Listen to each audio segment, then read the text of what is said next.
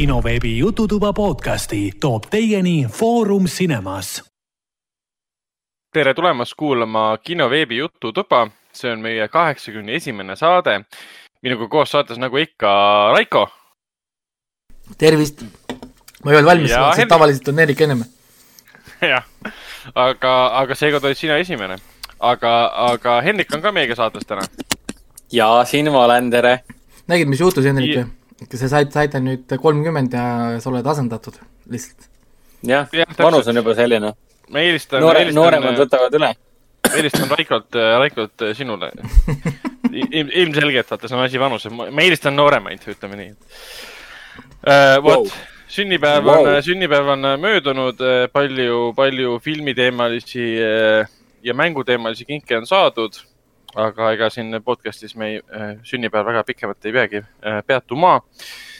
Nal-, üks naljakas seik oli küll see, et kingiti, mulle kingiti siis Foorum Cinemas kinkekaardid ja Venele kingiti Artise kinkekaardid.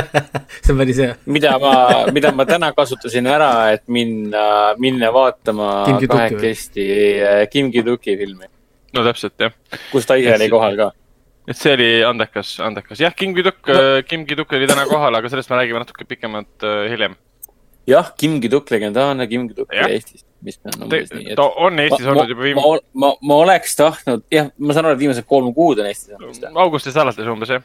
aga ma oleks tahtnud olla selle inimese nahas, kes täna õhtul vaatas, et oi, näe, mul on veits paha olla ja siukene paha tuju ja vaatan, et Kim Ki-dukilt on film Martises või. ta ei, midagi muud ei loegi, et kuule, ma olen seda kunagi ammu näinud, väga meeldis. teen tuju paremaks, lähen vaatan filmi. Istub saali, vaatab, et kõik saalis paksult rahvast täis okei okay,, mingid tähtsad inimesed. koroonat polegi Siis- olnud justkui. Artise programmi juht tuleb ka veel sissejuhatust, aga mis toimub, ma mõtlesin, et see on mingi tavatents. ja siis programmi juht ütleb, et näe, nüüd siin tervitage filmirežissööri Kim Ki-dukki, siis mingi, oota, mida? vot, jah, pärast teeme Q and A ka või? oota, mida? ta on siin Ja või siis-? ja, siis- ja ta pärast laulab meile ka veel või? oota, mida Ja-? mida päriselt või nagu? Dream come true nagu. ja siis läheb, siis läheb film peale, vaatab alguses on äh, treiler äh, Jahvile ja siis hakkab film peale, vaatab. miks see pilt nii säbruline on ja miks see kuidagi imelikult hüppab? aa, issand, kas see on lindi pealt? jah, see on seitsmeteistkümne aasta vanuselt äh, kolmekümne viie millimeetrise lindi pealt näidati ka veel. või, või ta vaatas, et see on Jahvi eriseanss, teadmata, mis film see on. istus saali ja mõtleb, et haa, see küll jaapani keel ei ole, see on korea keel. Ah, ahaa, Jahvil, Jahvil.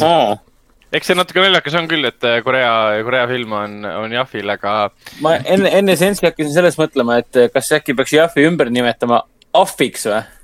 Aasia, ahviks. Siis oleks aga Aav. eesti keeles see Ahvik kõlab ikka väga halvasti. tegelikult äh, Jahv on juba viimased aastad läinudki selles suunas, et ta on pigem Aasia filmide festival, kus noh, endiselt on fookus muidugi Jaapani animatsioonidel, aga seal on nii palju tekkinud muid filme, mis pigem peegeldavad juba Aasia filmikultuuri või siis, kui ainult Jaapanit. või siis nagu äh, öeldakse, et äh, they all look the same anyway, so. Wow. Vau, Raiko. Raiko just, Raiko just ütles seda. nii, Raikole paneme mute peale, sellist, sellist äh, kõnepruuki õnneks, õnneks ei saa mute Jah. panna, sest mina olen see, kes Cancel Raiko, hashtag cancel Raiko. Raiko, Raiko on see, kes salvestab meie saadet, me ei saa teda kinni panna. aga kui keegi siin mutema hakkab, siis Raiko mutet meid. Mhm. ei ole siin mingi võim on Raiko käes. aga selge, aga li-, liigume edasi. liigume edasi, liigume edasi filmide ja seriaalide juurde, mis me oleme vahepeal siin kahe podcast'i vahepeal vaadanud. enne äh, mainin ära ka, et siis äh, kinoveebi Jututoa kõik äh, saated on leitavad, uued saated ja siis ammused saated, kaheksakümmend eelnevat saadet on leitavad siis Delfi taskus, SoundCloudis, Apple podcastis, Spotify's, Google podcastis ja kõikides teistes äh, podcast'i rakendustest ja muidugi ka mm, kinoveeb.ee lehel. aga lähme edasi filmide ja seriaalide juurde ja, ja vaadates äh, Raiko, Raiko nimekirja, tekkis mul hirm. ma kardan, kardan selle, selle pärast, mis on siit tulemas, et äh, Raiko, sa oled äh, mõnda, mõnda asja vaadanud vahepeal, ma saan aru. Ja mõnda väga üksikut asja ma saan oota, ma loen üle, nii üks, kaks, kolm, neli, viis, kuus, seitse, kaheksa, üheksa, kümme, kaksteist, kolmteist, neliteist filmi ja seriaali. ja, ja need on need, mis on kirjas, ma ei pane kõiki lastega koos vaadata asju siia kirja. okei okay., sellega oli ka, mul oli Teliaga siin huvitav seiklus, millest ma võin pärast korraks rääkida oh., aga hetkel no te, me saame ju samu asju kohe rääkida, me võime tegelikult kõik kohe rääkida ju Race by the Wolves ära, sest Mm. mm. eelmine reede esimene hooaeg sai lõppu, kümme osa on Jaa. läbi, teine hooaeg on tulemas, seda me tõstke teame. käsi, kellel kõik nähtud on. ja siis mina ja äh, Raiko tõstsime käed praegu. mina ja Hendrik oleme ära vaadanud, Ragnar on mul on veitsa, endiselt äh,, vahepeal vaatasin ühe episoodi otsa, et mul on kuus. Ragnar on fucking loser ehk. siis tal on neli episoodi vaatamata, Race by the Wolves äh, maailmas tal on enamus vaatamata siis selles mõttes, et äh, ta jah, ei, ta ei tea mitte midagi, mis seal lõpus toimus. kahju, oleks tahtnud natukene rääkida viimasest episoodist, onju.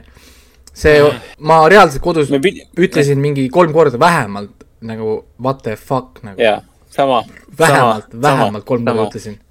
kurat, aga eelmine saade me lubasime siin ju suure suuga, et me teeme Reispäev ja Woolsi kuradi, oli vist ju Reispäev ja Woolsist.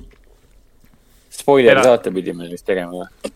tervet saadet ei saa teha, et mida me võime teha, on see, et ma panen teid mute peale, lähen minema kümneks, viieteist minutiks ja te räägite ainult äh, ainult siis, ainult Race by the Bullsist ja ma panen pärast siis lihtsalt sisu korda, et selles kohas on selle seriaali spoilerid.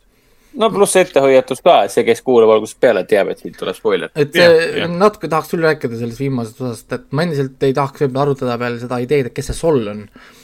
et mul on teatud ideed tekkinud selle koha pealt, see, siin oli väga hea vihje, et see oli Necromancy ähm, koodiga, ma ei tea, kas Ragnar on seda juba, juba näinud, aga, aga tahaks kuuendas äh, episoodis ähm, oli, oli plahvatuse teema ja ürit-, üritati ema, ema elu kallale minna. okei okay,, aga kas nad on maininud seda, et, et kuidas need mi-, need mitraistid äh, ehitasid sellise arenenud tehnoloogia, nagu see ema on? ei okei okay,, siis sa veel ei tea seda, okei okay.. Aga Ja, teemegi aga, aga me võimegi praegu teha niimoodi, et ma panen äh, teid mutele ja rääkige kümme minutit. meil ei ole kümme minutit, ma arvan, teeme, teeme mingi kolm minutit. ei, ei, nii pikalt ei ole vaja, teeme viis mingi- minutit teeme, maksimaalselt. teeme mingi paar minutit ja siis, siis on sellega Eks teeme, teeme kaks minutit, sest meie, meie lu- kuulajate jaoks on see tähtis, kaks minutit. okei ja siis, kui me aga praegu siis, ütleme, et nüüd me hakkame spoilerdama rämedat Facebook Bullshit, siis ta teab, et ta saab noh, Jah. kaks ja pool minutit eda-, edasi kerida. Ei ma panen selle sisu korda ka, aga teemegi siis niimoodi, et praegusest praegusest hetkeks hakkab, hakkab peale siis äh, the Wolvesi siuksed light spoilerid. ma saan aru, et te ei spoilida kõike, aga No, lihtsalt mõned asjad, me mis minule võis me ikka spoilerdada. spoilerdame päris No me- päris palju. me okei, ikka laseme sind vabalt lennata kõigil. aga laske käia siis äh, viis minutit äh,. kell on kümme nelikümmend seitse ehk siis üksteist null null kaks. ei, kuule, mis matemaatika see on, kuule mees? viis, ma, ma, ma, ma olen väsinud, viis, kümme viiskümmend kaks. ehk siis ma panen teid praegu mute peale, palun äh, jät- jätkake. Nonii, kas ta nüüd kuuleb meid? mis te ei kuule? Ragnar, Ragnar, Ragnar, Hen-, tead, Kim Kiduk ütles, et ta, sa ei lähe talle üldse korda, ta üldse ei meeldi sulle. jaa, et Ki- Kim, Kim sa, sa, ei meeldi talle ja et Kim kirjutas ka, et Hendrik on palju-palju parem vend, kui äh, on ja palju nägusam ka. selge, teda Ei, ta vist ei kuule. ta vist ei kuule. selge, nii, aga siis eh, kallite kuulajate jaoks siis samamoodi, et kui sa siia jäid, siis sa tead, et nüüd tuleb äh, paar minutit äh,, maksimaalselt siin vaatame, kolm minutit tuleb siis rämedad spoilereid Raised by Wolvesi ehk siis hundihariduse kohta, et kui pole näinud lõpuni, siis keri edasi uh,. Let's go, nii uh,. ehk siis Raiko, mis, mis, mis, mis, su teooria on siis, kes kes see Sol peaks siis olema? Äh, sellest võib olla natukene hiljem, hiljem rääkida, sest ma olen, ma siin praegu chatin ühe, ühe, mitte ühe, paljude teiste fännidega siis äh, Discordis kui ka siis selle nende message board'is erinevaid ideesid põrgatame Solli kohta, on ju. et ähm, aga, aga see Sol praegu las olla, sest see pole nagu sarja suhteliselt teemas hetkel, vaata. mind, mind rohkem huvitas see ema raseduse osa, et et äh, no kas see oli sinu jaoks ootamatu? Minu jaoks oli muidugi ootamatu, mina, mina ootasingi reaalselt, et sealt tuleb beebi. mina mõtlesin, sealt tulebki see beebi ja see beebi ongi tegelikult hoopis see prohvet. nojah, täpselt, aga mis sealt välja tuli, mingi kuradi tohutu suur serpent. mingi madu mingi madu, mis kasvas mingi tunni ajaga, minutiga, jah jah, mingi põhimõtteliselt noh, tunni mix. kasvas mingi kuradi kümne meetri pikkuseks, mis toimub nagu? ja mitte ainult seda E-, nii- see, see madu juhtis seda länderit neil läbi planeedi troopika poolele. Ja nad läbisid planeedi tuuma ja mitte, mitte midagi ei juhtunud. äh,. Nad püüdsid enekat teha, kaks androidi ja, ja, ja äh, suunas läbi tuuma. sel hetkel ma mõtlesin küll, et nagu äh, oota, mida? oota, mis mõttes? no see polnud veel eriti midagi, aga, aga see moment, kui lõpuks sündis temast see olend, see väike uss, no siis see oli väga Ridley Scott, see kohati vaatasin, okei okay,, see on mingi. Ja see on juba, juba puhas noh, alien jah. jah, siis ma hakkasin juba, südames hakkas värin tulema, sest noh, Covenant oli küll äge film, aga ideed olid väga korralikud ja ebavajalikud kohati. no aga ma ja siis ta hakkas lendama ka veel.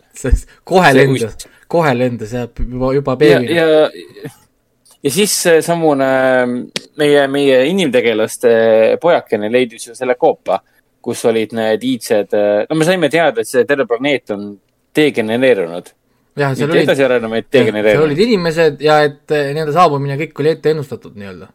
kogu see protsess Jah. oli ette ennustatud nii-öelda varem. et miks, miks seal kedagi enam pole, sest kõik on lihtsalt jah, väritatuks mingisuguste veidrate, veidrate olendite poolt eh, mingi eh, varem ette nähtud mingi asi. jah, et keegi on ammu neid oodanud.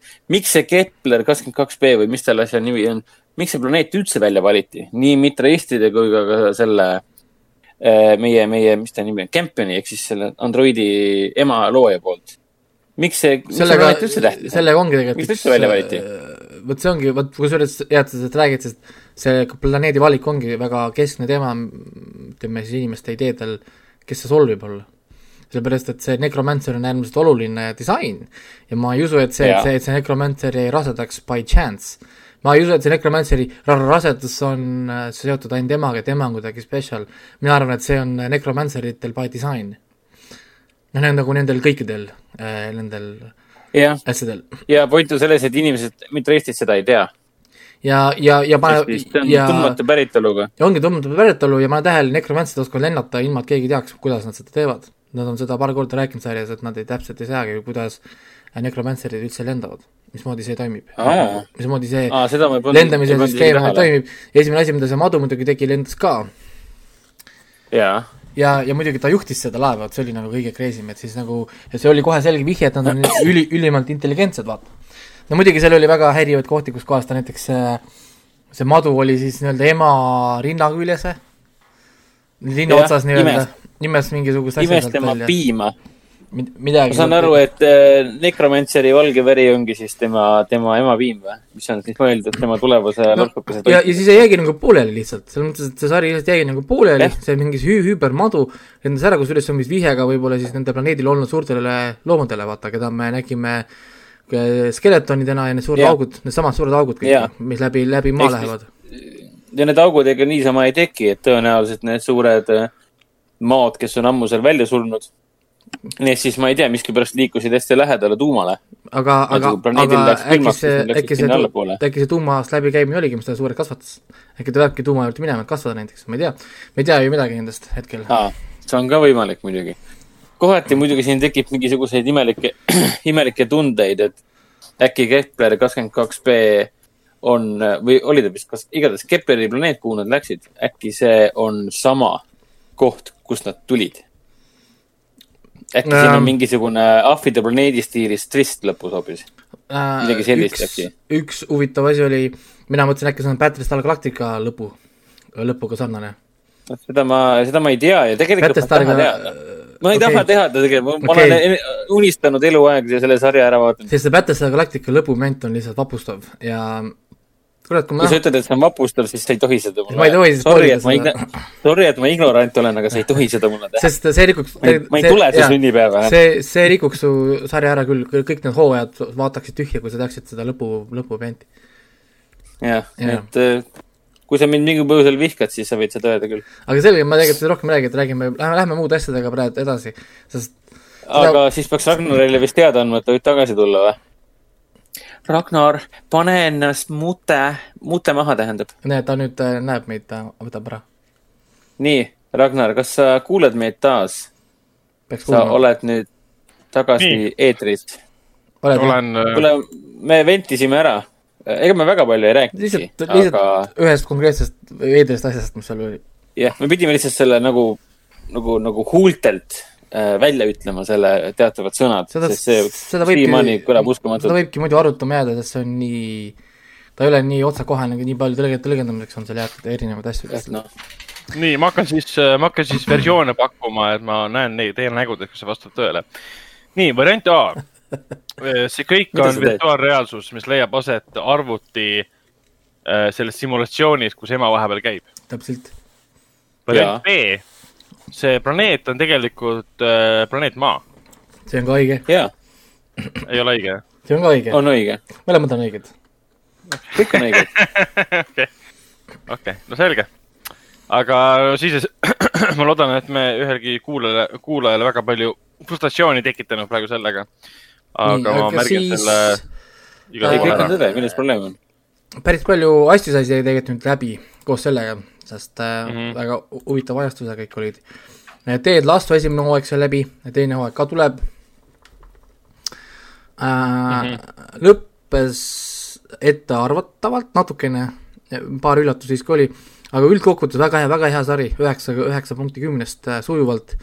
minu üks lemmikuid asju praegu Apple TV-s ähm,. ja ja ta on nii nagu ootamatult tuleb, sa lähed seda vaatama ideega, et see on tõenäoliselt halb, sest ta tundub nagu veider, treilerid jätavad tast üks väga niisuguse, ma ei oska öelda, lohaka mulje võib-olla isegi või niisugune, ühesõnaga niisugune väga pingutatud komöödia. aga kui sa hakkad seda vaatama, siis kuidagi tõmbab sind sisse ja kümme osa kaob lihtsalt nagu põps ja, ja väga, väga, väga, väga kihvt. Ted Lasso karakter on väga õnnestunud karakter kusjuures. ta on niisugune nagu ameeriklane, aga ei aga nagu, nagu mingisugune niisugune ekstra on seal nagu juures. ehk siis meie ütleme, eurooplastena saame eriti hästi vaadata seda, sest tema ongi see loll ameeriklane, kes tuleb Euroopasse, ta ei tea mitte midagi meie kultuurist, ta ei tea mitte midagi Inglismaast, ta ei tea mitte midagi jalgpallist, ta lihtsalt tuleb sinna, ta teeb oma tööd, mis talle on antud ja ta teeb seda nii, kuidas oskab teha nagu. ja, ja samal ajal tal on muidugi oma, oma elus erinevad seal sündmused, mis seal nagu taustal käivad, väga kihvt asi, selles mõttes, et kui, kui keegi otsib niisugust mõnusat asja, mida vaadata, mis ma ei oska isegi võrrelda, mis võiks olla sarnane sari, ei ei tulegi kohe kuskilt niimoodi midagi niisugust head ana-, analoogi, midagi niisugust äh, pooletunnised kiired episoodid äh,, kümme tükki neid on, nii et ähm, ma mõtlen, et ta on, ma teiega varem rääkisin ka ju, selles mõttes, et ta on niisugune nagu komöödia, draama segamini, et sa yeah. naerad, sa vahepeal naerad päris nagu palju, selles mõttes, et ta on niisugune nagu komöödia ja siis tõmbab jälle korraks nagu tõsiseks, aga ta ei ole nagu ka tõsine tegelikult, noh, ta on, ta on, ta on nagu tõsine, ei ole ka, ma, ma räägin, ma ei oska seda nagu täpselt paika panna, sest see Ted Lasso on, ta üüberoptimist, see ongi nagu tema see niisugune nagu karakter siis, ta on alati optimistlik. ükskõik kui palju talle jura visatakse või talle öeldakse halvasti või, või keegi ütleb, kui vähe ta asjadest teab, ta lihtsalt ütleb, et oh, et aitäh, et sinu, aitäh, et sa oma arvamuse mulle ütlesid ja teeb edasi, mida, mida iganes ta tegi. ja, ja väga nagu kihvt on ja noh, teise hooaja setup oli olemas selgelt, et nad juba tead, teadsid, et teine hooaeg tuleb ja siis esimene hooaeg ka lõpetati sellega nagu ära. et põhi- põhimõtteliselt siis neil on väga lihtne hooaja struktuur ju, et äh, jalgpallihooaeg sai läbi, noh, nii-öelda nagu siis sai ka esimene hooaeg läbi ja teine hooaeg algab siis nii-öelda järgmise jalgpallihooaega siis.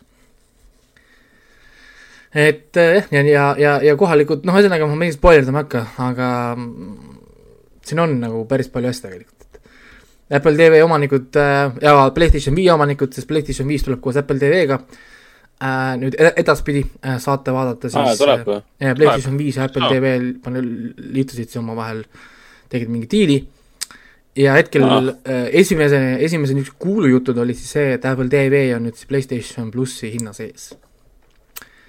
ehk siis, kui sa oled Aa. PlayStation plussi kasutaja, saate vaadata läbi PlayStation viie Apple TV-d, kus on eestikeelsed subtiitrid.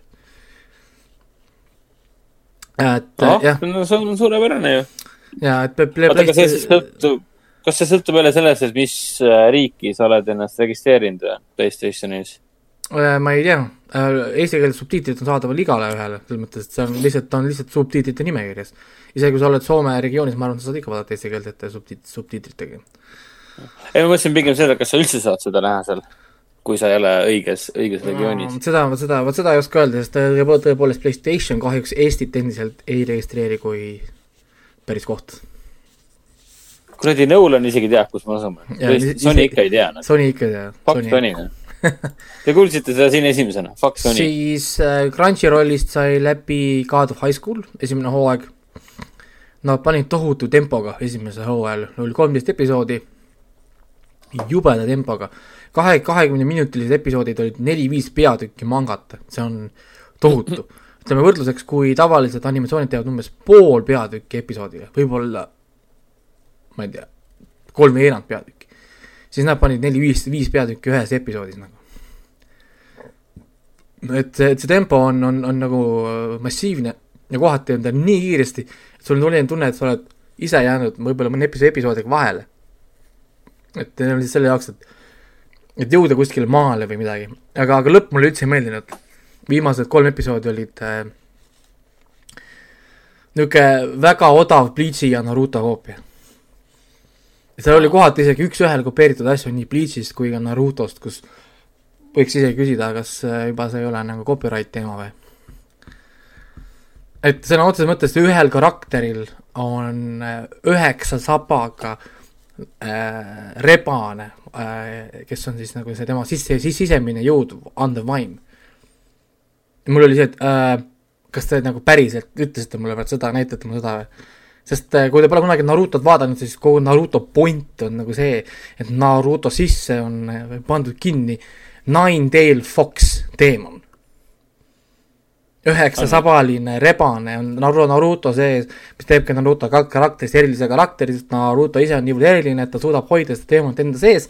kui nad üks päev siis liituvad, nad saavad omavahel läbi ja teemon hakkab andma Narutole oma jõudu ja siis toimub see suur transformation, kus äh, Naruto hakkab võtma jõudu siis sellelt üheksasabaliselt äh, rebaselt.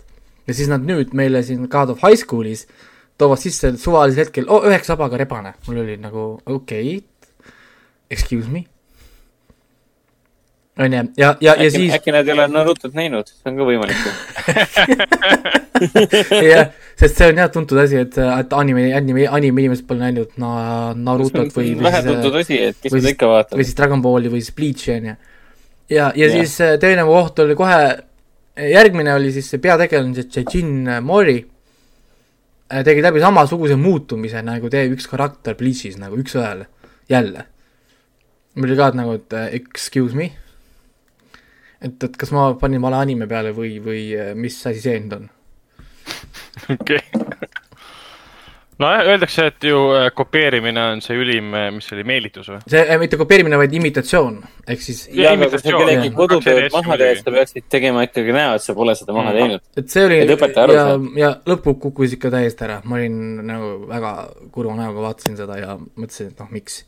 ta algas nii kihvtilt, ta alustas rohkem nagu siin see Genshin Kagura ja niisugused teised fist fighting animed siis vaata, noh nagu niisugused, noh nagu, nagu on noh, no nagu oli see Ipponi anime, kus ta oli suur poksija ja, ja noh, nagu nagu fist fighting anime, mitte see fantaasia slasher anime nagu on kõik need suured on siin, need One Piece'id ja whatever siis ta lihtsalt tegi seda kaheksakümmend kraadi pöörde kuskil momendil, kus inimestel äkki hakkasid tulema võimed, mitte niisama võimed, vaid jumalad tulid.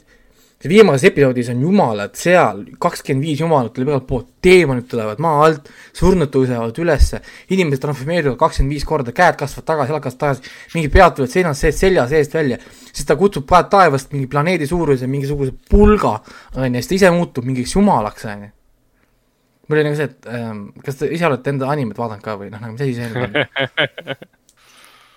ühesõnaga, et see kuk- kukkus nagu ära, et ta on e- endiselt hästi ilus animatsioon, on ju, need action stseenid on, ma räägin peaaegu Narutoga võrreldavad oma kvaliteedilt, aga lihtsalt äh, minu jaoks tundus see lihtsalt juba koopia ja koopia ja koopia ja, ja kadus ära selline see originaali niisugune mõnus tunne, et vaatan, vaatan midagi head ja uut. nüüd mul oli lihtsalt tunne, et oh issand, okei okay,, jälle see. noh, nagu, et ja, ja isegi mitte hea, noh, nagu isegi mitte hea, hea koopia, noh, Narutost ja Bleachist on palju koopiaid, mis on palju paremad kui, kui siis noh, nagu see. kahjuks. siis äh, Re, ReZero äh, teine hooaeg siis sai ka vist kolmeteistkümnes või kaheteistkümnes episood oli, mis on siis nüüd hooaja see mid-season finaali. ehk siis hooaja tegelikult läheb veel edasi et, et nemad endiselt teevad veel neid kakskümmend kuus ja kakskümmend viis osalisi hooaegasid, üks väheseid, kes veel äh, on jäänud.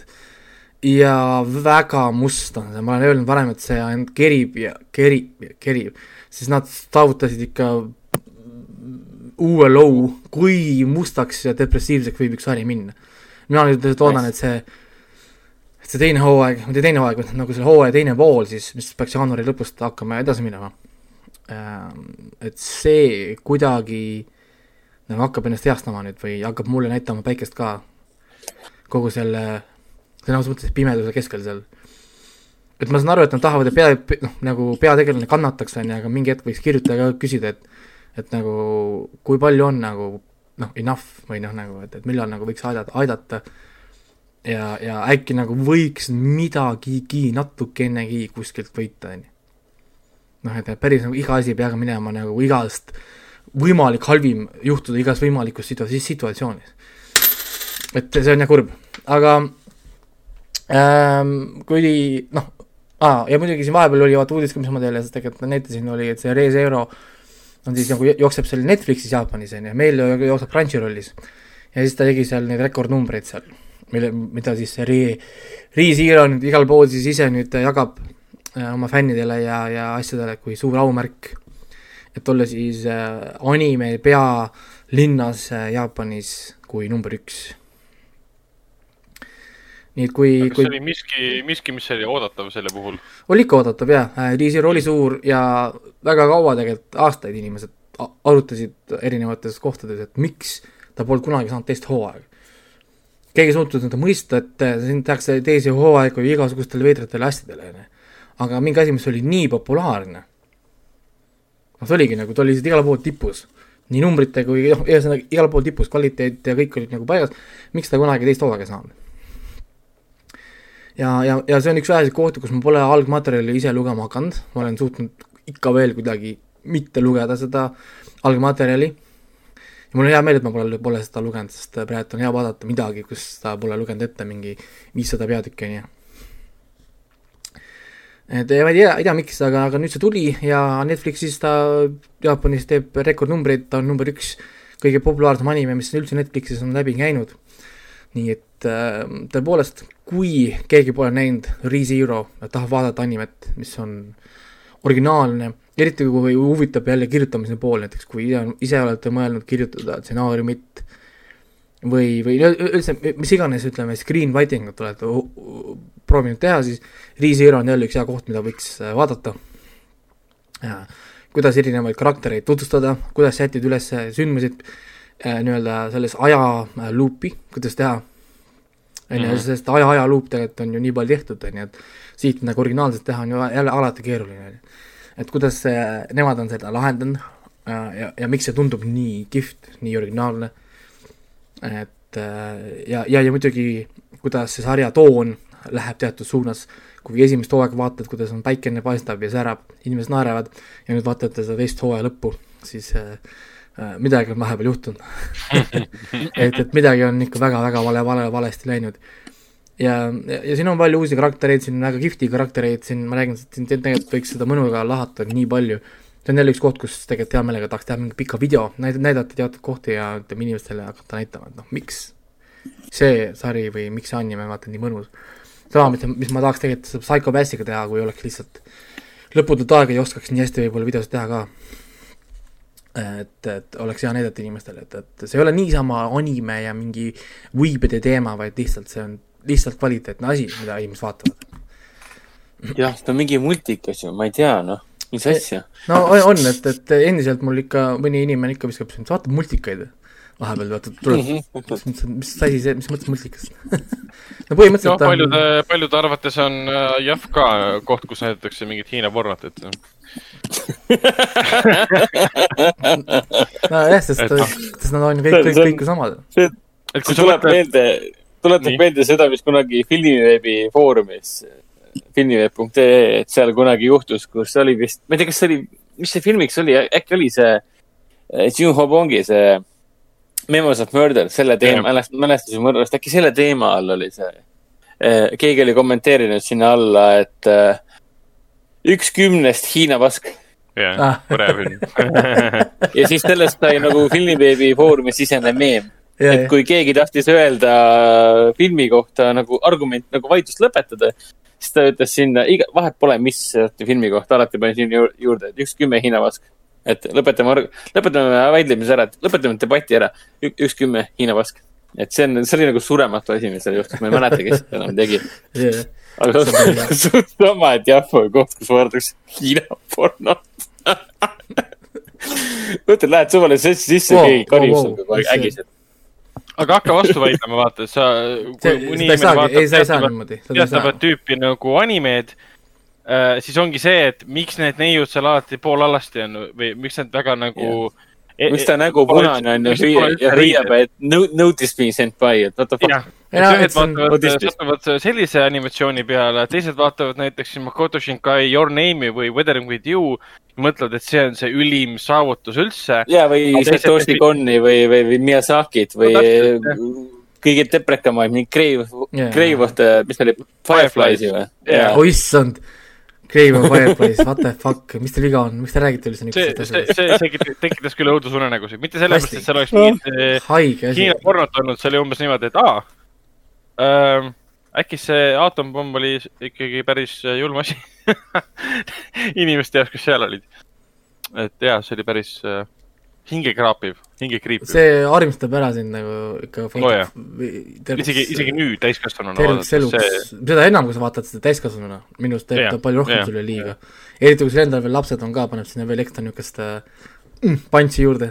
see, issi, mis sa vaatad, mingi mine ära, aga see on multikas, mine ära. vaata, vaata, mis juhtub, kui te vaata, mis juhtub, kui te oma oled? kui te oma taldrikuid tühjaks ei söö. oota, ma panen sulle sinna ühe tseeni peale, mis tseeni, vaata. ta tahab, ta tahab kive süüa. kui haige, issand, kui haige film. okei okay,, siis äh, ma vaatasin lõpuks ära ka selle äh, How to get away with murder äh, kuuenda Mm. hooaja teise poole.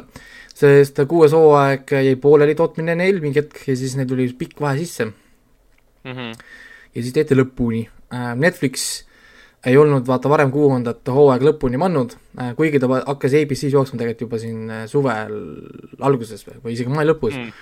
aga kuna seda ei näinud mitte üheski streaming service'is, mida mina siis kasutan, siis äh, ma ootasin lihtsalt, ma teadsin, et see Netflixi tuleb ja tuligi nüüd, mingi viimase nädala jooksul tuli, vaatasin siis kuuenda hooaja teise poole ka ära, siis kõik küsimused said vastuse, kõik teemad lahendati ära, sari on nüüd läbi. kõik saigi nagu läbi, lõpetati ära, siin oli päris head paar twisti ja ja me, ma ei oskagi öelda, öelda, mis ta lõpuks, lõpuks nagu arvan, et oli väga hea meelelahutus, on ju, aga esimesest hooajast on väga kaugele liikunud, kui esimene hooaeg algas kui niisugune mõnus äh, niisugune kohtusaali triller, niisugune mm. -hmm. murder thriller, kus kohas siis see õpetaja oli oma õpilastega siis erinevate sündmuste keskel äh,, millest üks oli siis tema enda abikaasa mõrv, sellest kõik algas, kui äh, juuratudengid tapsid äh, ära siis oma äh, siis juuraprofessori või noh, õiguse professori mehe abikaasa, Sammy, Mhm. siis äh, selle asemel, et nende peale tigedaks minna, ta aitas oma õpilastel siis seda peita või noh, nagu varjata seda mõrva, ehk siis see sarja nimi How to get away with murder. ja siis, kui esimene hooaeg lahkas, lahkas tervet seda sündmust nagu, kuidas see noh, kuidas need, vaata noh, tegelikult ma korraks võtan äh, nii palju tagasi, vaata sa- sarja ülesehitus on niimoodi, et algab esimene, noh, iga esimene episood algab sellega, mis juhtus. on ju, me näeme, et tapeti ära tema abikaasa, kohe näeme seda, kui algab esimene episood, on ju. siis äh, pool hooaega ehk siis kaksteist episoodi me jõuame siis sündmustega järgi sinna, kus, mida me alguses nägime, kuidas see noh, kuidas see abikaasa siis suri. ja siis teine osa nagu sellest äh, hooajast, me näeme nüüd, mis siis juhtub peale seda, noh, kui see nagu sündmus tegelikult toimus, noh nii-öelda. ja siis iga hooaeg on samaselt üles ehitatud, et me hooaja alguses näeme, mis juhtub hooaja keskel ja siis me näeme seda lahendust pärast, noh nagu see nii-öelda ja niimoodi kõik, terve see kuus hooaega käib nagu läbi. siis kui esimene hooaeg oli, oli nagu ära, siis ta võttis niisuguse mõnusa tempo, niisugune hea triller, siis teisel hooajal kuidagi no üldse mitte ainult teisel hooaega, vaid ka nagu iga hooaeg edasi, nad veitsa läksid liiga laiali sellega, liiga palju laipu hakkas tekkima, sõna otseses mõttes kuuenda hooaja lõpuks nendel on mingi kaheksa-üheksa inimest seal surnud vähemalt, võib-olla isegi, võib-olla isegi kümme, laipe igal pool äh,, nad on terves riigis tuntud äh, need pidevalt need antakse mõrvad alla nii abikaasade inimeste paarest kogu aeg, et selline noh, väga niisugune maffialik mure juba lõpuks jääb, et et kuidas keegi veel neid tõsiselt, tõsiselt võtab, kui nad kõik on kohtu all käinud viisteist korda, ma ei tea, kümne inimese mõrva eest, on ju. et, et aga no sellegipoolest on väga hea meelelahutus, ta on hästi kirjutatud, ta on hea tempoga, ta on mõnus triller, ehk siis lihtsalt ei tohi nagu nii väga detailidesse kinni jääda, sest see lihtsalt muidu rikub selle nii-öelda selle show ära siis. tuleb, tuleb lihtsalt äh, nautida. Viola Davise mõnusat äh, näitamisoskust, sest ta tegelikult Ta äh, fantastiline ta kannab seda sarja küll tegelikult ikka päris, päris suure jõuga. et ilma temata see asi lihtsalt äh, absoluutselt ei toimiks nii et äh, ja, ja ma saingi aru tegelikult, et see sarja struktuur saigi üles ehitatud, see kuusteist episoodi või mis neil on see niisugune, oli vist iga kuusteist episoodi ongi tegelikult Viola Davise nõue olnud vist. Mhm. et, et algselt vist oli rohkem mõeldud kuidagi, aga siis see oli vist Viola Davise mingi plaan või, või ma ei teagi. kuskilt mingi hetk lugesin seda kuuenda hooaja kohta, siis, siis äh, kuues hooaeg sai ka suure õnnega välja kaubeldud Viola Davise käest, et äh, nii-öelda no eks ta ilmselt juba lõpetada. tundis, et tahab elus, elus muud ka teha kui ainult ühte, ühte, ühte nagu seriaali. jaa, aga väga hea, väga hea, väga hea roll tal äh,, suht tume äh,, samuti kuues hooaeg on niisugune väga must, väga palju enesetapumõtteid on sellel inimestel, kõik tahavad alla anda, pisaraid vasakule-paremale, karakterit sureb päris palju. aga lõ- lõpuks saab mingisuguse lahenduse siiski. nii et kõik vastused õnneks saame kätte. Sari ei lõppe ära nii, et äh, vaatajale lihtsalt nii-öelda noh, ei anta vastuseid. Õnneks ja, ja noh, hea, meel vähemalt selle koha pealt, et nad nagu teadsid ette, et see lõpeb ära, ehk siis nad said nagu planeerida ette seda noh, sarja lõppu. kõige hullem on, kui lihtsalt sari lõpeb ära, ilma et keegi teaks, et see tegelikult lõpeb ära. nagu äh,, nagu see Lewis and Clarkis see Supermani seerias kunagi oli, kus oli see Dean jaa, Dean Dean Kane ja need, lõppes selle suure cliffhangeriga, et nad leidsid lapse kodust ja siis keegi kunagi ei tea, mis sellega sai. okei. see siiamaani pa-, painab mind. nojah, seda Smallville'i ma kunagi lõpuni päris ei see polnud, vaadanud. see polnud Smallville, ma räägin see äh, vana, mis oli enne, enne, ennem seda, Terry Hatcher ja Aa, Dean Kane päris, jaa, see üheksakümnendate Okei, okei. algusest jooksis neli hooaega okei, okei. ja, ja et äh, see oli päris, päris kihvt. Siis vaatasin ära HBO pealt selle, noh, ütleme, ma The Boys'ist ei räägi, sest The Boys'i hooaeg veel jookseb, kui hooaeg lõpeb läbi, siis vaatab, mis endast siis lõpuks kujutas. äkki, äkki me jõuame ka läbi. ah, see, enne vaadake esimene hooaeg, hooaeg ära. no mul on nüüd, mul on nüüd Amazon Prime konto nüüd olemas, ma tegin endale ära, nii et ma peaksin nüüd selle ikkagi ära viis, vaatama. viis-kuus euri iga kuu vähem raha nüüd sul. jah, peaks nüüd seda raha nagu rakendama ka hakkama, aga noh. ei, sealt saab palju filme vaadata, me vaatame lastega filme sealt palju, need on hästi hea lastenurk on ju. siis äh, The Third Day vaatasin ära, esimesed kolm episoodi, mis on tegelikult äh, nagu täis story äh,. ma mõtlesin, et ta on nagu sari, mis, kus lihtsalt tuleb, iga nädal uus episood, tegelikult ei tule. lugesin siis ongi miniseri või? ei, ma lugesin Vikipeediast seda ülesehitust, ongi, sul on kolm osa, on, põhimõtteliselt on alapealkiri nagu Summer. On ju, siis nüüd me peame ootama, siis varsti nüüd tuleb mingi järgmised kolm episoodi, mis tuleb Autumn. või nagu mm. -hmm. sügis. ehk siis äh, need kolm episoodi on tegelikult nagu täis story, me saame nagu alguse ja lõpu kätte, meil on nagu mingi asi olemas. ta ei jää tegelikult nagu pooleli ja, ja siis Viki, Viki, Vikipeedias lugesin, kuidas see ülesehitus nagu kuidagi neil jookseb seal, et kuidagi niimoodi hakkab nagu minema. ja tegelikult neljandat epi- episoodi veel ei ole, et täitsa huvitav palju. Palju seal kokku pidi olema neid? kolm on praegu, aga ma ei tea, millal need jä- järgmised tulevad. Kuus. okei on on kokku, Telia ja HBO-s on praegu neli olemas. okay,, neljad, no siis on, üks on veel tulnud nüüd ju- juurde siis vot. siin on Jaa. tehtud niimoodi, et esimesed kolm episoodi on suvi. teine part kaks sügis on siis spetsial episood, mis on lihtsalt sügis. ja siis tuleb talveepisoodid, mida on kolm. okei okay,, kokku seitse siis või? Kokku kuus episoodi, pluss siis üks vahepealne spetsial episood, mille pole okay, numbrid, jah pandud., jah, et, et ongi tal niisugune nagu teistsugune ülesehitus ja need esimesed kolm ongi tegelikult nagu täis story või noh, nagu selles mõttes, et ja igaks juhuks tuletan kuulajatele meelde, et see on siis see HBO sari, mis on hetkel saadaval ka Telia ja jaa, see HBO-s. Telia HBO-s jah, Jude kolmas Law, Jude Law on peategelane, tal on ka see Chernobyli Äh. naisteadlane, see, ma ei mäleta ta nime. Catherine Waterston, oli vist, Chernobyl, ei, tema ei ole Tšernobõlist. on ikka, tema on, tema oli tulnud kas Covenantis Catherine ja Waterstone ei olnud, tema oli Covenantis. Emily Ja- Wat- ja, Emily Fantastic, Emily, Emily Watsonit mõtlen mina. aa, Emily Watson, tema oli küll Tšernobõlis jah. kas tema, kas tema on siin sarjas või? Jaa, on, Emily Watson. jaa, Emily Watson on täitsa olemas, põhiline nais, ta on naistegelane siin, siin äh, selles. jaa. aa, Freya Allan on ka või? See on see, kes ju, kes Witcheris mängis ju, Ja meie ja Siirit ju. siin on, siin on oma, oma, omajagu palju tuntud näitlejaid on seal äh,. Naomi. Harris, issand jumal. Paul Gay on ka ju, come on.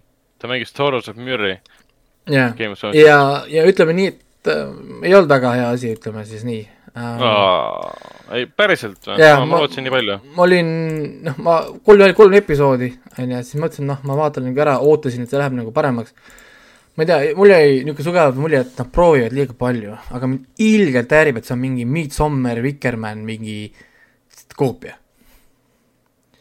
et mm. nagu, see lihtsalt häirib mind nagu, ma tean, mis siin juhtus, sellepärast et ta lihtsalt, ta on niisama asi. mis mõttes? mis mõttes? ta lihtsalt ma ei ongi, usu sind. ta lihtsalt ta tundus nii huvitav. ja ta venib, venib nagu ka ja ta ikka väga piiri peal mängib sellega, et, et kas ta on usutav või ei ole. Mhm. et äh, no põhimõtteliselt story ongi niimoodi, et mees läheb äh, esimeses episoodis algab nii, et ta läheb äh, metsa, nutab seal äh,, mälestab oma, oma surnud poega Mhm. äh,. poja siis mõrva tähtpäev on, ta poeg tapeti ära oi, ühe immigrandi poolt, see on oluline teema siin, immigrandid, kõik vihkavad immigrante ja immigrandid tulevad ainult UK-sse kõiki tapma. see on siis nagu, mis siin sarjas käib päris pidevalt nagu läbi. Ja siis tema äh, poeg rööviti ja tapeti ühe immigrandi poolt, kes ka sam-, samamoodi tuli siis äh, UK-sse. Mhm. ja, ja siis seriaal, kui ta on metsas, noh nagu seal äh, metsas, ta näeb ühte tüdrukut, kes mängivad poisiga mingi köiega. ja äkki siis tüdruk paneb köie endale kaela ja hüppab äh, laksti mingi mätta pealt alla ja põhimõtteliselt hakkab nagu surema või noh, nagu üritab ennast üles puua. Nüüd see mehel on nagu okei okay,, mis asi see oli, jookseb kiiresti, päästab selle tüdruku elu. ja siis äh, noh, tüdruk muidugi politseisse helistada ei luba, ütleb, et ei ole vaja, kõik on tegelikult korras ja küsib, kus see poiss on, tüdruk küsib, mis poiss. ma pole küll mitte, mitte ühtegi poissi siin näinud, et ma olin ma olin üksinda metsas, onju. Mhm. ja pakub, et ta viib tüdruku koju. tüdruk ütleb, et me saame minna, kui me kohe lähme, sellepärast et ma elan saare peal ja see tee, kus ma saare peale saab sõita, et see on päevas ainult paar tundi saadaval, sest tõus ja mõõn käib kogu aeg. et äh, tõusu ajal ei saa, aga mõõna ajal on võimalik autoga sõita sinna. kolm, kolmekilomeetrine pikk niisugune tamm või muul, onju. ja siis, kui ta jõuavad, jõuavad sinna saare peale, siis nad räägivad, et neil on festival tulemas kohe-kohe lõikuspidu kindlasti, jah. jah, lõik, lõik, lõikuspidu millele meeldivad meeldivad mesilased. ja, ja äh, neil on tulemas äh, festival, täpselt lõikuspidu äh,. vanade siis äh, nii-öelda traditsiooniliste jumalate austuseks. üks, ühe jumala nimi on Jeesus e,, nagu e, mitte Jeesus, aga Jeesus nagu Jeesus. Essus, oota, ühe S-iga või? E, E, E, Jeesus jah, Jeesus äh,. jumala mingi keltide jumal pidi olema. see on siis nagu keltide keltide mingi äh, mütoloogias kuskilt. oota, miks see kõlab nagu Jeesus? noh, sest ta on Jeesus nagu Jeesus, ilma. Oota, E-tähega või? jah, Es-, Esus, Jesus või Aisus on ke- keltide Gaulish god. Gaulish on siis keltide jumal. jah, keltide pagananda, pagan-, paganik Jaa. jumal. siis ühesõnaga neil tuleb suur festival, saare peal elab mingi üheksakümmend viis, ma ei tea, sada inimest, kõik nad teevad siis suurt festivali, kuna neil käivad liinihooldused, siis telefonilevi pole, helitseda kellelegi kuskile ei saa ja ühesõnaga mees jääb sinna saare peale lõksu siis põhimõtteliselt. Erinevad sündmused kogu aeg takistavad ta saare pealt lahkumist ja põhimõtteliselt nii ongi. ja kõik, mis seal toimub, tegelikult te teate juba ette ära, sest kui te olete näinud nii Vikermani kui te olete näinud, ütleme ka Midsommarit näiteks, siis te tegelikult Mhm. teate väga täpselt, mis äh, seal toimuma hakkab. okei, et, et äh, pole üldse keeruline ennustada, ennustada sündmuseid ähm, ja kolmanda hooaja lõpp võib-olla on nat-, kolmanda hooaja, kolmanda episoodi tähendab äh, lõpp, natukene võib-olla on selline, et okei okay,, et noh, vähemalt, vähemalt seegi siis. Aga noh, see selleks äh,, ta läheb edasi selgelt, et ma vaatan ta lõpuni nüüd ära, nüüd ma olen aega investeerinud nii palju. aga noh, nii, nii palju oli, et ma Tehrani jätsin ikkagi pooleli, ma hakkasin kolmandat osa vaatama, kolmas osa jätkas selle teise osa niisuguste veidrustega, ma ei viitsinud enam. panin kinni, ütlesin, et võib-olla kui keegi kunagi mulle uut soovitab või väidab, et see on hea asi, ma annan uue võimaluse, aga, aga hetkel enam ei, ei vaata. ma arvan, et me vennaga vaatame ta ära ja siis anname sulle teada, et on väga hea asi, et sa pead lõpuni vaatama. Ja see on parim asi pärast Midsommarit No ei, ja ta- kõik, mis ta räägib ja räägib, on vale. ta võib vabalt ta võib olla vabalt see, see Tehran võib olla parim vabalt, aga noh, see Dirt Day on niisugune soovik soov, ma räägin. et ei olnud väga niisugune midagi erilist, kuus punkti kümnest niisugune mõnus äh, ühe, ühe, ühekordne vaatamine, aga, aga iga kord, kui tulid niisugused veidrused või asjad, siis mul oli tunne, et noh, okei, ta proovib lihtsalt, sellepärast olen veider, lihtsalt olla veider, tal ei ole tegelikult ühtegi muud põhjust selle jaoks, lihtsalt noh, me proovime olla veider, me proovime teha midagi ma ei tea, häirivad sinu jaoks, aga sa vaatad seda tuima näoga, sest ah, kuule, ma olen käinud internetis, ma olen juba ammu näinud seda kõike, et et mitte midagi uut äh,. siis äh, vaatasime naisega koos Netflixi pealt äh, ühte game show'd, lihtsalt viskas mulle ette, soovitas, mõtlesin davai, vaatan, vaatasime ära, pooletunnised kiired ampsud äh, selle, selle game show nimi on Awake the Million Dollar Game, mis siis on mm. -hmm. nagu lihtsalt põhimõtteliselt on niimoodi, et inimesed on kakskümmend neli tundi üleval, loevad münte, onju oota, mida? ja, münte? ja, ja neil on üks miljon dollarit on kahekümne viie sendistes niisuguses suures kausis keskel ja neil on kakskümmend neli tundi aega, et lugeda nii palju münte, kui nad, kui nad jõuavad, onju. ja päriselt? ja, ja siis sa pead lugema palju ja, ja, ja sa pead olema täpne. sul, sa ei tohi kasutada arvutit, sul pole telefoni, mitte midagi, paberit, mitte midagi ei ole, sa pead ainult lihtsalt äh, lugema münte, vaata, nii. ja siis see algab niimoodi, et kui kakskümmend neli tundi on möödas, nad on mündid ära lugenud, siis algab saade meie, meie, meie jaoks algabki see game show siis niimoodi, et nad tulevad sinna kõik sinna stuudiosse, nad on kõik kakskümmend neli tundi olnud üleval ja kõik on lu- lugenud münte. Nad on kõik öelnud saate tegijatele, kui palju nad arvasid, et nemad lugesid ja nüüd nemad lugesid siis masinatega üle, kui palju siis, siis nad tegelikult siis tegelikult lugesid nagu münte. siis äh, seitse inimest on, siis esimesena kukuvad kohe välja kaks inimest. inimene, kes luges kõige vähem münte, läheb kohe koju ja mm -hmm. inimene, kes äh, pakkus kõige nagu äh, kõige rohkem valesti või siis nagu kõige suurema vahe ütles, palju ta luges ja palju ta tegelikult nagu sai. Need inimesed lähevad kohe koju, ehk siis kõige eba, ebatäpsem lugeja ja kõige vähem lugenud inimene saad- saad-, saadetakse kohe koju. siis viis inimest, kes jäävad äh,, hakkavad tegema siis erinevaid mänge, mis siis äh, kuritarvitavad ära seda, et nad on kakskümmend neli tundi ma- magamata ja nad on üli, üliväsinud Mhm.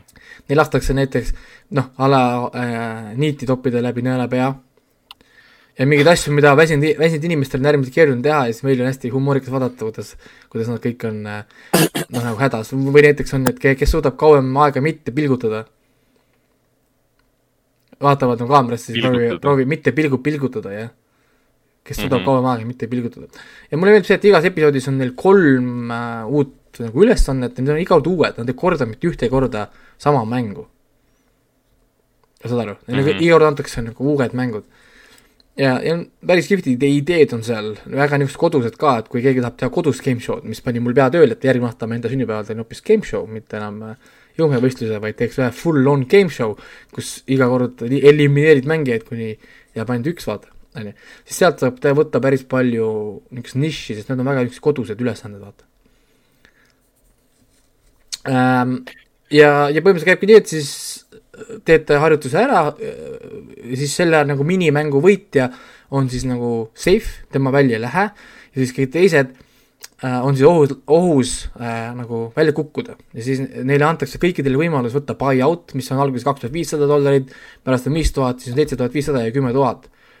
ehk siis, kui sa arvad, et sul läks halvasti, nii et sa oled kõige halvem, sest kõige halvem läheb koju, siis sa võid võtta buy-out, on ju ja saad kaks tuhat viissada dollarit, lähed koju ja teised mängivad edasi. aga kui sa pole kindel, et sa oled kõige halvem näiteks, võib-olla keegi oli teine, siis sa ei pea võtma buy-out'i. ei võtagi buy- mm. -hmm. keegi võtab buy-out'i, siis lihtsalt läheb koju kõige halvemini mängust teinud inimene läheb lihtsalt, lihtsalt minema. nagu saatest ja see, keegi ei saa raha. ja lähevad nagu, siis alles jääb neli, kes teevad järgmise minimängu, saab sam-, samamoodi. minimängu võitja on safe, kolm, kolm inimest saavad, saavad teha buy-out'i viie, viie tuhande peale kui buy-out'i võidad, selle, kes võitis, läheb koju, kes ei võta, siis läheb minema, kes kõige halvemini tegi. nii, ja niimoodi käib, kuni jääb alles kaks inimest. nüüd, kui kaks inimest on alles, siis antakse neil, neil mõlemal võimalus äh, viimane kord võtta buy-out'i kümme tuhat kohe nüüd ja praegult, kui sa oled kindel, et sina lugesid täpsemini raha kui see teine, kellega koos sa oled. et nad endi-, endiselt nad ei tea, kui palju keegi luges või midagi, sest neile ei öelda seda. Nad teevad nii, nii palju, kui nad pakkusid, et nad lugesid. nii, kui see inimene, kelle koos sa oled, näiteks ütleb, et davai, et äh, läheb aeg käima kümme sekundit, kui keegi võtab aiaauti, siis see, see läheb koju, kes luges seda vähem täpsemalt. ei saa mitte midagi. ja seal, seal en, enamasti inimesed võtavad kümme tuhat, sest kes arvavad, et nad ei oska hästi matemaatikat või midagi, vaata. ja võtavad, ah, ma võtan kümme tonni, tonni ära, sest ma lugesin suht suvalt, vaata umbes. noh, ma ei tea. aga need, kes on täpsed, need ei taha vaata võtta. ja siis, kes jääb üksinda viimasena, siis talle antakse kohe variant, kas sa võtad selle raha, mis sa ise lugesid kokku, mis on tavaliselt mingi kolmkümmend, nelikümmend tuhat dollarit, mis on päris suur summa, on ju Mm. Või sa proovid võtta selle, selle summa, mis kõik teised kokku lugesid, mis on tavaliselt mingi kakssada, kakssada tuhat, ma ei tea, sada üheksakümmend tuhat, kakssada tuhat dollarit. ja trikk on selles, kui sa oled, kui sa tahad äh, nii-öelda proovida siis saada seda teiste võidetud summad, on ju, siis sinu mm, -hmm. äh, sinu enda loetud see raha, mis sina pakkusid, sa lugesid, peab jääma viiesaja dollari sisse, vaata, eksimus. mis on, noh, mõtle ise, kui sa pead lugema kakskümmend neli tundi järjest äh, münte, on ju, ja sa loed näiteks kolmkümmend viis tuhat, nelikümmend tuhat dollarit, su eksimus tohib olla tegelikult ainult viissada dollarit, on ju. kui see jääb sinna eksimusse sisse, siis sa saad selle, nende, selle raha endale, nii. ja nüüd, kui selle raha võidad, sulle antakse võimalus mängida miljoni dollari peale. sa võidad miljon dollarit, kui sinu äh, loetud summa jäi kahekümne viie dollari sisse.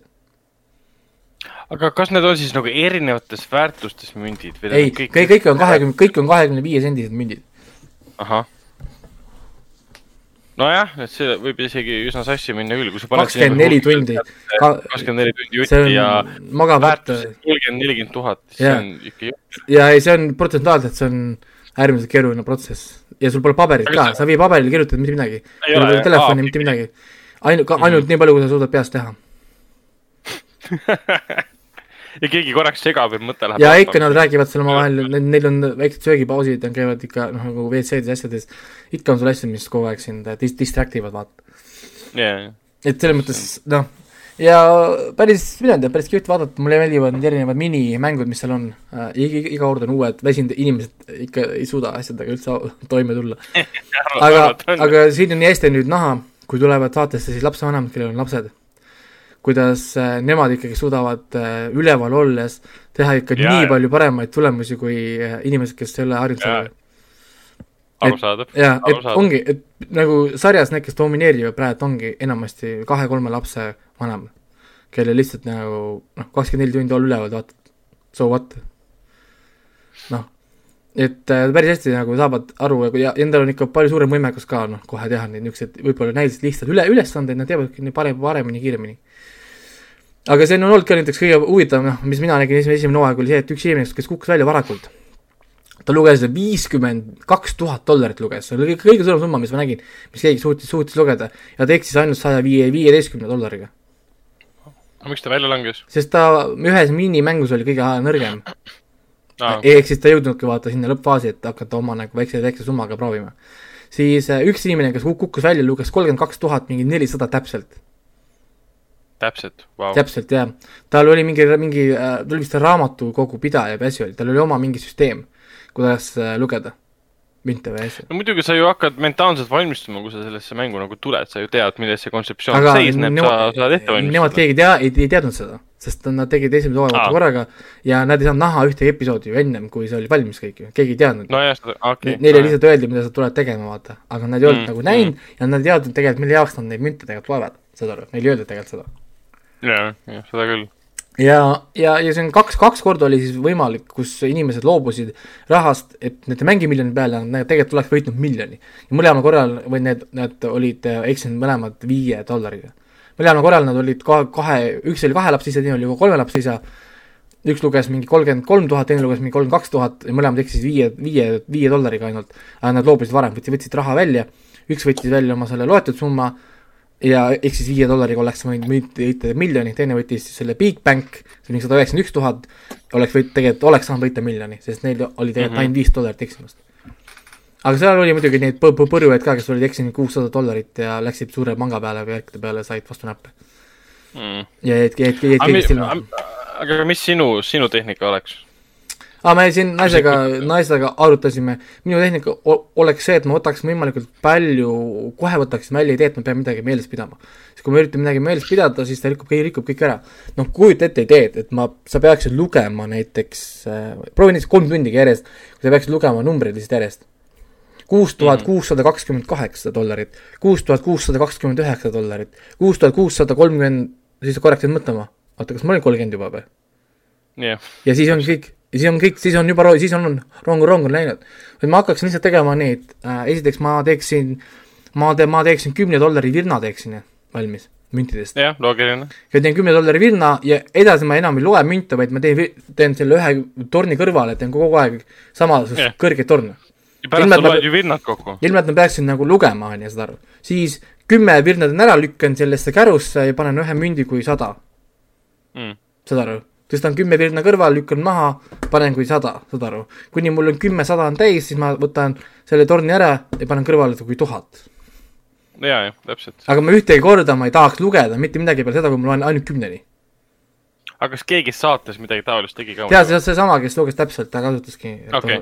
ühte, ühte torni viisi, aga isegi siis sa võid mõelda, noh, jaa, tore, nagu, aga see on kakskümmend neli tundi jah, esimesed kolm tundi ma arvan, et see võib igaühel õnnestuda, kui sa oled jõudnud kolmeteistkümnenda tunnini, siis on lihtsalt su aju hakkab juba sinu vastu noh, tööle sul on mingi, sa oled mingi kahekümne ühe tuhande toa peal, see on kakskümmend üks tuhat kaheksasada kakskümmend neli dollarit või oota, palju mul seda numbrit, nagu noh.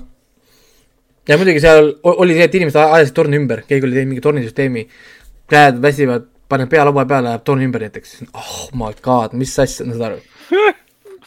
noh, nojah, siis ei saagi liiga kõrgeid torne teha, sa peadki väiksed tornid no tegema. ja, ja sul peab olema mingi back-up ka, ehk siis minu juba te- mõte oli kohe see, et ma teeksin omale teise virna ka alati. ehk siis ma peaksin mm -hmm. nagu topeltarvet nagu kahe virnaga. jaa, no lihtsalt nagu just, just to be sure. aga noh, see on jälle see, et ma teoretiseerin praegult, aga noh, kui ma ise võib-olla saates oleksin, siis äh, ei, sellega noh, ühesõnaga see on lihtsalt lihtne öelda, kakskümmend neli tundi on nagu tegelikult väga pikk aeg, kus sa pead olema väsinud ja üleval ja Aga ja mitte neid, ainult lihtsalt äh, üleval olema, vaid tegema tööd terve see aeg, noh nagu mm mm. -hmm. -hmm. aga neid mängu jooksul kuidagi nagu sihilikult ei, ei segata. see segatakse ikka. seal inimesed plaksutavad, teised mängijad ütlevad, kuule, kuule, vaata siia korra, kuule, kuule, mis teed? Jõu, jõu, plaks-, plaks-, plaksutavad seal üksteisele, mõni seal teeb saltosid seal ja, ja üks, üks naine hakkas ka, ta vaatas, et mehed liiga agaralt loevad, hakkas särki vahetama ja, ja, ja asju seal. okei okay,, klassika jah. no ikka, ega ega ta ütleski, mida rohkem nende tähelepanu hajub, seda suurem on tema Mm. tõenäosus, et nad äh, panevad oma pakkumised mööda jaa, et selles mõttes nagu noh, väga mõnus, mõnus lihtne idee, saade, saate tegijatele niisugune säästlik idee, sest ega naljalt sa suuri summasid välja ei pea maksma, noh, sest ikka inimeste eksimused on Mm. päris suured. et seal jah, mõni erand oli, seesama üks suutis lugeda täpselt, mis oli väga noh, nende jaoks, saate tegijate jaoks väga üllatav, et nad olid üllatunud, et keegi suutis täpselt nagu õige summa saada.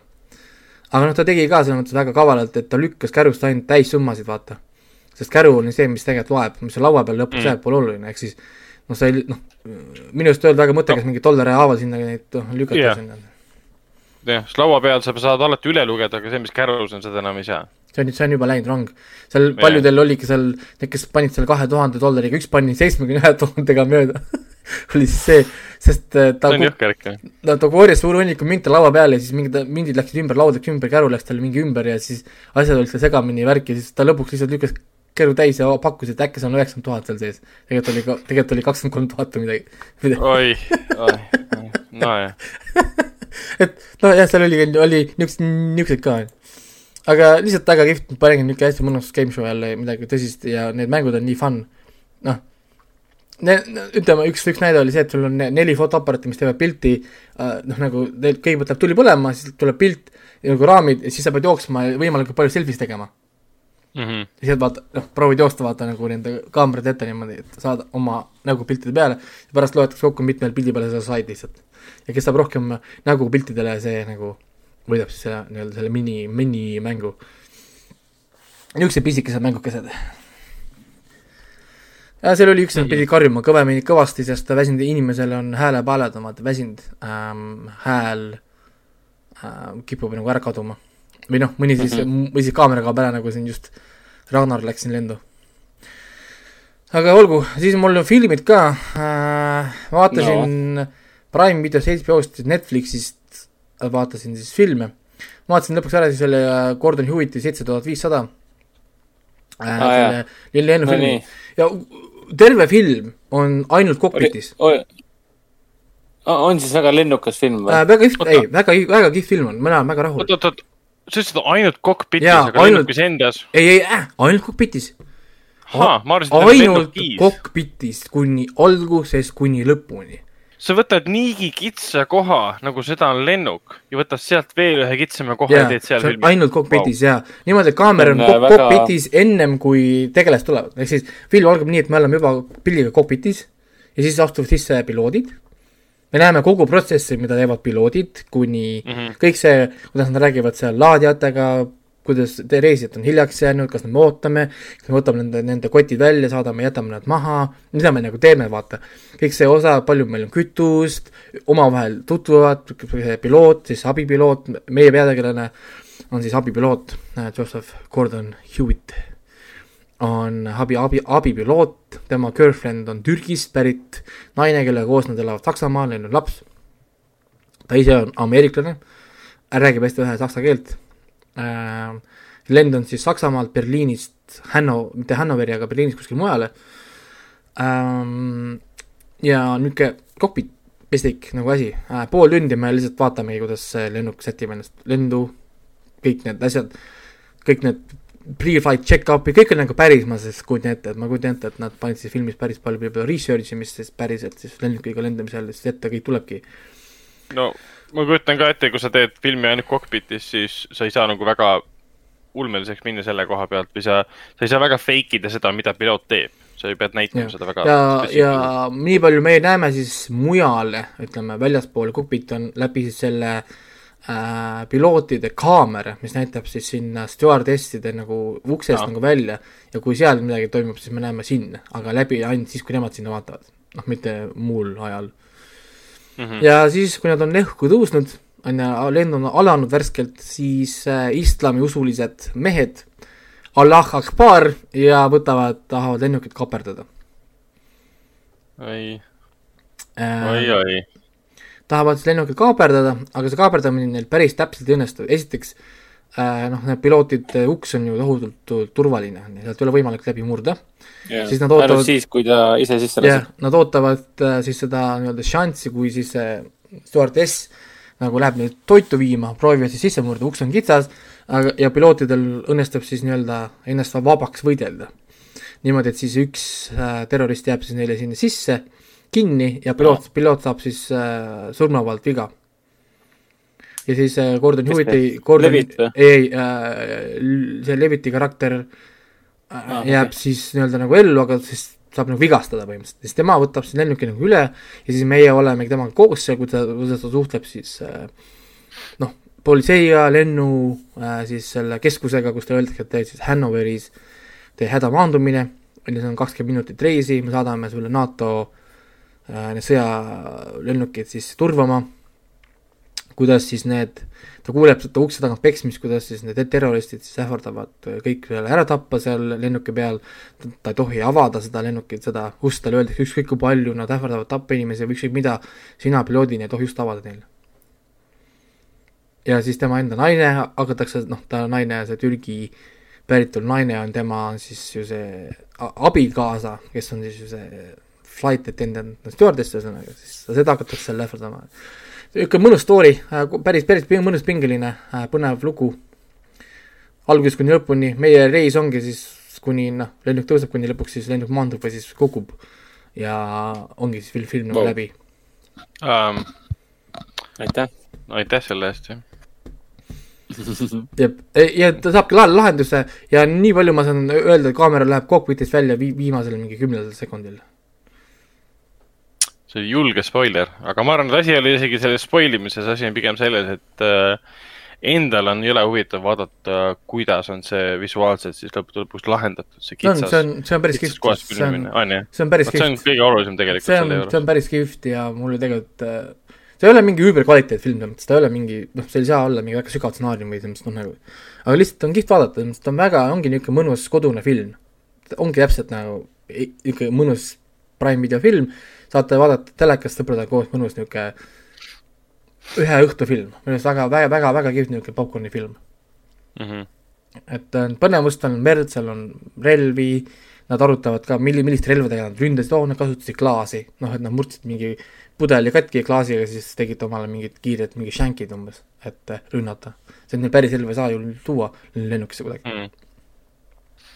nojah, kui väga kaval olla, siis lennukist leiab igasuguseid asju, millega, millega inimesi rünnata.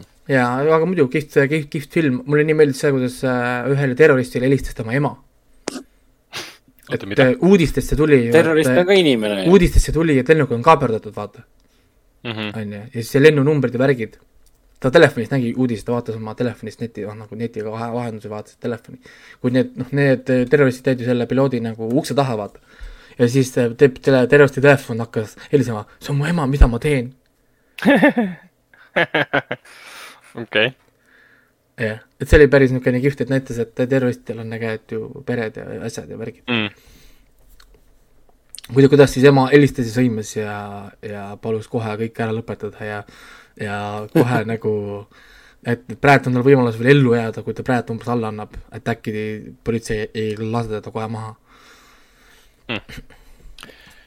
jah, eks see sellel hetkel ma arvan, et see enam väga võimalus ei ole ka, aga seal vist on juba rong jah läinud, kui sa juba jah, niimoodi, jah, või lennuk, lennuk on läinud, ütleme. kui sa hakkad seal jah, mingeid niisuguseid asju tegema.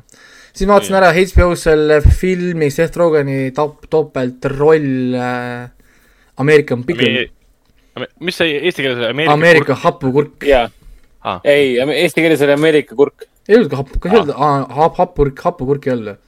oota, ma vaatan üle, minu meelest oli ikkagi. sest äh, filmis on ikkagi hapukurk ainult, et keegi ei räägi seal mingist tavalisest kurgist ühtegi, jaa ühtegi, Ameerika kurk. kurk lihtsalt. see on veider, et ta kurk muidugi, sest pikkel on tegelikult ju hapukurk, pikkel ei ole ju, pikale tähendab hapukurki ei ole tegelikult. tegelikult ju kurk ja film nii ongi lühike film ongi või? poolteist tundi. väga, see on, see tundub väga pikk, see, Aa, see on väga okei. halb äh,, halb film on see. ja see tundus nii tore, ma nägin selle algust, mingi esimesed siis viisteist minutit, et see tundus on väga, tore ta. on visuaalselt on ta kihvt, tal ongi, ta oleks pidanud olema mingi nelikümmend minutit Mm -hmm. maks. Neil ei olnud tegelikult rohkem, neil ei olnud tegelikult rohkem content'i sellele filmile äh,. noh, nagu teha, Seth Rogen esiteks ei tohiks teha ühtegi aktsenti, onju. see peaks olema täiesti keela, keelatud tal. Nad, nad on mingi Nojah. välja, välja mõeldud Ida-Euroopa riigist, onju, mis äh, näeb välja nagu aasta tuhat kaheksasada kakskümmend, kõik on mullane, mudane ja kõik sõidavad ainult, ainult kaarikutega, onju. jah, et story on muidugi jah, fantaasia, et äh, tuhat üheksasada kakskümmend aastal, midagi seal, tuhat üheksasada kümme, tuhat üheksasada kakskümmend aastatel, siis üks äh, mees, mingi, hästi, tal oli see klassikaline juudi nimi, Greenbaum oli perekonnanimi, aga ma ei mäleta, Hershim või, või, või jah, midagi taolist oli küll mingi, mingi niisugune nimi, elavad siis kuskil äh, kurvas depressiivses Ida-Euroopa äh, riigis, kus äh, neid on siis taga kiusatud kasahhide poolt. mm. -hmm. kasahhid siis kiusavad neid taga. ta leiab siis uhke naise, kes ainult ropendab ja sülitab ja tatistab, ühesõnaga väga seksikas ja võluv naine tema jaoks, kellega nad siis abielluvad äh,, lähevad siis Ameerikasse oma äh, unistusi siis täitma. ja siis ta saab omale unistuste tööd, ta saab äh, hapukurgid äh, suures tehases äh, rotti tappa. ta saab siis nuiaga joosta ja rotti peksta. täitub siis tema suur unistus Ameerikas siis töötada, et see on hea ja stabiilne töö, sest palju, palju, palju, palju rotte on.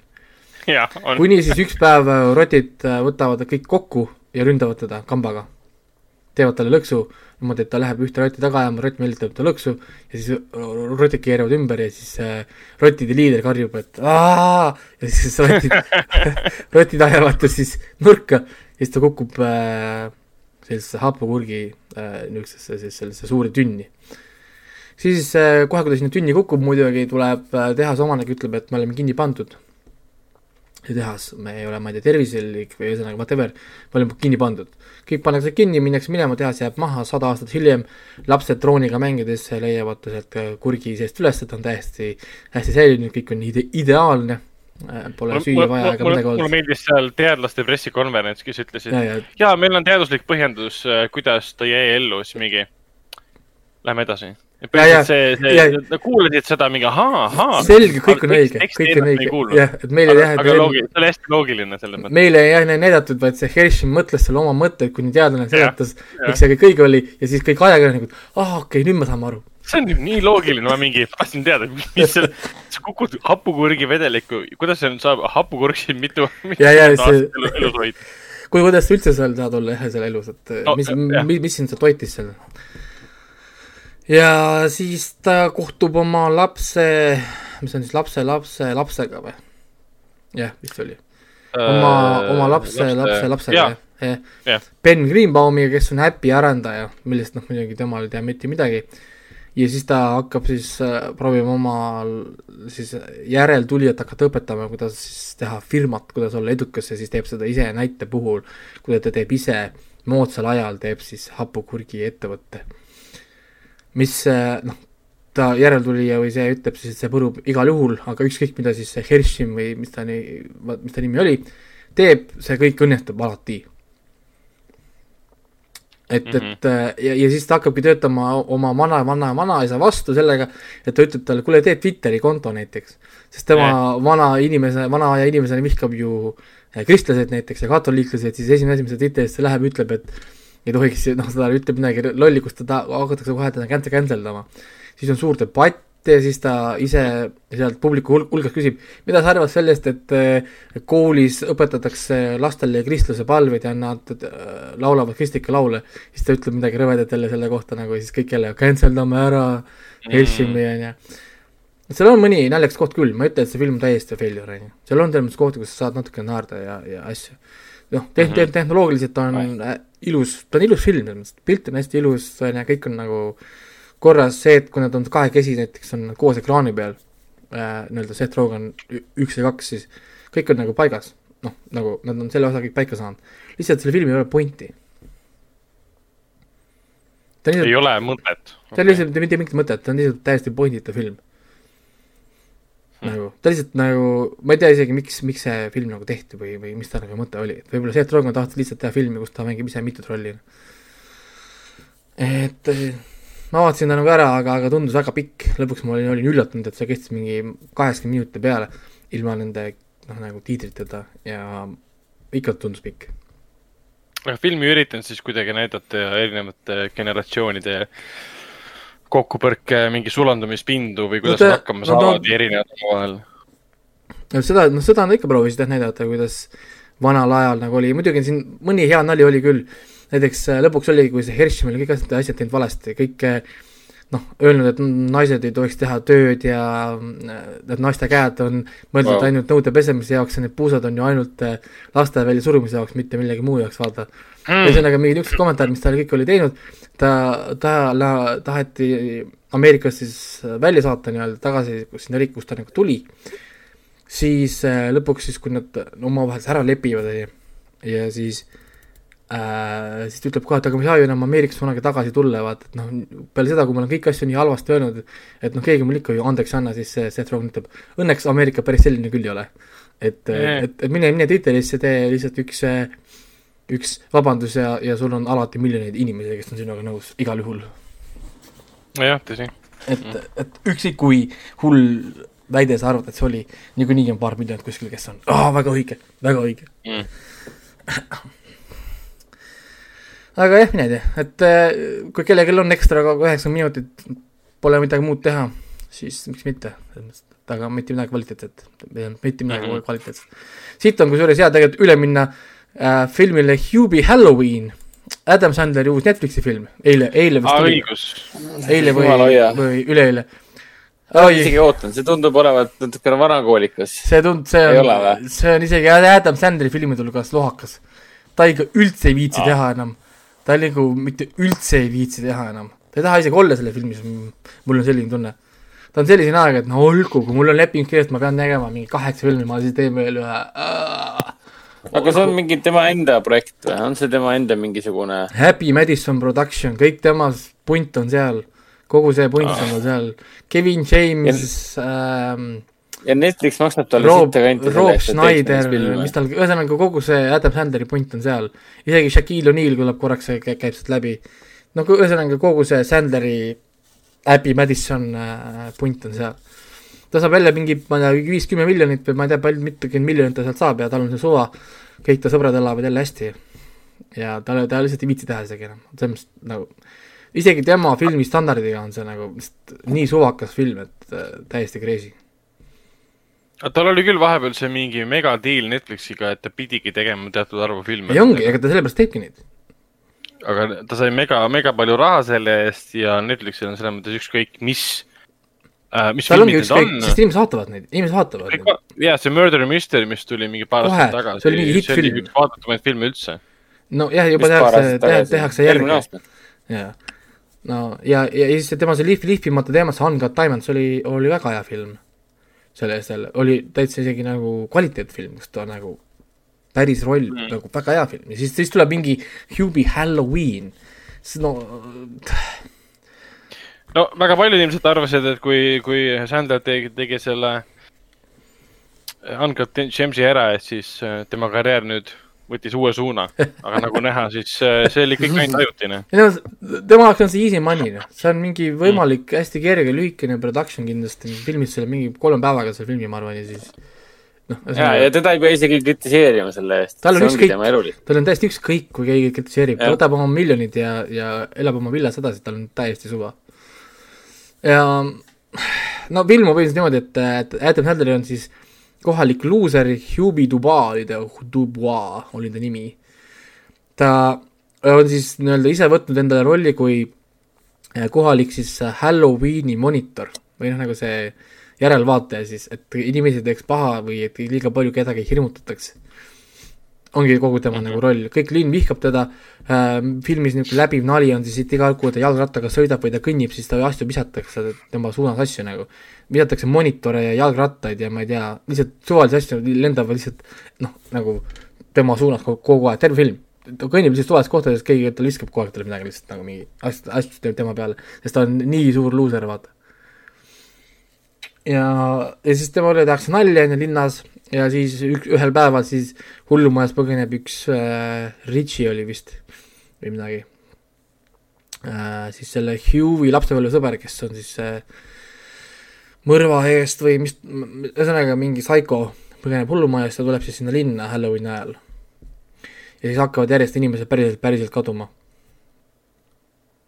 aga hakkavad kaduma ainult siis need, need inimesed, kes teevad siis Hughie'le, Hughie üle kurja nalja hakkavad kõik järjest kaduma. eri, erinevatel põhjustel, siis, siis ta saab uue naabri, salapärane naaber, kes karjub öösiti majas, kui täiskuu tuleb, kaob ära majast.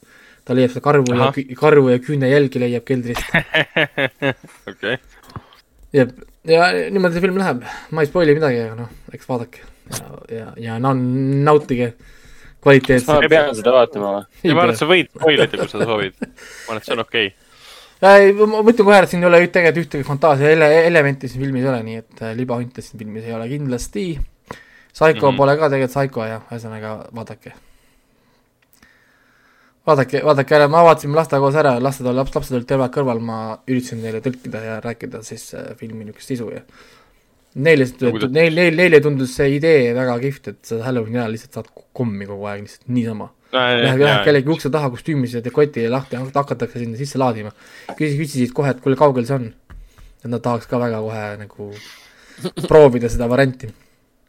aga üldiselt on see päris kole ja jube film äh,. mina andsin, mina andsin sellele ilusat, kus ta mul on siin, Hugh Ellovin viis punkti. et suhteliselt nõrk äh,. lavastaja on minu jaoks mingi täitsa tundmatu nimi, mingi Steven Brill. ma ei tea ühtegi asja, mis ta on teinud, aga kui ma vaatasin tema seda äh, nii-öelda nagu lavastaja tööd, siis siin on sellised filmid nagu äh, Mr Deeds ja Little Nicky ehk siis ah, Adam Sandleri ähm, see on klassika põhimõtteliselt ju. enda nagu filmid, ehk siis mis ta on kunagi Need on klassikalised filmid ja need on kusjuures kõik väga head filmid ka veel. Little Nicky. Little Nicky ja Mr Deeds.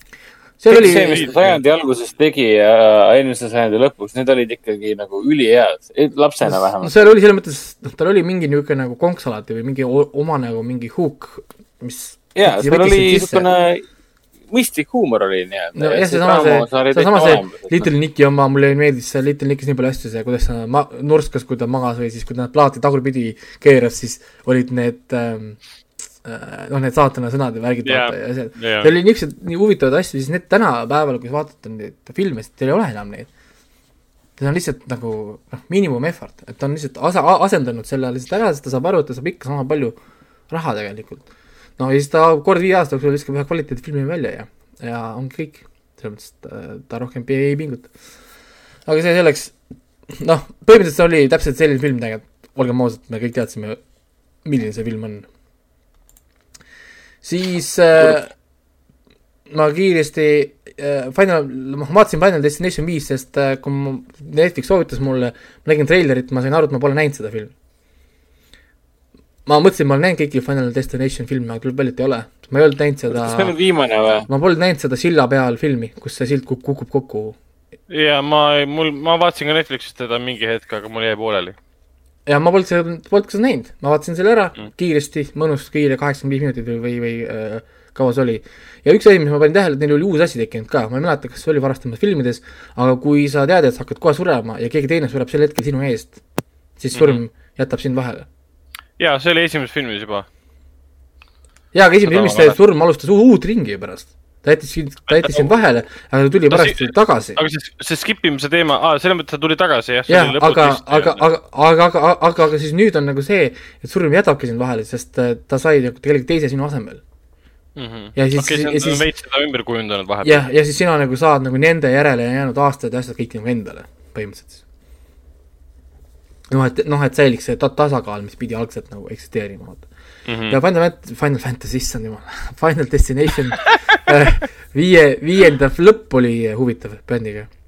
mis seal oli? et äh, see lõpeb sellega, et nad lähevad sinna lennukisse, mis on esimese filmi algus. ja siis nad istuvad lennukisse samal ajal, kui üks poiss hakkab, poiss hakkab harjuma, see kukub alla, ta kukub alla, ärge, ärge, ärge minge, see kukub alla. ja siis need, need kaks all, ellu jäänud tegelast siis Final Destination viiest arutavad, huvitav, mis tal küll viga on. lennuk hakkab, hakkab tõusma õhku, siis see eh, poiss, kes tegi ise näge-, nägemust, kuulab kõrvaklappidest Dust in the wind jälle, tal lööb silmad lahti, issand, see on sama, sama lugu, näeb seda staatikut, siis ta kustub selle stjuardessi, kuule, et eh, mida see poiss karjus, aa, ta, ta nägi mingit nägemust. silmad suured, holy shit, ja siis pff, lennuk plahvatab ja kõik lendab õhku ja film läbi. okei okay., see oli siis nagu esimese filmi alguse nagu referents. oota, viimane film, ei mitte referents, aga, see ei olnud päris sündmus, vaata. sellepärast, et seal nad Aa. päriselt surid. no et aga mingis ei, mõttes on see nagu- nagu prequel events nii-öelda see. ongi Ei ole prequel, sest on, on ju, sest viies film lõpeb esimese filmi algusega aga kas seal tõstetakse kedagi lennukist välja ka või? see tõst-, tõst-, tõstetaksegi välja. Needsamad ah, okay. tõstetaksegi välja, kes olid esimese filmi karakterid. sa, sa näedki neid samu karaktereid, nad tõ- tõ- viiaksegi Okei, välja okei. Nad viiaksegi viies osa on siis tegelikult esimene osa sellest seeriast.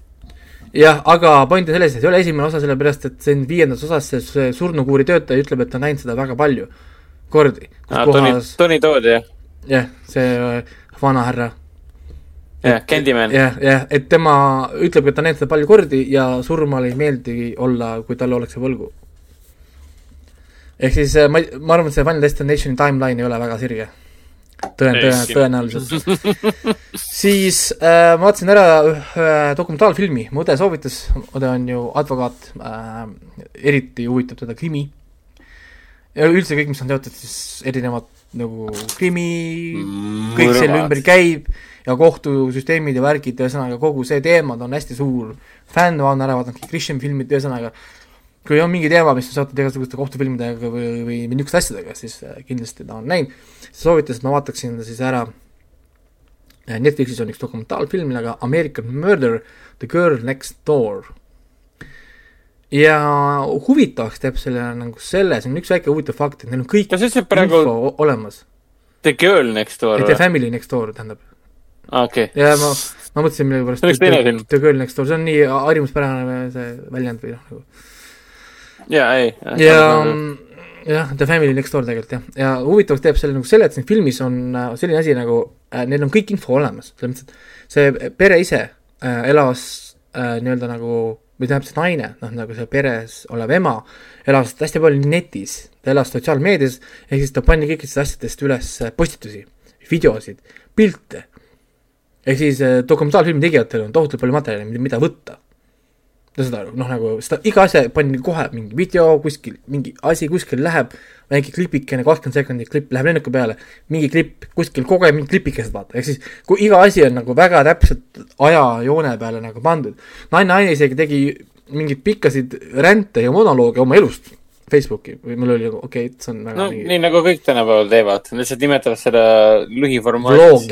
kuidas- Tiktokid ja vlogid. mingid asjad jah, nagu ja ühesõnaga kõik asjad pani nagu Nonsense. pani nii-öelda nagu netti, see on juba hästi huvitav asi, vaata. mida pole väga nagu näinud, et sul on nii palju infot tegelikult võtta, noh nii. ja siis lugu algab sellega, et äh, naaber, naabri naine helistab nine one one ja ütleb, et äh, see äh, naabri naine ei vasta telefonile, ei tule õuest, õue ega midagi, aga auto maja ees. et oli mures, sest ta pidi hommikul kohtuma, ta ei, ta ei ilmunud ja nüüd ta ei läinud ka arsti juurde, sest naine on rase, ootab kolmandat last, aga pole arsti juurde, arsti juurde läinud, onju. tuleb politsei, ust nad ise lahti ei murra, ta, kõik on jälle kaameras, sest politseil on see rinnakaamera või see bodycam, kus siis äh, kõik on salvestatud jälle, eks me näeme kogu täpselt nii, nagu juhtuski. Me näeme seda kõike nagu, mis on päris kihvt, ma räägin, me näeme kõiki asju, me näeme ära. siis äh, politsei bod- bodycam'iga käib ümber maja, keegi ei vasta, helistatakse mehele, mees tuleb koju, politsei küsib ilusti, kas ma võin majja sisse minna, kas ma võin ka tulla majja vaatama, küsib, et sa pead ütlema jah, ma luban kaamerasse, ütlebki mehele, vaata. muidu ma ei saa tulla sisse, vaata, kui sa ei kinnita, et sa saad aru, vaata, mida ma küsin, vaata. siis ähm, ähm, ja, ja siis hakkabki nagu pihta, naine on kadunud, lastel on mingid tekikesed äh, asjad on kadunud, jääb mulje, et nagu naine oleks- lahkunud äh, lastega koos, öösel telefoni kaasa ei võtnud, telefon oli seal öökapi peal, abielus, abielusõrmus oli öökapi peal, on ju, aga keegi pole kuulnud, pole näinud, et ta kuskil oleks läinud, naabrite kaamerad ei näidanud ühtegi lahkumist, naabritel on erinevad kaamerad, no need õues. kuskil pole näha, et keegi oleks nagu, nagu ära läinud, viimane asi, mis nähti, oli see, et mees läks hommikul tööle, mingi poole kuue ajal, mees töötab seal kuskil mingi tunni aja kaugusel kuskil nendes äh, õli äh, hoidlates või noh, kus nad hoiavad seda naftat või, või, või kütust või ma ei saanudki, ma ei saanudki saanudki täpselt aru. Mi- mis- mis ta seal teeb? tööd, töötlemistehas või? ma ei täpselt saanud aru, mis ta teeb, ühesõnaga, aga midagi nende õlitüünnide ja paakidega, ühesõnaga whatever. aga ta, ta läheb hästi varakult minema nagu tööle. Ja siis hakkab see, siis lugu hüppab nagu tagasi. vaata, ja siis me hakkame saama nii-öelda dokumentaalfilmi lavastades nii, et noh, me nägime selle ära, et nüüd on kadunud, on ju, siis me läheme kolm kuud tagasi.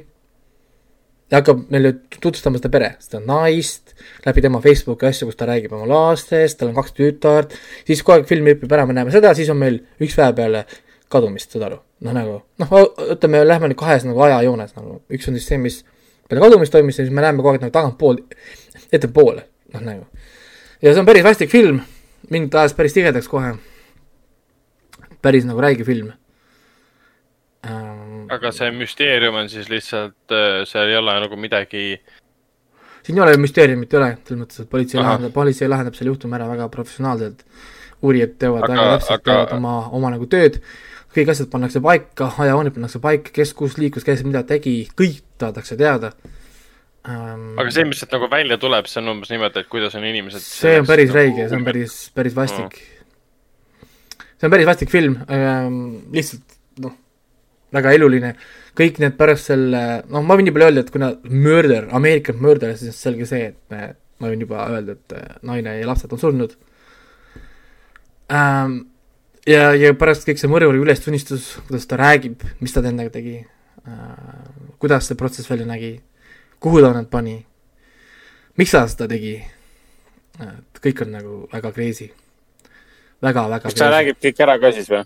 kas ta, ma saan aru, et see toimus mingi kak-, kaks aastat tagasi või? kaks tuhat üheksateist, eelmine aasta. see eelmine aasta oli vist jah see on nagu nii, nii just äsja juhtunud siis. no jah, aga kas ta nagu, kas ta tunnistas kõik üles või?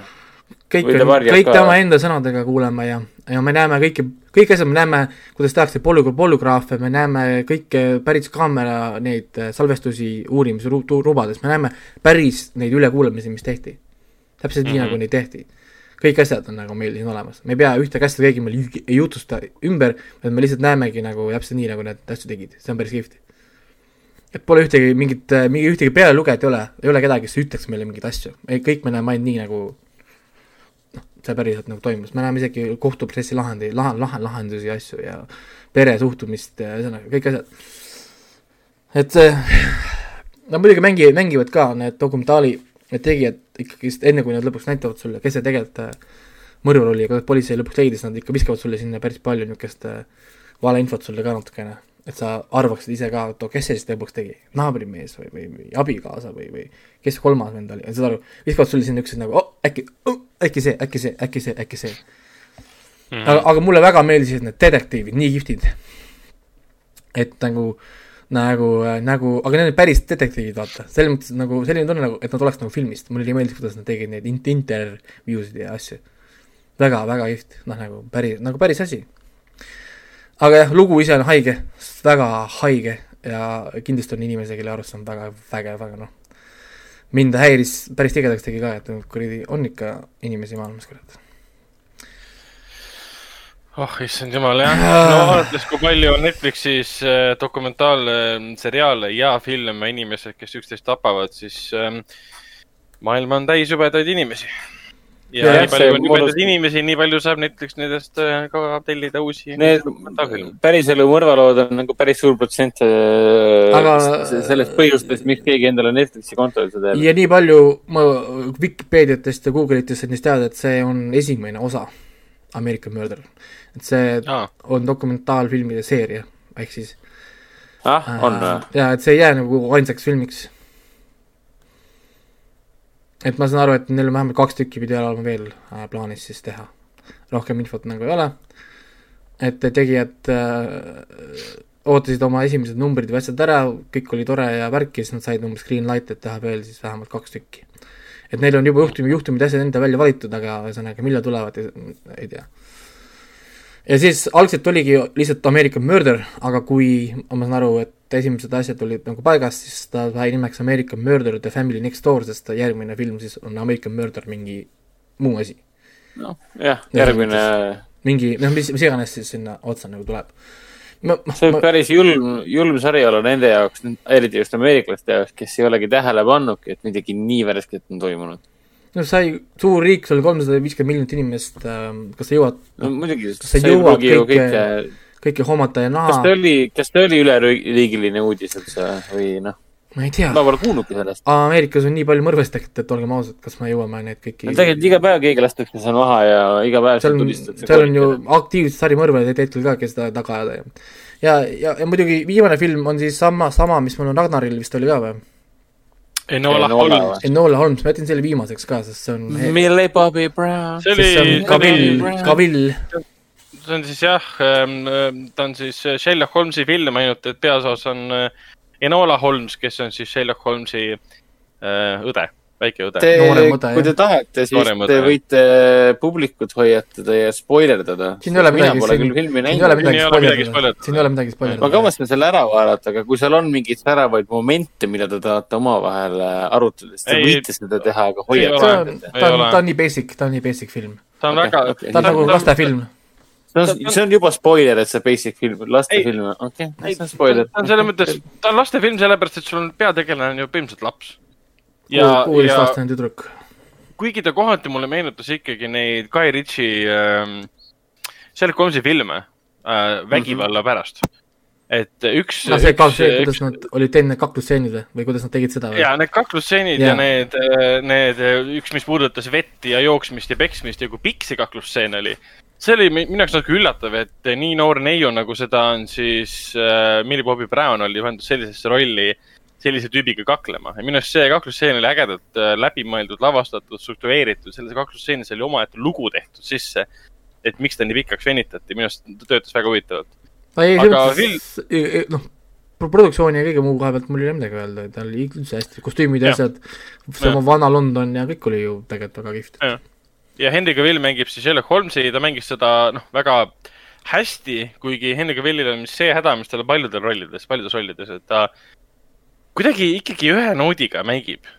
ka siin ta meenutas seda sama tüüpi, keda ta mängis, ma ei tea, jällegi Guy Ritchie selles Man from Uncle's või ta kohati meenutas sama tüüpi, keda ta mängis Supermanis ja tal on, või siis isegi Witcheris, et tal on kohati see manerism on nii korduv ühest filmist teise või seriaalist teise. Aga see ongi tema nagu võlu ka mingil määral, et ta jällegi sobis sinna rolli.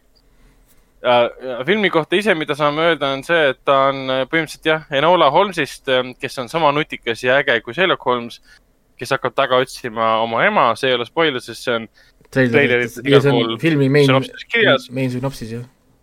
ja kogu lugu seisnebki selles, et ta otsib taga oma ema ja palub siis oma vendade abi, et üks on siis see Mycroft ja teine on siis Sherlock Holmes ja noh, nende abi ta otseselt ei saa, mistõttu läheb üksi siis seiklema Londonisse. ja põhimõtteliselt film ongi Ja- siis, meil on ju kaks storyline'i, üks storyline on, et Enola ajab oma emad taga ja siis Mm. teise, teisel pool on siis Mycroft ja Holmes, kes proovivad siis oma õde kasvatada või korrale kutsuda. kus kohas siis äh, Mycroft kasutab enda raha, raha ja ressurssi, et leida Enolat ja Sherlock samal ajal siis otsib ema ja tegelikult ka lahendab siis äh, juhtumit, kuhu kadus Enola siis ja ta ema ja mis põhjusel siis kõik see tegelikult toimus. jah, sest Enola on siis selline metsik äh, tüdruk, kes on kodus kasvatatud oma ema poolt, kelle, keda mängib siis Helena Bonham Carter. teda filmis väga vähe, see on väike spoiler. korraks, korraks äh, pa-, pa-, paar et korda. ongi kodus kasvatatud, suures häärberis kasvatatud, kus ta on kogu raamatukogu läbi lugenud, ehk siis ta on omandanud kõik teadmised oma emalt, kes on väga tark, intelligentne naine ja kõikidest nendest raamatutest, mis on väga erineva sisuga raamatud, mitte ainult siis mingid ro- romaanid või novellid, omandanud sealt siis eh, selle, et oskab väga suurepäraselt rääkida ja suhelda ja ta on väga kaval ja oskab eh, käigu pealt väga kiiresti mõelda ja muidugi film mängib jälle sellega, et kui sa oled metsik inimene, kes on elanud looduse keskel võib-olla kuskil, et siis sa ei oska hakkama saada suures linnas, mis on nagu modernne ja täis selliseid inimesi, kellega sa ei ole varem kokku puutunud, siis see element oli ka siin olemas. jah, ja muidugi ja muidugi siin oli ka see element, et Enola suhtleb siis otse publikuga siis nii-öelda läbi neljanda seina siis pidevalt. jah, jah, mis on jälle korduv element sellest ähm,, sellest Sky Ritchi filmidest, kuigi seal äh, Robert Downey Jr.'i äh, Holmes ei vaadanud kaamerasse ja rääkinud sinuga otse. aga ta jah, rääkis, rääkis ikka meile, jah, ta andis meile nagu ikkagist jah, seda infot nii-öelda meile siis- andis infot. täpselt, et ta jagas siseinfot meile, mis tema peas toimub. aga siin on see, et äh, Billy Bobby Brown vaatab sinna otse mõttes kaamerasse otse niimoodi sügavalt kaamerasse jah, ja ütleb, et ja küsib, mis sina arvad, mis sa arvad, kus minu ema on hm?? ma ju ütlesin, äh, et ta on selline. jah, aga ta oli nunnu film selles mõttes, ta oli niisugune hoogne, tempokas, sa nagu ei tahtnud kinni panna. sest Netflixis on nii lihtne tänapäeval kinni panna, et ma lähen teen võigut, sest siin ei toimu midagi, aga taustal, ma hakkasin, hakkasin nagu taustale teda vaatama, ma otsustasin, et ta ei ole kindlasti see film, mida ma pean nüüd süvenema. Aga siis ma jäingi nagu ühel, ühte positsiooni oma toolikese peale, vaatasin, et aa, see on tegelikult äge film, et tasub, tasub oma tähelepanu siia anda küll aga ta ei ole jah nüüd mingisugune ilgelt suur meistriteos või ta ei ole mingisugune erakordne saavutus Sherlock Holmeside seas, et äh, filmikunstiliselt täitsa viisakas ja tore. lõpp viitas muidugi sellele, et siit tuleb muidugi mingid järjed või, või spin-off'id. ta vihjas, vihjas küll, aga nii nagu ma sain aru, et ei tulda järge, vähemalt äh, ma üritasin, üritasin guugeldada, et algselt äh, neil oli mõeldud, et Enola Holmes pidi olema nagu, film pidi olema pilootosa. jah, oli neil see algne idee ja siis ma saan aru, et kuskilt midagi muutus ja siis filmiti midagi juurde filmile ja see scrap iti idee, et teha Enola Holmesi sari ja siis tuli film. sellepärast, sellepärast, sellepärast film on kahetunnine ka. ta pidi olema muidu lühem. Et siin äh, eelm-, eelmisel kuul produtsenti siis Millboy Brown ütlesid küll, et, et nad, neil oleks huvi järje vastu. ja seda ma ei teadnud ka muidugi, et see on üks nendest filmidest, mis pidi esialgu tulema kinno. Äh, Warner Brothersi alt, aga Warner Brothers müüs siis õigused Netflixile ja äh, pandeemia tõttu, et see tuli otse Netflixi, seda ma ei teadnud, mina, mulle tundus kohe juba eos täielik Netflixi film ja mõnes mõttes isegi hea, et ta võib-olla siis kinno ei, ei tulnud no see sest noh, jah, kinofilmina ma küll seda ei näe. ei, ta, ta, ta on siuke, tal on siuke production quality ka juures, et ta on Netflixi film, ta ei ole nagu suure ekraani film väga. no aga, aga ongi, ma räägin, et ta näeb küll ju tegelikult nagu ju seriaali nagu selline mingi, mingil määral Mm. väga pikk, sest eh, noh, tegelikult oleks ju väga lihtne teha sarja ju, mõttes sul on ju, film lõppes tegelikult ju väga täpselt selliselt, et äh, saaks teha ju sarja ju tegelikult väga kergelt mm. ju. vaata, vaata, mida see Holmes ütles viimati Mycroftile, on ju, mida ta tahab teha selle Enolaga Mhm, mis, mis plaan tal on Enolaga ja, ja mis ta Enola ise hakkas tegema nüüd nii-öelda, kui No film oli läbi, ehk siis täpselt esimene hooaeg, palun kirjutage sinna kümme episoodi juurde. jah, sest ju tegelikult see põhiline müsteerium, et kuhu kadus ema, see oli nii üllatav, et see jäi, see jäi nii äh, kuidagi õhku. Et nad ei keskendunud tegelikult sellele nii, et sünopsise treiler rääkis, nojah, et sünopsise treiler oli sellest, et aa, Enola Holmesi ema on kadunud, ta läheb teda otsima. on pool filmi, üle poole filmi eest läbi on mingi, oota, oota, millal ta ema otsimisega tegelema hakkab või, või et millal see on ja siis film saab läbi, sa saad aru, et ahah, et tegelikult ühel hetkel see Enola nagu see kasv, mida ta lõpus kirjeldab ka, et see ongi see kasv, et ta tegi, otsustas teha esialgu ühte, kasvas vahepeal karakterina inimesena, võttis vastu uue otsuse jaa, aga see see ema teema sai ikkagi lahe, lahe lahendatud, see täitsa täitsa aga- õhku jäänud. lihtsalt ma olen üllatunud Sherlocki Holmesi koha pealt, et ema on kadunud ja teda väga vähe huvitas see. no seal oli jah kuidagi ära põhjendatud, et ema on alati selline olnud, et läheb ära või ta on ka niisugune metsik ja, ja, ja ja nad ei hooli väga. ja Sher- Sherlock oli lihtsalt natukene ükskõikseks ka, sest eh, noh, ta oli niisugune nagu, et sind huvitab mm. ainult pusle ja kui puslet ei ole, siis sul on täiesti ükskõik. Kuigi ta lõpus nagu heldus, oli, heldis tähendab ja oli päris, päris tore ja nunnu. aga Mycroft oli küll läbi kogu filmi niisugune räige tõbras. ta oli nagu rikas poliitik, et eh, jah, teda huvitas tema maine ja, ja mis toimub äh, Ühendkuningriikides. aga ei, niisugune tore, tore ajaviitefilm, mida kindlasti soovitan äh, ette võtta. no nendest filmidest, mis ma vaatasin, võib-olla kõige parem, kui, kui nüüd mitte dokumentaali äh, rääkida Mm. ja, ja noh, selle Ameerika Murderiga mul oli see, et mul oli nii raske seda hinnata ka, kuidas, ma ütlen, see on hea film kuidas ma ütlen selle kohta, noh nagu noh, see Ma- oli hea, ma nagu, ma ei oska selliseid asju nagu hinnata, kuida-, noh, ta on hästi tehtud, okei okay.. aga ma ei saa, ma ei taha, ma ei taha öelda selle kohta, et see on nagu hea film. see ei ole see mastikfilm, see on rõve. Mm. noh, nagu lihtsalt ma ei tea, kuidas sa hindad niisuguseid asju, et nojah, sa ei saa öelda, et mulle, mulle väga meeldis vaadata, kuidas, kuidas film näitas mulle, kuidas üks perekond mõrvati. nagu Väga- see, see lause väga- tuleb umbes niimoodi, et sinu, sa kuulud paragrahvi alla kuskile või, või jah, et kuskil kuskil mingi kuue ja nelja aastane tüdruk kägistati ära ja ma mõtlesin jess, kümme kümnest. see oli, see oli tore dokumentaalfilm, annan thumbs up'i Netflixis äh,. on vaataks natuke vale veel. seda on keeruline hinna- hinnata, aga selles mõttes, et kui tõesti kui sulle meeldib kvaliteetdokumentaal ja, ja sind ei häiri, noh, mingi niisugune väga ro-, robustne, päris eluline, mingi mõttetu vägivald lihtsalt, siis äh, väga igal juhul integreeriv vaatamine, sest need on päris inimesed, kõik on nagu päris, päris nimed, päris asukohad, sa Google Maps'iga vaadata ka seda, ma isegi vaatasin seda kaarti pealt, kõik on nagu päris mm. -hmm.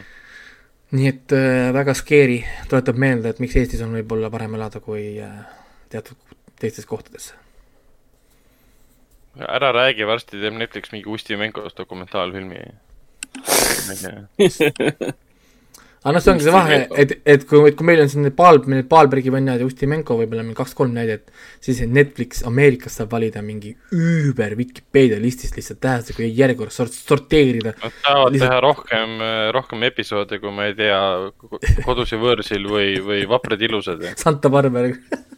ja täpselt, et ei see on, lõputu äh,. see, mis oli, One Piece või, või, või see Tallas. rohkem episoodi kui One Piece'is ja nii palju ei, see juba näitab ja ütleb päris palju selle kohta. on jah need, siin on need miimid ka, vii-, viimane asi, mis ma siis äh, seal anime mi- miimidest nägingi, keegi oli pannud äh, selle miimi, et aasta kaks tuhat kuuskümmend kuus, mina ja minu lapselaps vaatame One Piece'i viimast episoodi.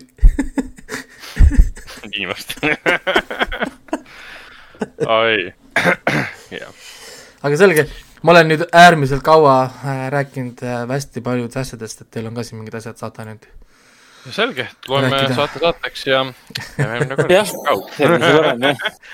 oota, oota, oota ja, et me siis äh, Hendrikuga vaatasime siin, tegime Lõuna-Korea filmiõhtu, vaatasime kaks Lõuna-Korea filmi ära. Tavaliselt me vaatame Lõuna-Korea filmiõhtutel äh, siukseid trillereid, action filme, õudukaid äh,, ulmekaid. aga seekord me tegime siukse erineva valiku, et me võtsime katastroofi, katastroofifilmi ette ja siis äh, romantilise komöödia, mis tegelikult oli action komöödia pigem. Ashfall on siis esimene, Ashfall on ise aastast, aastast kaks tuhat üheksateist Lõuna-Korea suurejooneline action spektaakel, mis samal ajal, see on nagu action spektaakel slaš maailmalõpufilm slaš katastroofifilm. katastroofifilm, ei, mitte maailmalõpufilm, vaid katastroofifilm. jah, et film ise on selles mõttes erakordne, mitte erakordne, aga ta on jälle huvitav, et kui sa oled natuke vähegi kursis äh, Lõuna-Korea, ütleme, staarnäitlejatega, siis siin on neid äh, põhilised kolm on kõik esindatud. Lee Byung-hun, keda me siin teame võib-olla USA filmidest, viimasel ajal oleme näinud teda siin Vapras seitsmes näiteks, aga noh, teised teevad teda muidugi The Good Bad and the Weirdist, Shunsi kirjuti ärajast, I saw the devil'ist, Bittersweet Life'ist ja nii edasi. ja siis Ha Jung Wo muidugi, keda meiesugused teavad siin näiteks My Dear Enemy'st või Chaser'ist või Sea'st või äh, Come Rain, Come Shine äh, või Berlin File. Along with, Along with the gods. Along with the Gods'i kaks filmi näiteks, et ta äh, näitleja nime võin uuesti korrata, Ha Jung, Ha Jung Wo, ma hääldan seda jumala valesti, on üks siis tuntumaid Lõuna-Korea staare ja siis muidugi Ma Dong-seok, kes on ka siis Lõuna-Korea üks tuntumaid staare, kes on ka mänginud siis Along with the Gods'i äh, filmides ja ta oli hiljuti selles Cannes'i, eelmise aasta Cannes'i filmis ka The Gangster, The Cop and the Devil uh,. film ise algab väga lihtsalt, sul on, sul lihtsalt lugu sellest, et uh, Lõuna-Koread tapab maavärin. on kõik, pole midagi keerulist.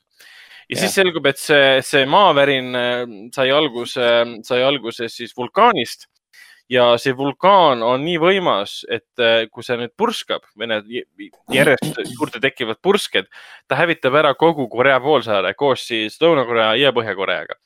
ja siis yeah.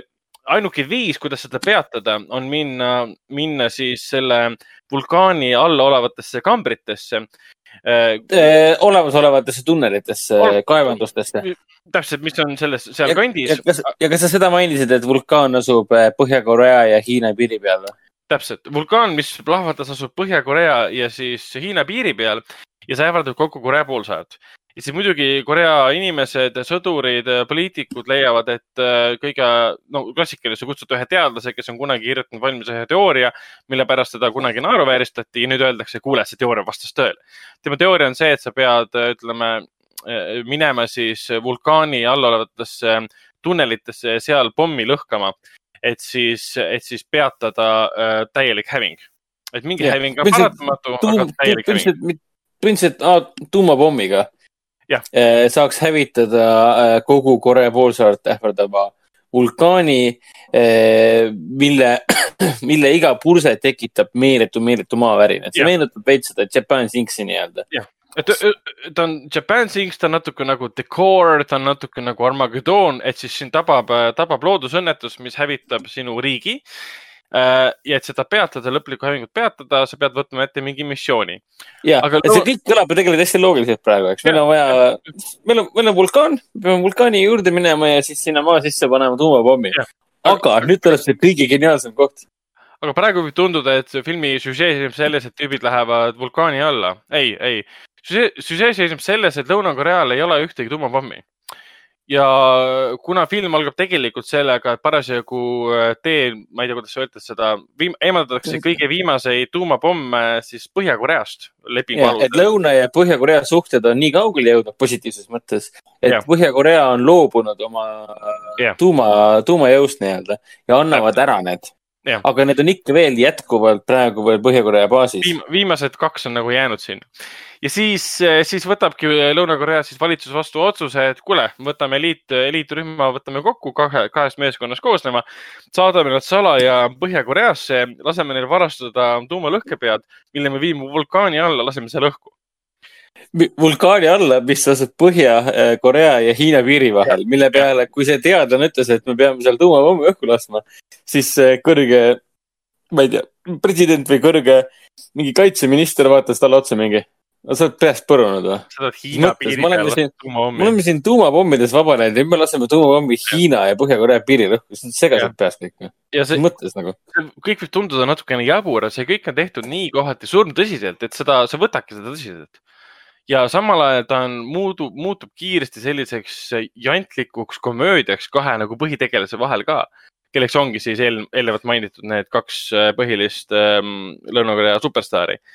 ja seal nagu asi ongi selles, et äh, katastroofifilm muutub äh, meeskonna nagu road movie, kus tüübid lähevad relvadega Põhja-Koreasse, mis on täielikult maavärin, vulkaani tõttu tekitatud maavärin hävinenud. ja, ja, ja see oli ka hea. Põhja-Korea on täielik wasteland, täielik tühermaa, mitte midagi pole alles. täiesti kadunud. Ja üks on- esimestest, esimestest kaadritest on see, kuidas äh, Lõuna-Korea reporterid Põhja-Koreas selle Põhja-Korea Pyongyangi kõige suurema palee ees. ja kui maa hakkab värisema, siis see palee vajub, vajub põrmu täiesti. Et see on, see on selles mõttes huvitav film, et lõunakorealased tegid filmi, kus nad hävitavad Põhja-Koread, okei okay,, Lõuna-Korea hävineb ka. samal ajal sinna ulmeline aspekt sisse pandud, et Lõuna-Koreal ja Põhja-Koreal on head suhted teine ulmeline aspekt, et Põhja-Korea loobub kõikidest oma tuumarelvadest, kuigi me siiamaani ei tea, palju neil üldse neid on. Nad väidavad, et vähemalt on. ja, ja ühesõnaga, kui nad on selle plaani kokku pannud, nüüd me läheme Põhja-Koreasse, nad lähevad Põhja-Koreasse, sul on kaks meeskonda, üks on professionaalsed killerid ja teise on, on tehnikud põhimõtteliselt, kelle ülesanne on lihtsalt see, see pomm ära kätte, kätte saada ohutult ja muidugi see killerite meeskond, professionaalide meeskond siis sureb kohe alguses ära lennuki õnnetuse tõttu. jäävad alles siuksed nii-öelda äpp, äppudest koosnev, koosnev meeskond, kes on väga professionaalsed, mis puudutab äh, pommide desarmeerimist, aga nad on, ei ole just kõige professionaalsem, mis puudutab no,. Nad ei ole treenid, treenitud killerid ei ole. jah, ja siis nad saavad muidugi ülesande leida üles siis topeltagent, Põhja-Korea, Lõuna-Korea topeltagent, kes on kuskil Põhja-Korea X vanglas kinni äh, kes päästetakse sealt ära ja kes on hästi hirmutav tegelaskuju, sest ta on nagu topeltagent ja tugev ja võimas killer ja kõik kardavad seda. siin tuleb kohati mängu see Michael Bay äh, kaljukindlus, et Rocki teema justkui. et tähtsad sõdurid tulevad ja korjavad selle Sean Connori laadse tegelase ülesse, kes on niivõrd ohtlik, et ta kogu aeg põgeneb ära ja tekitab probleeme. Ja, hästi tavaline ja hästi osav. The Rockis ju tegelikult Sean Connery oli samamoodi, et esialgu teda tutvustati, ta oli hästi karva kasvanud ja siis ta ajas ennast äh, puhtamaks. siin samamoodi. ja seal oli ka Sean Connery karakter, ühel hetkel põgenes ära, et näha oma tütart või, või tütretütart siin põhimõtteliselt samamoodi, sul on suur põhipaha, keda kõik kardavad, aga tema kõige siis äh, varjatum pool on see, et tal on tegelikult kuskil tütar, keda ta igatseb ja ta ei karda mitte seda, et tütar teda ei mäleta, vaid tema ei tunne omaenda tütta, kuna ta on kogu aeg vanglas istunud. ja ühesõnaga sellega algab tohutu suur seiklus, kus nad põgenevad, äh, võtavad siis äh, kõigepealt Põhja-Koreas pommi, suunduvad sellega siis äh, vulkaani poole, kus nad tahavad selle õhku lasta. asi muutub keeruliseks muidugi see, et ühel hetkel nad võitlevad Põhja-Korea sõduritega siis nad võitlevad ameeriklastega, sest ameeriklased ütlevad, et oh, kuulge, te ei saa salaja varastada Põhja-Koreast tuumapommi ja lasta seda õhku seal, et meid ei huvita, meid huvitab ainult see, et ükski pomm õhku ei lasta, me tuleme, tapame teie Lõuna-Korea sõdurid maha.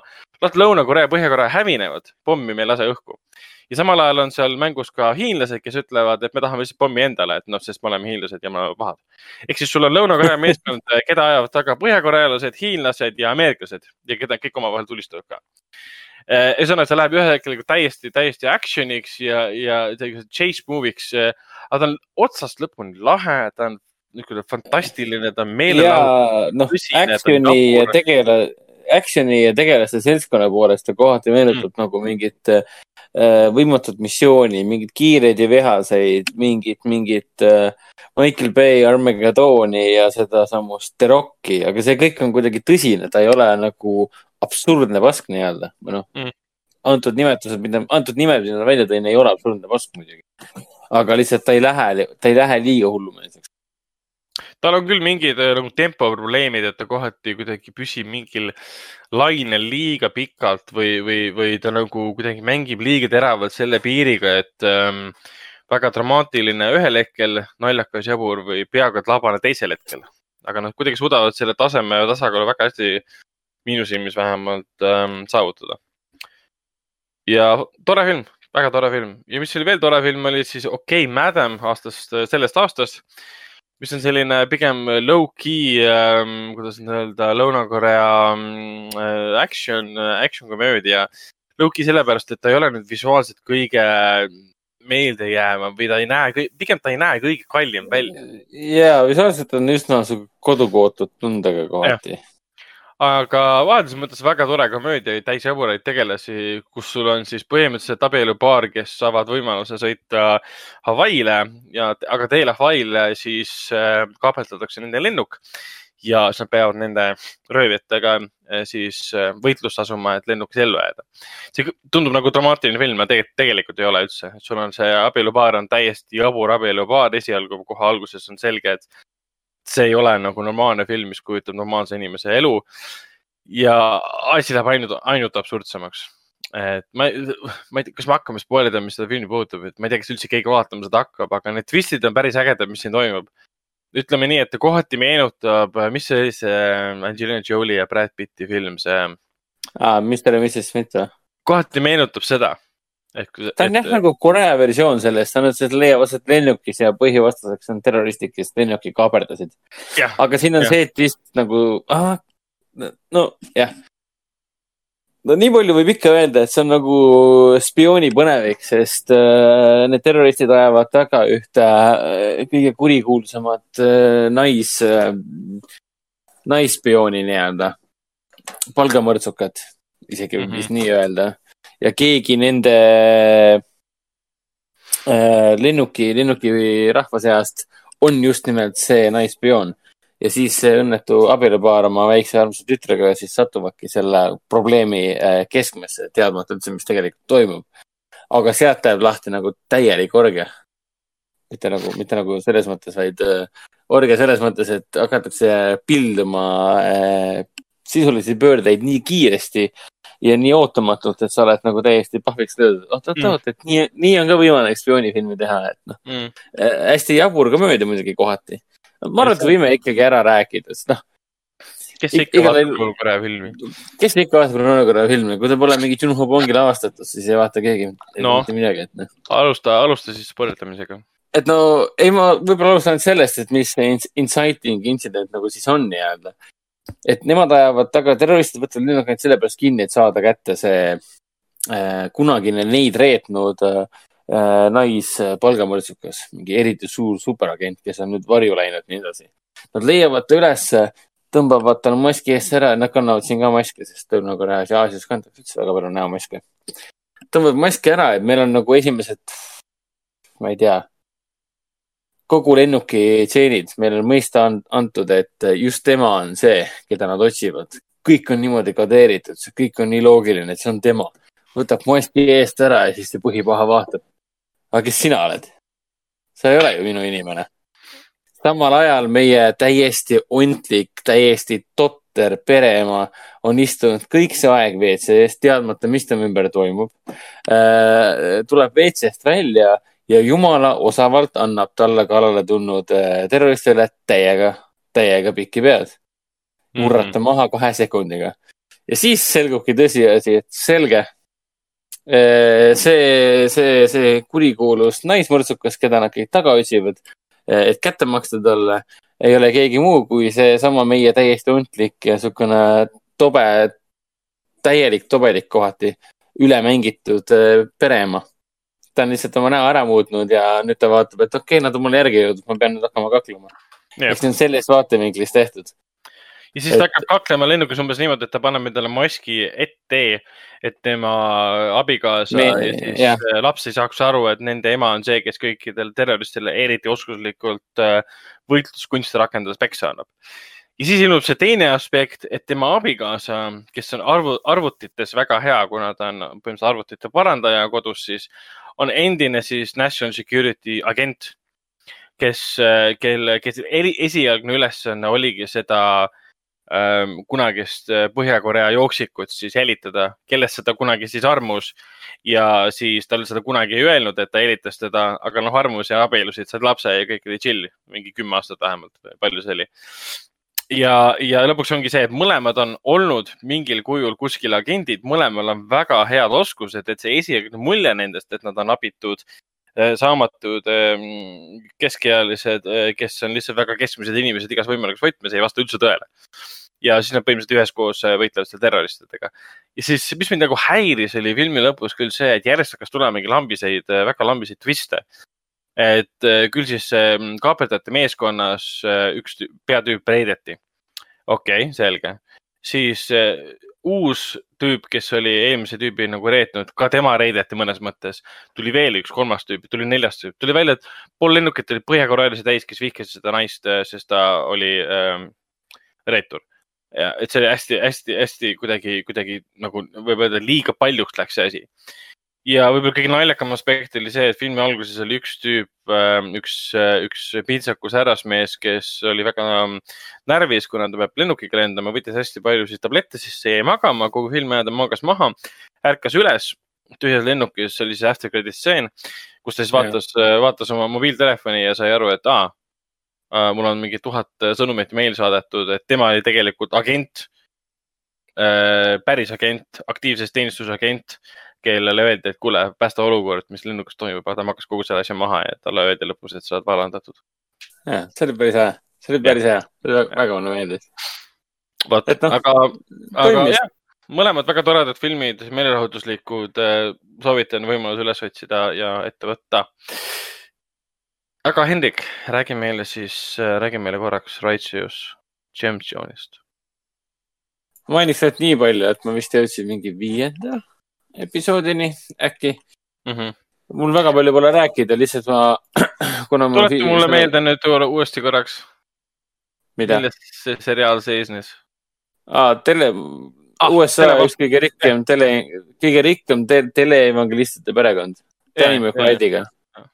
jah, ma olen, neli osa on vaadatud äh,. iga osa on ikka nii self-contained, toimub nii palju tegelikult. Kui esimese kahe osa jooksul tundub, et siin teha, tegeletakse väga lühikese looga, siis see lühike lugu visatakse üsna pea aknast välja, tegeletakse hoopis millegi muuga.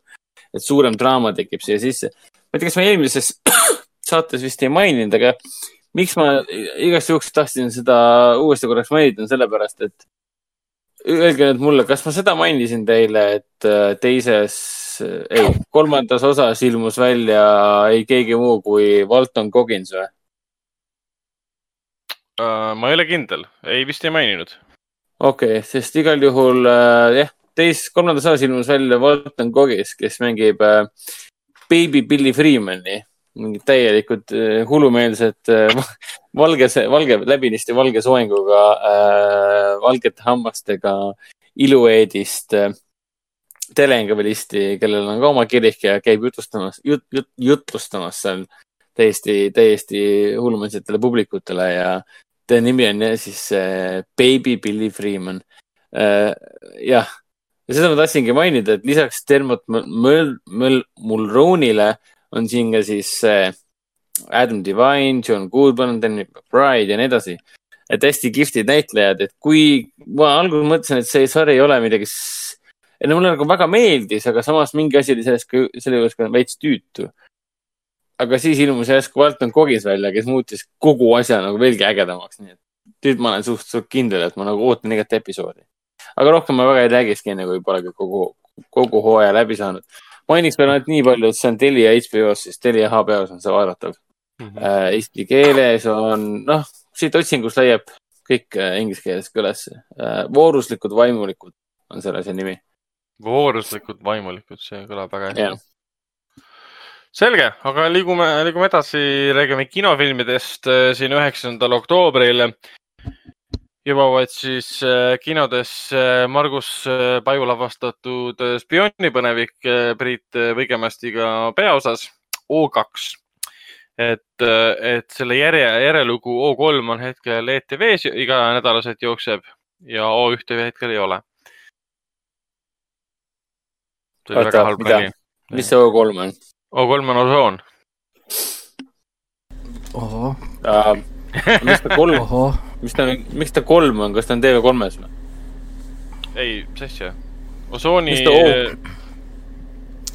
mis ta kolm seal tähendab siis? kas see ei ole mitte osooni tähis või? see on äh, e e element, hapnik kolm. aa, on või? ja kui sa vaatad tabelit kuradi ja,, kuradi keemikud. ju siis on jah. see oli selle peale ei tulnud., väga intelligentne huumor, mis ilm- ilmselgelt läks kõigilt üle pea. Igatahes, Jah. siis samal ajal jõuab siis igavik meie vahele romantiline ulme, mitte ulme, müstiline ulme? dra- draama, ütleme nii, mitte ulme, vaid müstiline fantaasia, romantiline fantaasiadraama fantaasia, teispoolsuse fantaasia või? Vau, oh,. Obviously. mis asi see teispoolsus on siis, sci-fi või kas? teispoolsus on fantaasia või? mis, mis mõttes? loomulikult on see fiktsioon ja ja, ja see on jah doku- dokumentaalfilm. Sci-fi see ei ole ju. et olete need inimesed, kes arvavad, et kui- me lahkume, siis me oleme lihtsalt, me lakkame olemast. Pitch Black Darkness on kõik noh. arvame või? ma ei, mida, mida ma arvan siin? Seda- ma, seda- ma, ei, seda ma ei käinud, seda ma ei külastanud vahepeal noh. me võime kokku saada ja Flatline, Flatlinersit teha, aga seda esialgset, mitte seda remake'i. Mm -hmm. aga igatahes see igavik meie vahel on siis äh, äh, äh, fantaasiadraama äh, noorpaarist äh, kes äh, ilmselgelt nad on armunud äh,, äh aga nende vahele tuleb siis tuleb siis autoõnnetus, mis lõpeb siis meespoole surmaga. Aga siis neiu hakkab nägema siis teispoolsusest märke. Isegi mitte märke enam, vaid näebki oma boyfriend'i siis teispoolsusest ja üritab temaga uuesti kontakti astuda, et ta pole valmis temast lahti ütlema. ja lisaks siis O2-le ja igavik meie vahele jõuab kindlasti ka Lumeinimese perekond, mis on siis järgi animatsioonile Lumeinimese poeg. film näeb igas mõistes fantastiline välja, Eesti kinodes jookseb ta siis eesti keeles ja mõnes kohas kindlasti ka võib-olla originaalkeeles, aga saab vaadata ka vene keeles originaalkeeles ma ei, enam ei tea, kas seda, kas üldse, üldse näeb äh, animatsioone tänapäeval ah,. näeb küll tegelikult, aga näeb hilinemisega enamjaolt, ma olen aru saanud. Artises on uh, Oaks ja Lumeinimese perekond samad filmid, siis on meil uh, Sesta on naine on the basis of sex eriseansid kolmeteistkümnenda oktoobrini mis on siis nii-öelda mälestusseansid, mis puudutab Ruth Bader Ginsburgi lahkumist nüüd juba üle-eelmise nädalavahetusel, kui ma ei eksi. Äh, nüüd jah, äh, neljateistkümnes Jaapani animatsiooni ja elustiili filmifestival, mille raames äh, siin on mitmeid erisündmuseid, eriseansse olnud. see saab läbi üheteistkümnendal oktoobril ehk siis pühapäevani saab Jahvil käia. meie unistuste taru, The Biggest Little Farm alustab nüüd kümnendal ja seda saab vaadata kuni kahekümne esimese oktoobrini. fantastiline, ilus, värviline, liigutav dokumentaalfilm LA Äh, noorpaaris, kes otsustavad äh, farmi pidama hakata, nagu suurt ja võimast farmi ja avastavad, et see ei ole sugugi nii lihtne. ja siis meil on toimumas ka lastefilmide festival pere kõige pisematele, äh, see on siis kümnendast kuni kaheksateistkümnenda oktoobrini. millest me pikemalt räägime, seekord on siis O2 ja siis ka muidugi Jahvi eriseanss, kus me käisime vaatamas just alustamise päeval Kimgi Tuki filmi Kevad, suvi, sügis, talv ja taas kevad. Kimgi Tukk oli ka ise kohal, ta on juba tegelikult jah, siis kolm kuud juba augustist alates olnud ähm,, olnud Eestis. Äh, Kimgi Tukk on siis reisijal, kes on kõige rohkem äh, tuntud vast äh, antud filmi poolest muidugi ja tal on veel siis ka filmid nagu Tühimaja ja, ja Vibu näiteks, mis on kindlasti tuntud. Ja PÖFFi publikule ta on tuntud siis tema võib-olla viimaste filmide poolest nagu Moebius ja Pieta. Aga need eh, sugugi ei ole need filmid, mis nüüd aitavad kirjeldada selle mehe filmograafiat, et kõige paremini kirjeldavad seda siiski äh, Vibu, Kevad, suvi, sügis, talv ja taas kevad ja siis ähm, Äh, tühi, tühi mäega kindlasti. aga mainimegi, peatumegi kähku siis sellesama kevad, suvi, sügis, talve juures, et mina nägin seda esimest korda, mis on võib-olla piinlik asi äh, öelda, et äh, kahe tuhande kolmanda aasta ühte kiidetumat filmi ja filmi, mida peetakse Lõuna-Korea filmiajale parimaks, nägin ma alles nüüd mingi seitseteist aastat hiljem. kas oli see lendav äh, kindlus, kus see Buda elab või see või? Jah, vee peal. järve peal, järve peal ja siis ta, siis ta käib all vaatamas või? oli, ta äh,, ta vaatas, ta vaatas, ta vaatas, ma ei mäleta seda enam, ma mäletaks, ma oleks nagu kunagi näinud seda, aga seal on niimoodi, et ta kasvatab ühte väikest poissi ja kes aegade jooksul siis kevad, suvi, sügis, mis defin- äh,, markeerivad siis perioode selle poisi ja elus. ja siis uuesti kevad. suureks ja ühel hetkel siis, ühel hetkel siis sellest vanast mungast, kes kasvatab, tema nagu sureb ära äh,, lahkub sealt ja siis see noor poiss tuleb, kes on oma elu ära elanud, tuleb siis sinna tagasi, siis ta ronib mingi viisteist minutit ronib mäkke põhimõtteliselt, kus tal on kivi seljas ja siis selle Buda kuju käes mäkke, kus ta siis näeb kaugelt seda järve, kus on see äh, järve majakee, mis liigub ka siis tule, tuule abil. okei okay,, ma vist, vist kunagi nägin seda, et, et ma nagu mm -hmm. Midagi. see oli muidugi väga lihtne kokku võtta. ja ei, ma mäletan seda, mäletan, mulle nagu meeldis see film, aga ma nagu mm -hmm. üritan praegu meenutada seda sisu, siis veitsa nagu. seal oli jah, palju loomapiinamist nagu. veitsa olen, olen hädas selle meenutamisega, no see on seitseteist aastat tagasi, et see võib-olla nägigi ka aastal kaks tuhat ma nägin seda ammu, ammu juba nägin jah.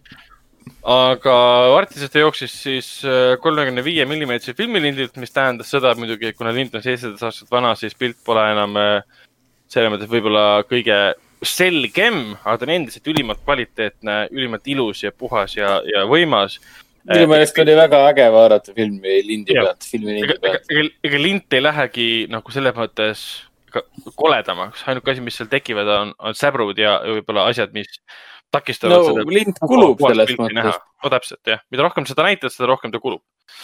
ja ja Kim Kiduk siis juhatas, no mina juhatasin seansi sisse ja siis ma juhatasin Kim Kiduki sisse, kes enne filmi algust tahtnud midagi öelda, kummardas publikule. pärast ta siis rääkis seal umbes viisteist minutit, vastas kummalisel kombel ainult kolmele küsimusele.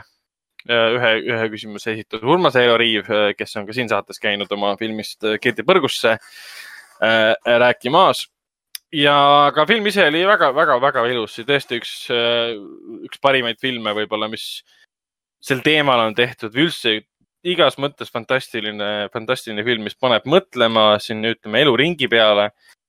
ja juba selle filmi, filmi pealkiri on selline, mis annab sulle kohe mõista, et tegelikult, kuidas on film jaotatud, kuidas ta on peatükkideks jaotatud, mida kevad, suvi, sügis, talv üldse tegelikult äh, nagu markeerivad või mille allegooriad need on kevad siis, kui sa oled noor, suvi, kus sa oled nagu vaikselt kasvamas, sügis, kus sa oled jõudnud teatavasse nagu täiskasvanud punkti ja talv on siis see, kus sa oled elu nii-öelda lõppu, mitte lõppu, aga väga nagu lõpliku, lõpliku peatüki jõudnud.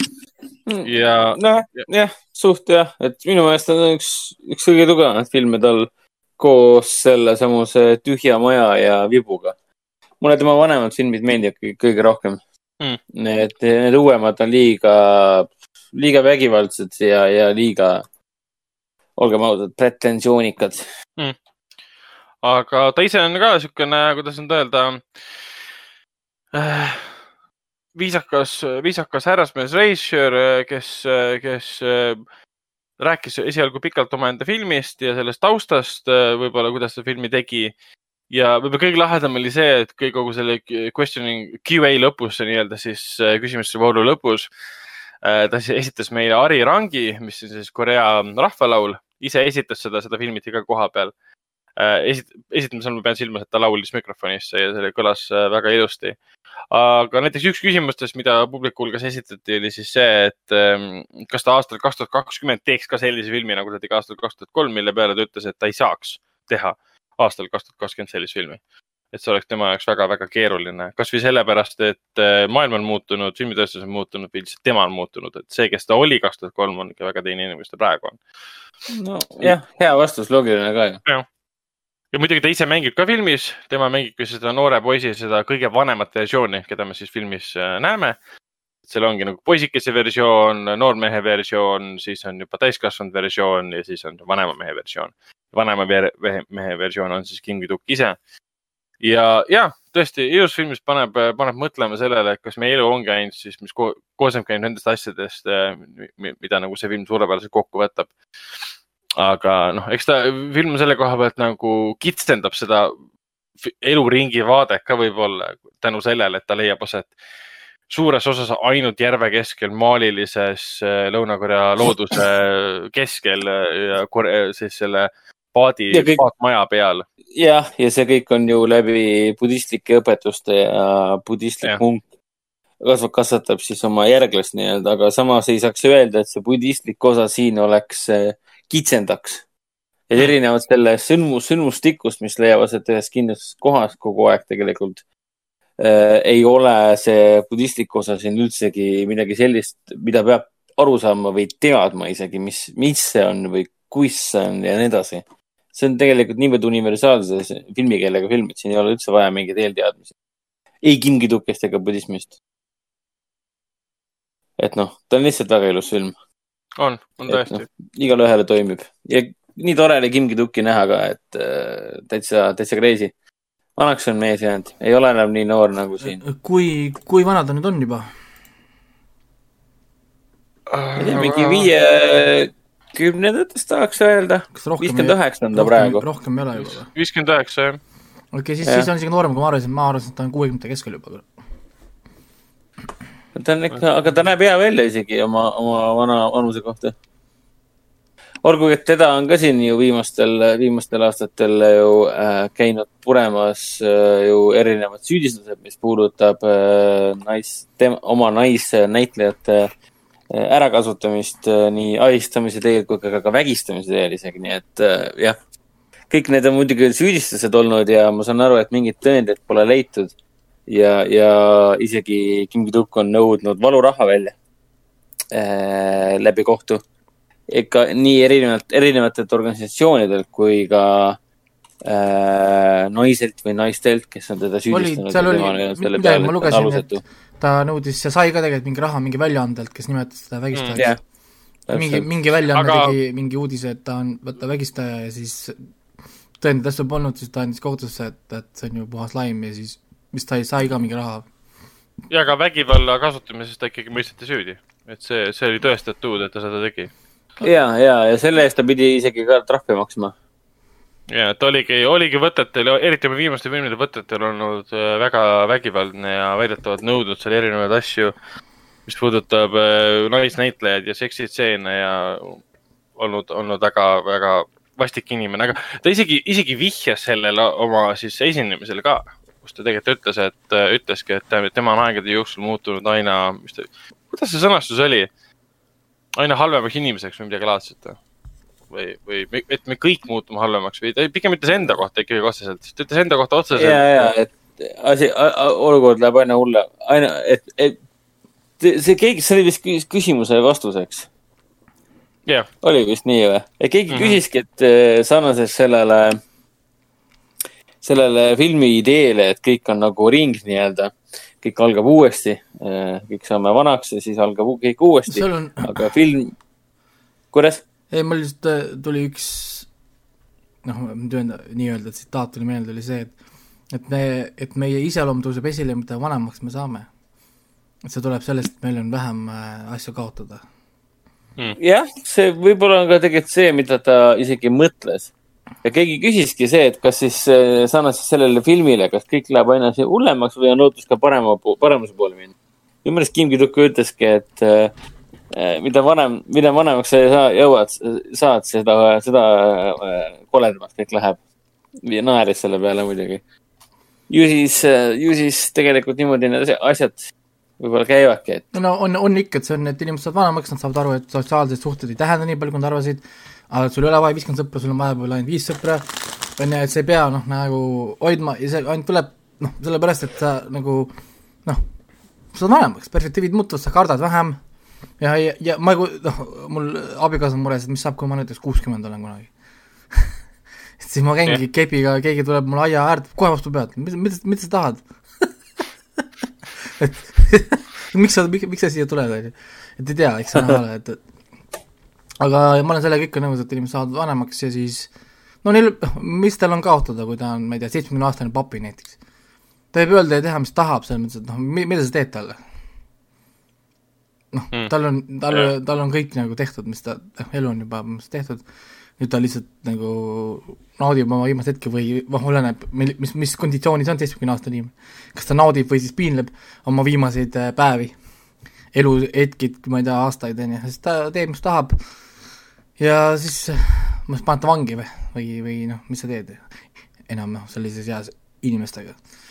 et, et kuskilt oli mingi tsitaat, see oli filmis kusjuures, mitte nagu mingi inimene, vaid üks filmist käis kuskil kunagi läbi see tsitaat, et äh, meie see iseloom tõuseb ajaga nagu rohkem esile.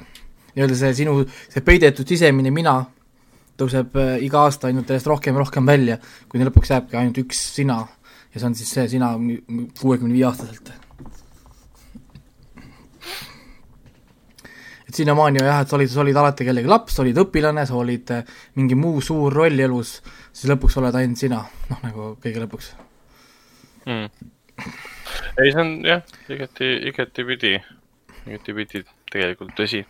ja see film paneb nende teemade peale mõtlema ja, ja noh, ma käisin küll keset filmi kohvi juurde toomas, aga mul oligi see, et äh, mitte, mitte sellepärast, et mul uni oleks tekkinud, lihtsalt mulle noh, maitseb kohvi. ja ma tundsin, et mu tass on liiga tühi, aga ma leidsingi selle hetke, millal minna, oli see, et tuli teade, et nüüd tuleb sügis, ma mingi ahah. Et ma alustan enne uut peatükki, lähen võtan endale kohvi tõesti ilus, meditatiivne, fantastiliste näitlejatöödega operaatori töökoha pealt lihtsalt suurepärane. ja igatepidi äge, äge elamus ja kogemus. no ja see, ja see on see film, mis on alati nendes Korea filmide tipplistades ka. on. Ikkagi täiesti, täiesti kohustuslik, isegi mitte ainult Korea, ütleme lihtsalt juba filmi ajaloos üks kohustuslikumaid on, et kui sa hakkad vaatama filme, siis väga kiiresti sa jõuad a la Three Iron, on ju sa jõuadki noh selleni, noh sa lihtsalt jõuad niikuinii nende filmideni, sest need on nii raske nagu vältida, kui sa tahad sinna teemasse sisse minna. ja, ja noh, need ja, ja see on muidugi kvaliteetne vaatamine ka, et ma lihtsalt kahju, et ma ei suuda meenutada seda sisu niimoodi, et ma tahaks võib-olla uuesti vaadata võib-olla või ma ei tea. Ma nagu mäletan mingeid pilte, mingeid kaadreid ja mingeid momente suudan meenutada, aga niimoodi ma filmi küll ei mäleta enam. no sa mõtled Three Ironi sisu või? ei, ma mõtlen praegu sedasama, see äh, kevad Aa, okei, okei. sügis ja siis äh, talv ja uuesti kevad. huvitav jah, aga sellest kirjeldusest sulle ei pis-, ei pisanud ei, siis? ma mäletan mingit, mul on mingid nagu tseenid, ma mäletan teatud mingeid momente ja tseene ja asju, aga ma räägin, et kui ma üritan nagu meenutada nagu filmi ennast Mm. mul on päris paljude filmidega niimoodi, ma ei tea, millest see tuleb, kas võib-olla vaatadki nii palju või või noh, aju lihtsalt hakkab, vahetab infot välja, et see oli mul on see, mul on see viimasel ajal tekkinud. kui vanasti oli, vanasti oli mul see, et ma ei tea, äkki mingi varajane dementsus või? igatahes, kui vanasti oli see, et ma suutsin äh, igasugused äh, väiksed detailid filmide kohta, mida ma, mida olen kunagi lugenud äh, ja, ja reisijate nimed ja, ja stsenaristid, mis iganes, tõesti peast instantselt öelda, nüüd ma pean natuke aega mõtlema nende peale. et mis ma tahan öelda või mis need nimed on või ma ei tea, no millest ikka see tuleneb., no lihtsalt äh, ega noh, info kogus on suur, ma arvan. mul oli näiteks äh, paar päeva tagasi, mitte paar päeva tagasi, täna, paar päeva tagasi, täna hommikul siis eile tähendab, noh juba kuupäeva mõttes eile, kui tuli vaata see teade, et Mortal Combatisse tuleb see Rambo, on ju, mm. -hmm. siis sõber küsis, küsis ka, et Rambo filmi vaadata uuesti, küsis, millest esimene Rambo rääkis, siis mul tõmbas kinni. Ma ei- reaalselt ütlesin, et okei okay,, esimene Rambo oli üldse teine film, sest esimene film oli First Blood, kus oli John Rambo jah, aga ma ei mäleta sisu. aa okei okay,, see on, see on huvitav, see on huvitav. selles mõttes, et ma olen filmi näinud kolm korda, vähemalt kolm korda ma olen näinud seda filmi e- elus. ma üritasin meenutada, kuidas see nagu algas, millal talle öeldi, et ta peab, mis see oli minema, kuidas, mis nagu järjekord sündmustel seal üldse oli või noh, nagu kõik on nagu üks Rambo film, vaata, kui ma, kui ma üritasin peas mõelda, siis kuni esimesest filmist kuni neljandani kõik on üks Rambo film. Ja see Mm. ja kuskil seal Rambo filmi keskel on veel ässad ka. noh, nagu haigus, õigus. nagu segamini seal ja siis üritad nagu eristada seda ja ei suuda, selles mõttes, et lihtsalt nagu noh, ma ei tea, kas aju ei hoia informatsiooni või lihtsalt ongi, et info lihtsalt kogus on nii suur ja kuna ma mingi hetk pole ajul öelnud, et see on oluline info, siis nüüd on kuskil prügikastis kuskil ja nüüd pead sealt seda välja kraapima või ma ei kujuta ette. mm.. Eks see ongi nii, et ühel hetkel, kui sa ise ei väärtusta informatsiooni, siis ega aju seda ka minu eest või sinu eest ei tee.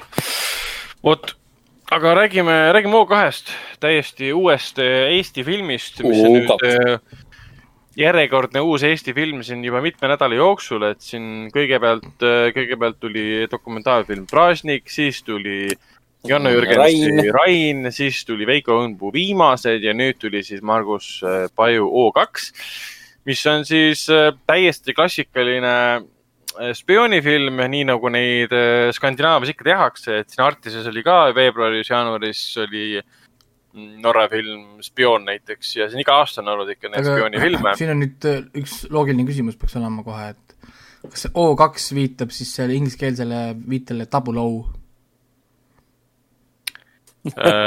Aa, vau, noh, võib, võib ka nii võtta, võib ka nii Nagu võtta tegelikult, tegelikult filmi kontekstis loomulikult mitte, aga, aga hea tõlgendus selles Mm. suhtes, mm. hea tõlgendus. võib-olla siin mingi mõte seal taga oli, aga siin on lihtsalt osakond kaks mõeldud, et Aa, Eesti okei, luure, luureosakond minu jaoks oli kohe esimene, kui ma nägin seda treilerit kunagi ja siis, et see on spioonipõnevik ja O2 ja siis aa, mul oli okei okay,, et see on ju double ja, ja, ja.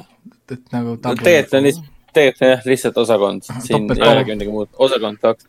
aga lugu ise on äh, väga, selles mõttes väga lihtsasti nagu kokkuvõetav võib-olla, võib-olla kõiki detaile ei, siis ei, ei puista. nimelt siis äh, kolmekümne üheksandal aastal leiab ta aset, kus siis ähm, agendile Felix Kangur antakse ülesanne leida siis Eesti luure äh, luure seas olev rott ehk siis äh, reetur, kes on andnud siis informatsiooni Nõukogude Liidule Eestis äh, toimuva nagu luure kohta. ja see on siis nagu väga kõige lihtsam võimalikum kirjeldus filmist, mis seal toimub. aga samal ajal yeah. võime nii palju öelda, et siia on mängu toodud äh, ikkagi teine maailmasõda, see on ikkagi toodud baaside leping, Eesti okupeerimine. Molotovi-Ribbentropi pakt. Pakt ja mida see film tegelikult, kui ütleme, heidame korraks siis selle klassikalise spioonifilmi Jobit kõrvale.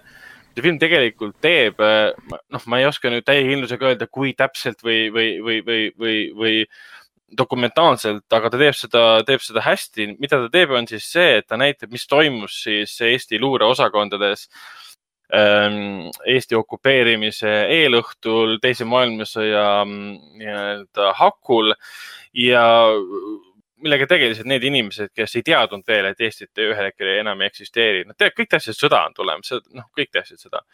aga kohe nagu kõik ei adunud seda, et me, me kaome maailmakaardilt ära ja me saame uue, uued juhid endale. Ja kuidas nemad äh, töötasid kogu aeg siis vastuluures, äh, siis äh, venelaste või noh, Nõukogude Liidu luure vastu ja nii edasi ja Nõukogude Liit nende vastu ja kuidas sakslased seal omakorda rolli mängisid. et see vaade sellesse töösse oli päris põnev kuigi see, olgem ausad, spioonifilmina, spioonifilmi elemendid on väga tavalised, et sul on nagu ikka, sul on korterite läbiotsimised, korterite jälgimised, autode tulede vilgutamised, keegi kõnnib vihmas, keegi astub no, äh, pimedasse yeah, ruumi nagu..., kus talle paistab äh, kuskilt äh, sihuke pehme valgus aknast sisse, mis nagu näitab, et salajane, salapärane mees mustas mantlis kaabuga astub tuppa, teeb suitsu, et siuksed klassikalised spioonifilmi no, elemendid on kõik siin olemas. ta algabki tegelikult väga klassikalise, noh, isegi klišeelisena äh,. Aga, aga sellest sõltumata on ta nagu püüdlikult, ma ütleks niimoodi, et püüdlikult Hollywoodilikult tehtud, aga õnneks ta nagu seisab omal kahel jalal ka. et ta ei püüa jäljendada, vaid ta lihtsalt mõjub sarnaselt, mis on tegelikult pigem kompliment kui midagi negatiivset Äh, aga õnneks üsna, üsna kiiresti äh, loobub äh, see film nagu sellest, sellest sellisest kergest jäljendamisest. Et, et noh, eesmärgiga tuua meile midagi sellist, mida, millega me oleme harjunud, lihtsalt see seekord mm. on see Eesti, see eestikeelne ja Eesti ajalugu. mitte, ma ei tea, Šotimaa ja Freedom ja mis iganes veel. muidu oleme harjunud siin nägema ju lihtsalt teistsuguseid äh, inimesi inglise keeles rääkimas ja karjumas ajaloost, eh, mis on meist väga kaugel ses suhtes. aga fucking äge ikkagi, et noh, sest mm. Šotimaa aga üsna kiiresti ta nagu võtab kätte ja võtab täiesti omaenda jalad võtab alla eh,. ja tulemus on see, et eh, päris ägedad twistid. siin filmis on eh, ridamisi eh, sisulisi pöördeid, mille peale nagu naljalt ei, ei noh, filmi, filmi jälgides naljalt isegi ei tule.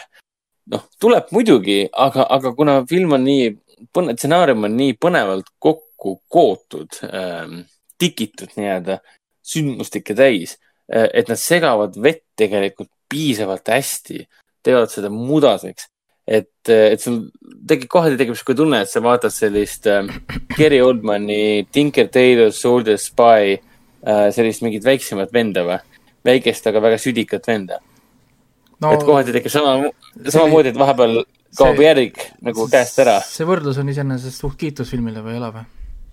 no on, selles suhtes, aga noh, ta on ikkagi väike, väike vend selles. võib-olla ma rõhutan selle üle, et noh, Tinker Soldier on ikka täielik master. ja, ja ma mõtlesin. Tinker, Tinker Tailor on ikka väga nagu masterpiece selles suhtes. no jaa, on. O2 kohta ma seda ei ütleks, et ta on nüüd masterpiece, et ma ei olnud blown away, ma ei olnud nagu vau, see on nüüd film, mis muutis kogu mu maailma nägemist, et noh. kusjuures aga..., äh, kusjuures Blown Away äh, Stephen Hawkinsi film on päris hea. on küll, Jeff Bridges ja Tommy Lee Jones. jah, jah, see on päris tore film, soovitan üles otsida. palun jätka aga, aga, aga iga film ei peagi olema masterpiece. iga film ei peagi olema. see on see, see on see e e Eesti, Eesti filmide põhiline lause, et iga film peab tõsi, tõsi, aga, aga, aga, aga see ei ole ka mõeldud kriitikana, sest äh, mina olin väga meeldivalt üllatunud, kui ma, kui mina vaatasin seda siis, mis see on eile või? mis päev täna on, täna on neljapäev. Kui mina vaatasin seda eile äh, Coca-Cola Plaza Iceland saalis ja ma olin väga meeldivalt üllatunud, et need pöörded, mida mulle pakuti, need haarasid mind kaasa need pöördeid, neid pöördeid ma otseselt ei, ei osanud oodata, sest vett segati väga hästi mm.. Äh, näitlejad, kõik väga tuntud Eesti näitlejad, Raske Kahurivägi on ju kohal, kes siin kõik on? loetleme kähku. nii, Priit Võigemaa. nii, nii. Elmo Nüganen, äh, Rein Oja, Indrek Ojari, Tambet Uisk, Hele Kõrve äh,, Alo Kõrve, Pääru Oja muidugi, kellel oli väike roll, Tõnu Oja näiteks ja ainult mõned näitlejad siis et noh, kõik väga tuntud näitlejad. kõik teevad kõik, super head tööd. kõik Eesti näitlejad. jah, kõik, kõike me tavaliselt kinos näeme. no pool Eesti oli ju filmis Rain ka, ei olnud või? Oja, Oja, üks Oja oli küll ju, Päärat vist Mm. seal ei olnud. aga muidugi, mis on võib-olla O2 juures huvitav, on see, et ta on, ta on ikka väga mitmekeelne film. et siin on, siin on vene keel, siin on saksa keel, siin on prantsuse keel. Soome keel.. Soome keel ka, eesti keel ka. ja, filmi, filmi esimene, esimesed nagu minutid ongi tegelikult mööduvad nii tihti nagu vene keeles, et mul oli see, et oota, kas enamus filmist on vene keeles? ja sa saad aru, et aa, sul tüübid tegelevad luurega, räägivad oma koputajatega, oma allikatega. kus on, kus on mujalt pärit nad on ju pärit ju Venemaalt, ja see mulle selle filmi juures meeldiski, et miks ma võrdlen teda tihtipeale selle Tinker Tailor Soldier Spy'ga. et eh, nad nagu Margus Paju ja, ja filmitegijad on siin äh, usaldavad publikut. Nad ei kirjuta seda üle niimoodi, et sulle hakatakse üle selgitama. on aasta kuradi kolmkümmend üheksa, on kuradi teise maailmasõja koidik. Vahetult enne seda, kui kuradi baaside leping vastu võetakse ja Nõukogude Liit meile sisse tungib, noh, tungib vabatahtlikult, mis iganes, kõik on pask niikuinii, mis on jälle järgnes. ja, ja, ja enne, enne talvesõda nii-öelda. et see kõik on tegelikult umbes nii, et meie kui eestlased, me tunneme selle ajaloolise konteksti ära, me teame, mis on tulemas.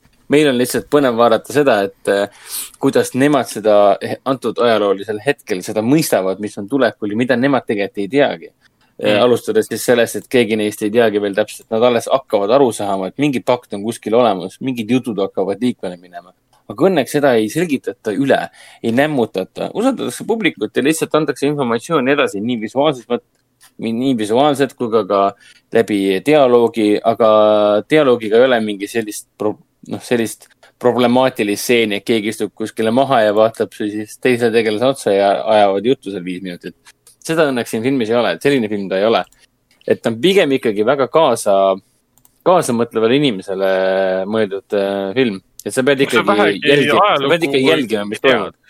kui, kui seda nüüd kõige noorem põlvkond vaatab, siis ja noh, ütleme mõni pole no saab ikka aru, see on, see on põhikooli ajalugu. Kui sa põhikooli ajaloos seda endale selgeks ei saanud, siis sorry man. aga ma mõtlen, et noh, võib-olla ei mäleta võib-olla kõike või ei tea kõike, siis ta võib olla veelgi põnevam. lihtsalt mul oli suurim plokk oli see, et oota, miks ma vaatan nende spioonide siplemist siin võitlust ajaga, kui ma tean, et see kõik lõpeb Eesti okupeerimisega, et mille nimel te tegelikult siis võitlete? et teie Sellepärast ongi tegu suure võitlusega, aga minu jaoks on see, ma ju tean tulemus. tulemus on muutumatu. Aga siis ma hakkasin nagu tagantjärgi hindama seda, et filmitegijatel oli tegelikult väga raske, keeruline nagu probleemi ülesanne lahendada. ja selleks oli muuta publikule põnevaks asjaolu, et me kõik teame, mis juhtub, aga muuta huvitavaks just see, et kuidas see juhtus. kuidas see juhtus, mis selle nimel tehti, et see ei juhtuks, mida hakati siis tegema, kui see tegelikult ikkagi juhtus, see- kui baaside leping vastu kas võeti ja nii edasi see, kas see pole mitte iga ajaloolise filmi probleem probleem. jah, on on, küll, aga noh, iga, aga seekord on see kuidagi eriti intiimne, sest see on meile kodune, kui öeldakse, et filmi tegevustik on siin vahetult enne, enne, enne seda, kui härra ja härra, härrad Hitlerid ja, ja Stalin omavahel tülli läksid, siis nagu meie jaoks umbes selline, et aa, nojah, kas põhikool, ma tean, mis siin, kas seal toimub. oli näha ka neid nimitegelasi või, Hitlerit ja Stalinit? ja. Ühel või teisel kujul ikka. arhiivkaadetes oli neid näha ja kujukeste peal, kujukesed, mis tegelikult olid, olid siis need ähm, tuhatopsid näiteks, tuhatoosid tähendab. ja, aga mida ma tahaksin veel kiita tegelikult, mis mulle meeldis, oli selle, selle loo nagu narratiivne jagunemine, millega ta nagu algas Jaa. ja see, et see algus ei viinud selleni, et nüüd lähme flashbacki, kuidas me jõudsime siia punkti. mul oli see, see kuigi, kuigi siis see hirm oli, kuigi see hirm täiega oli. kui Jaa. tuli esimene flashback, siis ma mõtlesin, aa. Kõigi- F-Sake, et kas see on üks kõikide, nendest kõikide filmidest. lemmik äh, filmi, filmi et, et, et Jah, film algab, siis on mingi, öeldakse sulle, sul on näiteks mingi, ma ei tea, kaks-kolm aastat hiljem, siis aa, okei okay,, me hakkame nüüd Mm. pendeldama, et näha, kuidas me siia punkti jõudsime või. ei, film ei ole seda. et ma ei tea, kas see on siis kõvasti üle kirjutatud või on see, või on see tõesti niivõrd hästi idee, idee on siis paberile pandud ja siis ekraanile. aga ei, sedasi ei ole. Ta kasutab seda tuntuid klišeelisi vahendeid hoopis nagu isepäisel viisil iseenda No, kasuks ära. no, et ei olegi sellist momenti, et ah, peas kinni haaramise momenti nagu ei olegi. just nüüd nii palju kiita selle koha pealt, nad võtsid klassikalise flashback'ide nagu jada ja rekonstrueerisid ei- veits, kuidas seda loo jooksul näidatakse. selles mõttes samas- momendid aga on, kus sul on, sul on tegelane vaatab kuskile ja siis mingi, ma tean seda. ja ei, muidugi on. siis hakkab inten- intense flashback peale, mis tähendab seda, et sound designer teeb oma tööd, helid hakkavad kaduma, mingi muusika tuleb peale, siis me näeme flashback, bäm, nad seksivad. et see on see Jaa. okei okei, seda küll, aga väga, õnneks ta, väga õnneks ta, huvitav näide, näide oli praegult. aga õnneks ei läinud film seda teed, flashback. aga õnneks ei läinud film seda teed, et tulemus on, on see, mida me kõik ootame, et ta on. jah, seda ta teeb küll selle esimese poole, ta teeb küll ära, aga pärast seda tuleb välja, et aa, flashback on läbi juba. aga aga miks me seda üldse nägime siis? Oli ja alles siin- filmi lõpus sa mõistad, et aa, sellepärast me seda flashbacki nägime. Oli siin filmis siis- oli meil siis palju seksi ja vägivalda või, filmis? vägivald, dissi on päris palju. diss, dissi ja diss, filmi, filmiajakirjanik Tannar äh, jääks väga rahule, sest tema on suur dissisõber. sorry, et kes, kes ei ole suur dissisõber, kas see on suht iga elu, elu alus siin planeedil Maal, et dissi siin on ja, ja, ja meheaud on ka natukene riivamisi näha. ja, ja, ja. au. meheau. Eh, ju. et see on väga, väga, on, väga erinev tõlgendus, mina, mina mõtlesin, kui sa ütlesid mehe au, ma mõtlesin killakas pead, et kui kellelgi on näha, et kellelgi on korraks killakas Raiko pead on näha. mehe, Raiko hakkab kohe oma mehe aud kutsuma selle pea. ärme seda otse, otse eetris tee siis. et kusjuures see, sellega tuli praegu kohe üks nali meelde sellest Hubie Dubois filmist, mida ma enne rääkisin, see Adam Sandleri film. Et yeah. tema ema ütleb, et sõna boner tähendab viga, nagu viga tegema või noh, nagu et sa teed, sa tegid nagu vea, siis on oih uh,, I made a boner. see tähendab, et mm. nagu ma tegin vea ja siis, kui ta peab lastele kõne, kuidas tema kunagi oli ka noor, ta tegi ka palju vigu, siis ta räägibki, räägibki koolis When I was in school I, I also had a lot of boners ja, ja, ja, ja teeb- seal pika, pika kõne seal booneritega, mille kontekst on väga, väga kahtlane, kui täiskasvanud mees seda lastele räägib seal. ja, see on sügavalt äh,, sügavalt kahtlane äh,. tagasi filmi juurde jõudes, siis äh, jaa, siin on O2-s on palju ilusat, O2-s on palju ütleme, klassikalise Eesti filmi reaktsiooni, kus ma saan alati la- nagu arvustust või seda arvamust alustada sellega, et jah, pilt oli väga ilus äh,. operaator tegi oma tööd äh,, helidisainer ilmselgelt tegi ka oma tööd äh,. aga, aga siin on noh, enamalt ka, et mul, me ei pea, ma ei pea ütlema seda aga, et aga lugu nagu ei olnud ja karakterid ei. Jaa, ei. pärast oli hoopis siuke tunne mingi, et vau. ma olen nagu põhjalik, minu meel on põhjalikult lahutatud Mm. ja ma vaatasin väga siukest varjudes tegutsevat spioonipõnevikku, jah, kus ma pean reaalselt kaasa mõtlema, sest noh, ma siin mõned tuttavad rääkisid, et kui ta nat- või noh, andis mõista, et talle ei jõudnud kõik need momendid kohale, ta ei saanud üldse aru, mis toimuski. ja noh, pärast tuligi siis välja, et minu jaoks oli kõik väga loogiline, lihtsalt sellepärast, et ma nagu võtsin silma peale, et ma ei läinud aga siis, kui, kui te peaksite nüüd skoore andma mm, filmile, oi, ja äh, olla siukse väga tugeva seitse-kümme kui võtta maailma kontekstis, siis pigem seitse. mm.. aga kui on Eesti, siis ma Eesti filmide, ainult Eesti filmide kontekstis, siis No. see läheks ikka tugev kaheksa. maailma kontekstis ilmselgelt ei ole mingi Spielbergi Breath of Spies, mis tegelikult mulle filmina ei meeldinud, aga noh, ta oli ikkagi Spielbergi ma oma. pole näinud seda, nii et ma ei tea, millest sa räägid. et ta ei ole nagu maailma kontekstis mi- mingi suurt nagu võimas äh, saavutus, aga ta on kindlasti, kindlasti kuulub nende kvaliteetsete spioonilugude hulka, mida näiteks meie kandis Euroopas siis toodetakse ja tehakse päris tihti. meil mitte niivõrd palju ja selle koha pealt on märk nüüd maas, et tehti ka vaheldus üks tore, tore spioonifilm.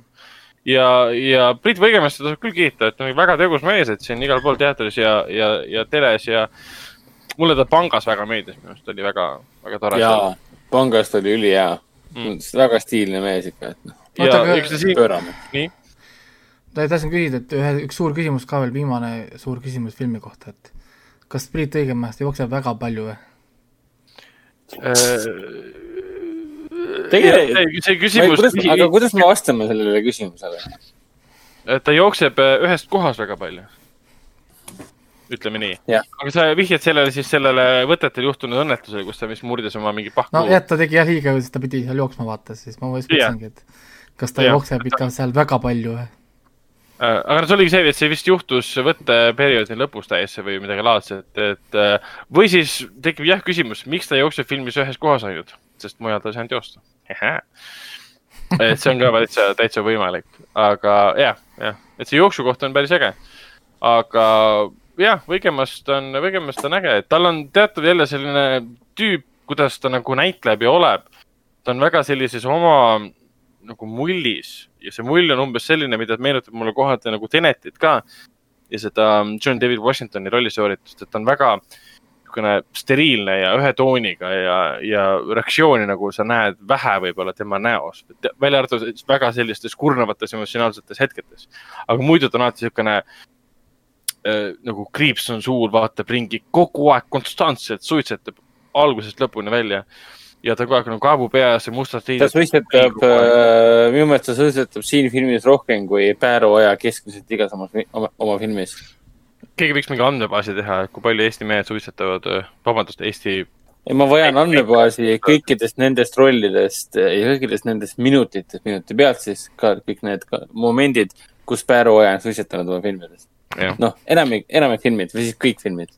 No veits oli küll see, et kas see O2 võeti üles mingi kolm aastat tagasi või? sest Pääru Aja nägi välja mingi sada aastat noorem siin. Nad ikka võtsid selle selle aasta algusest, sest mina tegin kinoveebis ju veel neid äh, otsi-, otsinguid, kus nad otsisid äh, erinevaid inimesi rollidesse, ma jagasin neid uudiseid, nii et see on No, ei no Pääru See aeti, see aasta karvad aeti maha tal, sellepärast ta See- näebki noor välja. see on see, mida habe inimesega teeb, et lihtsalt ta näeb seal oluliselt vanem välja, nüüd ta nägi välja nagu väike poisike jälle, et nagu. habe annab küpsust, jah, ega, ega ongi, kui hea näide oli minu enda poeg, siis kolmas laps nüüd, jah. pool No, aastat taga, pool aastat tagasi või nii ma ajasin nulli ennast täiesti, ajasin Aa. täiesti habeme ära. ta hakkas nutma Mm. ma, ma võtsin ta sülle, ta ehmatas ära ja kohe lükkas mind eemale, hakkaski kohe nutma. Läks saanud- läks ikka kakskümmend, kakskümmend minutit aega, et et saaks Oi. aru, mis, mis asi see nüüd on. oi, oi, ei tohi niimoodi ehmatada lapsi sellega, et sa ajad oma habeme maha Ma- veel hullem oleks see, kui sa kasutad mingit, mingit äh, juuste kasvu vedelikku, kes ühel hetkel, mitte vedelikku paruku, et ühel hetkel ilmub laste ette, et aa, mul on juuksed, keegi ei saa aru, kes sa oled. see on juba, issand need kommentaarid ka, mis ma olen kuulnud, kui ma pilte näitasin teile, issand, lapsed on ikka nii halastamatud, et seal keegi ei hoia tagasi. et näiteks üks kommentaar, mis mul tütar ütles, kui ta nägi mind, minu üli, ülikooliaegset pilti, lokid lehvisid ja värki ja siis vaatas pilti, ütles, et ohkas sügavalt, issi, sul on ikka nii vedanud, et sul praegu enam, enam juukseid ei ole. ikka nii vedanud. et Aa. jumal, et jumala eest ei peaks kandma seda, mis sul siis oli peas, vaata. lastel, lastel vedas, lastel vedas. lapsed, lapsed panevad ikka vahepeal jah, nii, nii ülbelt ja toorelt ära, et neid ei huvita. korralik puud alla aga ma saan aru, et O2 on kvaliteetne ja tasub minna vaatama, on ju, sest praegult on ju Eesti kinofilmid ainult kõik jooksevad sinna. jah, kinod on Eesti filme täis, samal ajal ühtegi Hollywoodi filmi väga ma pole. olen seda Tambet Tuisu, Tuisku, Tuisu, Tuisu seda reeturit ka nüüd vaadanud, see, mis siin ETV-st hakkas jooksma lõpuks pärast seda, kui ta oli Elisas kuskil istunud. ja, ja, ja minu meelest nad on suht sarnased oma, oma justkui visuaalse pool või tehnilise, tehnilises kategooriates nad on, nad on suhteliselt sarnased asjad. mis on väga positiivne asi, mida öelda, sest nad on väga stiilsed, nad on väga hästi läbimõeldud, väga muusika ja kõik siuksed asjad. kohati väga Skandinaavia, sihuke skandinaavialik, pingeline, sünge ja samas hästi siukene kaasaarv ja mõtlema panev ja kõik siuksed asjad ah,. üks asi oli küll väga naljakas. seoses sellega, et äh, noh, filmis alguses ju on see, et üks meie seast on reetur ja siis näitab meile järjest nägusid, seal on Pääru Oja ja siis on seal Indrek Ojari. ja siis öeldakse, et üks nende seast on reetur. ja siis tuleb Tambet Tuisu nägu, mina mingi, ma olen just vaadanud Reeturi esimesed kaks episoodi ära mingi Mm. aga Tambet Tuisk ongi reetur ja mida te siin enam otsite? mis asja nagu? Mm. siis ma, ma olin, ma olin tõenäoliselt ainukene, kes kinosaalis istus ja mingi pihku isitas mingi, nii hea nali. filmitegijate poolt nagu, nii hea nali, tegite reeturi, panite reeturi enda filmi ja nii tore. niisugune, mis see on, cameo roll siis või? reetur Mm. reeturist. et jah No aga- väga fun. aga hea, et keegi sai aru, et see on see, mida filmitegijad alati loodavad, et keegi kuskilt ikka leiab ülesse. jah, keegi ikka märkab, ma pean küsima filmitegijatelt, et produtsentidelt eh, või Margus Pajult, et kas see oligi nii mõeldud. kuule, see et mina on, see on selles mõttes asi, see on, terved Youtuberid on teinud karjääre, kuidas nad lihtsalt Stanley Kub- Kubricku filme lihtsalt lahkavad mingi ühte, ühte-kahte detaili, mingi pooletunnised videod. et Christ. no jaa, aga toimib, va-, inimesed vaatavad, see on põnev ja miks mitte, et ei no seal on, mida lahata, olgem ausad tegelikult jah. Jesus Christ. nii, aga nüüd on uudised, uudised aga lähme uudiste juurde, räägime, räägime Hollywoodi filmidest, mida on siin ri- riburada pidi järjest äh, edasi äh, lükatud. näiteks pidi välja tulema nüüd siin detsembris Denis Villeneuve Dune. See oli nii valus, valus. aga see ei tule enam detsembris välja, ta tuleb hoopis nüüd järgmise aasta, järgmise aasta esimesel oktoobril. võib-olla, võib-olla, aga see oli päris kõva, kõva laks selle koha pealt, et äh, seda oodati kui järgmist äh, päästjat.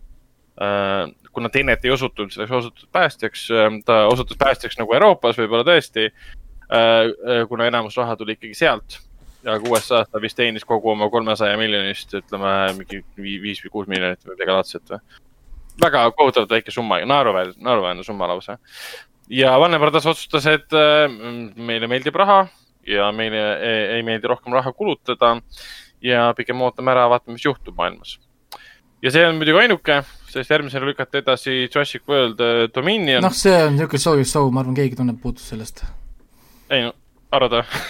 ma ei usu, ta, olgem ausad, kas sul on võimalus vaadata Dune'i, mis on nagu Dune või järgmine Jurassic Parki või noh, sorry, Jurassic Worldi film, siis mis sul siis World, Worldi vastu oli, see oli ju, ei no Jurassic Jah, World oli Lost film. Kingdom või noh, Fallen Kingdom oli äh, väga edukas nagu eelmine film, mis purustas kõik rekordid, kuigi mulle see Fallen Kingdom isiklikult üldse ei meeldinud. eelmine film oli kuidagi veel huvitav, ta oli huvitav sellepärast, et park avati lõpuks. aga järgmine film oli minu jaoks umbes see, et okei okay,, te teete lihtsalt Lost Worldi uuesti, aga lihtsalt on rohkem raha ja CGI-d, et okei okay.. Aga igatahes Jurassic World Dominion, mis pidi tulema siis välja nüüd järgmise aasta üheteistkümnendal juunil ehk siis suvel, tuleb välja hoopis ülejärgmise aasta kümnendal juunil. et juba ennetavalt lükata edasi, samal ajal kui see uudis tuli, siis järgmisel päeval või üle-eelmisel päeval oli kohe uudis, et Jurassic World Dominioni võtteplatsil on siis olnud äh, tuvastatud äh, mitmed inimesed, kellel on koroonaviirus ja äh, produktsioon on kinni, kinni pandud. Ja viimase aja siis kõige suurematest, ütleme, edasilükkamitest, lükkamistest kõige olulisem ja võib-olla hävitavam ja kõige, kõige skandaalsem ja, ja doominokivisid liikuma panev oli muidugi siis järgmise äh, James Bondi filmi, kahekümne viienda James Bondi filmi No time to die. mis see eesti keeles nüüd oli, Pole aeg surra või? hea aeg suremiseks, surra või? suremiseks pole aega. elamist, ei olnud, oota, nüüd sa ajasid julges hästi. elamine on hea või mis asi? elamiseks pole aega. mul oli, mul oli keel, mul oli keele peal, sa ajasid kõik sassi praegu. Ain't nobody got time for this. igatahes äh, No time to die, kahekümne viies Bondi film äh, pidi tulema välja nüüd tänavu siis, millal ta pidi tulema nüüd, novembris või? novembris. jah, ta pidi täpselt. algselt tulema üldse ju mais juba ju, või surm peab surm peab ootama. sul peab ootama, esialgu pidi tulema mais ehk siis suvel nagu kõik enamus filmid.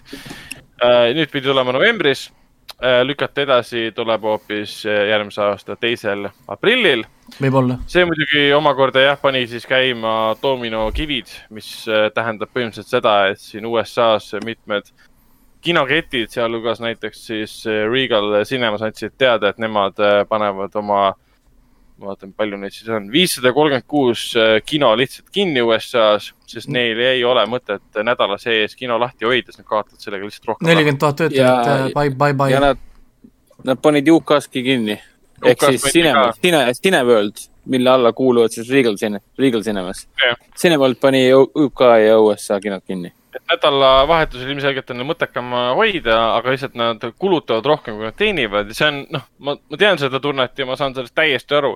et kui sa oled üks suurimaid kinokette, ütleme UK-s, mis mõte on sul kino lahti hoida, kui sa iga päev, iga nädal toodad miinust ja sa ei, ükskõik midagi sa teed, ütleme, sul ei ole isegi, sa ei saa ju kulutada raha vanade filmide näitamise peale, sa pead eest ju maksma. ja sul ei ole uusi filme, mis nagu peale tuleksid ka, mis sa siis teed? Ja see oli muidugi protestiaktsioon siis, siis New- New, Bondi New- filmi edasilükkamise suhtes ka. oli, mitte ainult selle vastu, vaid ka New Yorgi vastu, ma lugesin ühte kuidagi sama uudis äkki või, või teise, vaid selle New Yorgi osariigi vastu, sest äh, New York avas äh, kõik muud asjad, restoranid, mingid äh, kõikvõimalikud kogenemiskohad, aga kinodel keelati avada. ja, ja siis oli nagu suur protest selle vastu, sest kinod oleks võinud tegelikult New Yorgis olla avatud viimased paar kuud juba, oleks võinud tegelikult äh, nagu toimida, olla avatud ja, ja, ja, ja, ja kui keegi mõtleb, et noh, mis siis vahet sellel on ja sul on ju viiskümmend teist osariiki veel, siis New York üksinda äh, pidi olema kinoturust mingi kolmkümmend kolm protsenti või? On, ongi. Ameerikast, nii et, et ta pidi olema niivõrd suur, niivõrd suur ja oluline nagu koht, ta on muidugi Ameerika suurim linn ka, selles mõttes, et noh, ei tasu seda ala, ala hinnata, on ju. et, et siis oli nagu protest ka nagu selle vastu tegelikult. nojah, et hoitakse seda põhilist nagu tuiksood kinni ja Hollywood ise ka hoitakse kinni, et mis sa siis, mis sa siis nagu teed. ja, ja, ja anti teada ka, et siis kümned tuhanded tegelikult selle kinnipanekuga kaotavadki töö. noh, sul ei ole mõtet inimesi palgal hoida, keda, kellele sa ei saa palka maksta. nelikümmend kuus tuhat käis kuskilt läbi, see number, nelikümmend kuus tuhat töötajat täpselt, 46 USA ja UK peale. Ma vaatan, Cineworld äh, ütles, et nemad lasevad nädala jooksul lahti, nüüd UK-s lasevad siis kuus tuhat inimest ja USA-s on siis nelikümmend viis tuhat umbes. lastakse lahti lihtsalt, et ja loodavad nad siis hiljem uuesti palgata, kui see asi, hibernatsioon nagu läbi saab. ja siin hiljuti IMAX just andis teada, et nemad lükkavad, äh, lasevad lahti sada viiskümmend inimest ja just praegu tuli uudis, et äh, Pixari film Hing, Soul äh, skip ib üldse kõik, kinod ja läheb otse Disney plussi. oota, kas kõik kinod või? kas ta ei tee Mulani või? eksklusiivselt USA-s jõuab jõuludeks äh, Disney plussi, kinodesse ta ei tule. kahekümne viiendal detsembril ja see on äh, nendes riikides, kus Disney plussi pole, tuleb ta kinodes välja. Okei okay,, okei, siis sama, mis mul on. Nad teevad seda mul Mulani siis uuesti, sest neile on sama meeldis neile meeldis see Mulani kakssada seitsekümmend pluss miljonit äh, kohe kätte. jah, see oli ühe, üheksa, üheksateistkümne päevaga või midagi laadset. aga noh, kinosid see teadmine ei aita, et, et stuudiod teenivad raha oma platvormidega, kus nad näitavad kahesaja miljoniga lõhutud filme. no kellel on teenivad- platvormid, need teenivad. aga kinode jaoks on see, et okei okay,, meie ainuke sissetulekuallikas on inimene kinos. kui seda ei eksisteeri, isegi film pole nii, on ka tähtis, aga inimene kinos, inimene, kes tarbib kinos, tuleb teenuseid, kasutab, ostab No, asju, mis iganes. ja suu-, süüa ja muud täpselt, see revenue, see on oluline ja neid inimesi pole. ja, ja see on kurb, see on, see on meil nii hull see nii, korraks, korraks hakkisid, aga ma loodan, et see oli ainult korraks. Okei okay,, ma loodan, ma loodan ka. jah, aga vähemalt on üks, üks, üks lootuskiir, kuigi enne kui selle juurde jõuan, siis jah, ma arvan, et see hinge ehk siis soul'i USA skip imine tekitab omakorda uue protestilaine äh,.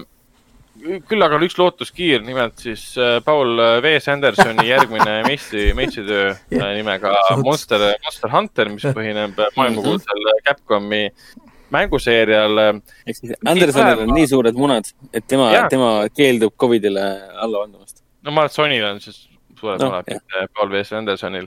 aga film pidi tulema tegelikult välja järgmise aasta kahekümne kolmandal aprillil. aga Sony andis teada, et kuule, kuule, et me vaatame, kas see, detsember jäi isegi tühjaks ju. Düüni pole ju, Bondi pole, et me toome selle hoopis kolmekümnendal detsembril välja. siin, mul tuli praegu üks ka meelde, ma pidin jagama ka teile uudis, vaata need, need erinevad mingid data miner'id jälle, kui see Playstation viie mingi asjad hakkasid tulema. Nad on lapa, labanud neid update'e ja asju siis noh, Playstationi uuendustega. siis nad on leidnud peale selle, et äh, nad on leidnud äh, nii-öelda nagu uuendatud siis viisi, kuidas Playstation viis suhtub digitaalsetesse mängudesse, et sul on võimalik edasi kinkida ja neid äh, vahetada või kuidagi. Nad äh, leidsid Mm. ka info mingisugusest äh, voogedastusplatvormist mm. -hmm. Playstationisse sisse ehitatud, hakkavad teda ehk siis Jaa, jaa, äkki Sonyl on omal mingi plaan mm. -hmm. Playstation viiega koos et see nüüd, tuha jaa, midagi jaa. äh, täiesti oma, sest Sony on suur filmistuudio ka, ärme seda unusta, et Sony on üüratu picture millal selle PlayStation, PlayStation viie release date nüüd on? november kaksteist Ameerikas, november üheksateist muu maailm. ja nojah, ja Eestis, Eestis on Monster Hunteri kuupäev novembri lõpp. ja ei, ei praegu., ei ma, ei ma mõtlengi selles mõttes, et noh, just tõenäoliselt tulebki suur reveal. siin on mingid niisugused asjad, et mina kardan, et kui nad kõik teevad oma platvormid praegult ju, iga ju, ainult uudised tulevad, et iga natukenegi, kellel on natukenegi suurem äh, mingi meediaettevõte, lööb oma mingi mm -hmm, streaming platvormi mm -hmm. ja Sony on ju varem teinud ju asju nagu Powers ja jaa, neil Powers on, oli selles, mis oli see PlayStation Network jah, nad, nad on vahepeal juba tegelikult proovinud, nad on tegelikult juba näidanud ju üles huvi, neil oli PlayStation Vuse, mis tegelikult juba noh, oli ka mingi taoliste ideedega, et koondada siin asju, see, et nad Apple TV-ga nüüd teevad ka koostööd veel, on ju, ehk siis siin on tegelikult mingid vihjed, et Play- ja, ja PlayStation viis tuleb koos multimeedia puldiga, kus peal on nupud nagu noh, need paus edasi-tagasi ähm,, noh, stop, home, saad aru, noh, kõik nagu mm. pult, mis on mõeldud ah, nagu eraldi pult või? jaa, multimeedia vaatamiseks, jaa. ehk siis äh, mina eeldan, et siin võib tegelikult tulla uudis nüüd väga lähiajal, võib-olla novembris, et Sony launch'is a new streaming platvorm jah, et nad võtsid sellest võimalusest kinni, et seda asja levitama hakata. aga olgem ausad, kui sul on, nad ootavad, et PlayStation viis müüb kakssada miljonit koopiat. see, või kui sul oleks igasse koopiasse pre-installed või äh, tuleks tasuta kaasa PlayStationi kontoga või PlayStation Plussiga tuleks kaasa streaming platvormi konto, kus saaks näidata content'i, siis kakssada miljonit potentsiaalset kasutajat on rohkem, kui praegu Netflixil on kasutajaid. nii et jah väga, väga huvitavaid asju, aga hakkab siin toimuma, kui kinod kauaks, kauaks kinni jäävad. nojah, eks, eks see kõik. Äh, see Monster Hunter on hea näide kusjuures, ma arvan, et mm. siit see, siit see võibki tulla. see üllatus no, nii-öelda. esialgu tuleb jah kinodesse, ega see on ka põhjus, miks levivad siuksed äh, kuulujutud, et Warner äh, Brothers ähm, viskab siis järgmise Wonder Womani filmi Wonder Woman kaheksakümmend neli, tuhat üheksasada kaheksakümmend neli. no see on kuulujutt, see on täielikult kuulujutt praegu. see on täielik kuulujutt, jah. ja režissöör Patty Jenkins vähemalt praegu confirm'is üle yeah., et sellist asja ei juhtu, aga. kuulujutu alusel, et see jõuab otse HBO Maxi, et ta ei jõua isegi kinno, vaid otse HBO Maxi mis äh, arvestades seda, et siin on mitmed filmid, mis on veel aastasse kaks tuhat kakskümmend jäänud, näiteks siin ja, The, see... The Witches, mis hiljuti välja kuulutati, läheb... tuleb nii ja. kinodesse USA-s, USA-s kinodesse ei tulegi, tuleb ainult otse HBO Maxi, meile tuleb siis kinodesse. ja, ja meile tuleb ta oktoobris juba, oktoobri lõpus. jah, ma isegi ei tea, mis see Witches on, see on mingi, see, vabandust, õudus, jah, fantaasiakomöödia või midagi see on uus nägemus Anne Hathaway'ga, see on niisugune peresõbralik suur fantaasiaseiklus ah,. Okay, Witches on juba olemasolev, äh, jaa, ta on olemasolev, olev property nii-öelda. aga mm. ma arvan, et selle, kui Wonder Woman peaks minema HBO Maxi, siis ma ei usu, et nad annavad selle lihtsalt ära. Nad tõenäoliselt teevad Disney plussi raha eest. ei, aga ei saa teha, ei, nad ei saa teha, nojah, tegelikult ikka saad teha, sa saad igat asja teha. et sa võid ju alati anda iTunesis näiteks välja filmi samamoodi. sest see on liiga suur film, Wonder Woman on ju kahesaja miljoni dollarise eelarvega mingi metsik film, nii et mm. nad peavad ikkagi mul... suutma selle raha ta tagasi teenida. no mul on, oli ka, nii et jah, igatahes see on huvitav, et see nimekiri, mis ma siia saate jaoks tegin, et mis on jäänud aastasse kaks tuhat kakskümmend, nendest juba üks on ametlikult äh, USA-s vähemalt siis äh, kinod äh, vahele jätnud, selleks on siis Soul.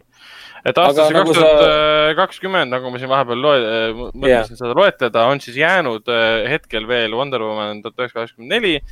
The Witches, mis on suur film, sest um, okei okay,, ma teadsin selle olemasolust vist paar päeva tagasi alles, aga noh. no suur, suur perefantaasiaseiklus, sellist asja pole ammu olnud pärast Covidi algust. jah, suurte näitlejatega ja siis muidugi animatsioonidest The Croods uh, New Age, siis on muidugi veel tulemas sellel aastal siis Free Guy uh, Ryan Reynoldsiga, siis on veel tulemas muidugi Kenneth Branaga mm, siis Death on the Nile.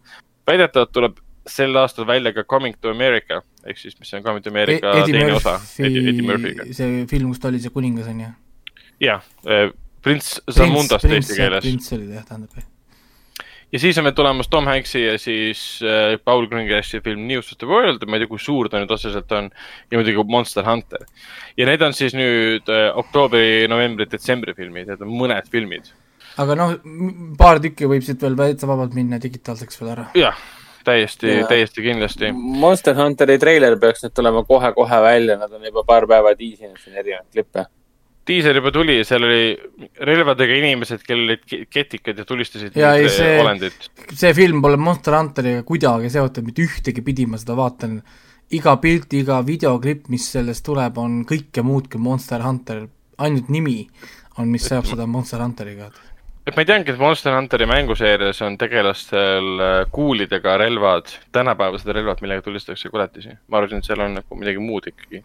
ei olegi, seal ei olegi, sest, sest äh, seal pole üldse mitte Jah., ühesõnaga mul on tunne, et Paul V. S. Anderson ja kes iganes seal stsenaariumid on teinud asjad, et äh, nad pole mänginud seda mängu reaalselt.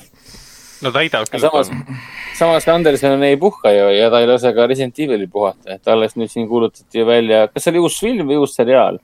uus, uus seriaal, uus seriaal, mida Anderson toodab, mitte ei lavasta. aa, see on film, see on film, See see ei ole seriaal.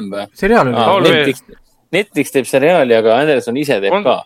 Ah, okay, Andersoni Konstantin okay, film oli- teeb siis äh, uut, uut filmiseeriat nii-öelda, mis on siis päriselt põhineb mängudel, on päriselt õudusfilm. ah, et kõik näitlejad on okei. välja kuulutatud nüüd, kes mängivad Claire Redfieldi ja, ja nii edasi. et näitlejate valik, võib-olla kõige tuntum näitleja nendest oli see Kaia Skodreko või mis, kuidas see nimi on, Cadelero. Crawlis mängis igatahes, tema mängib siis Claire'i.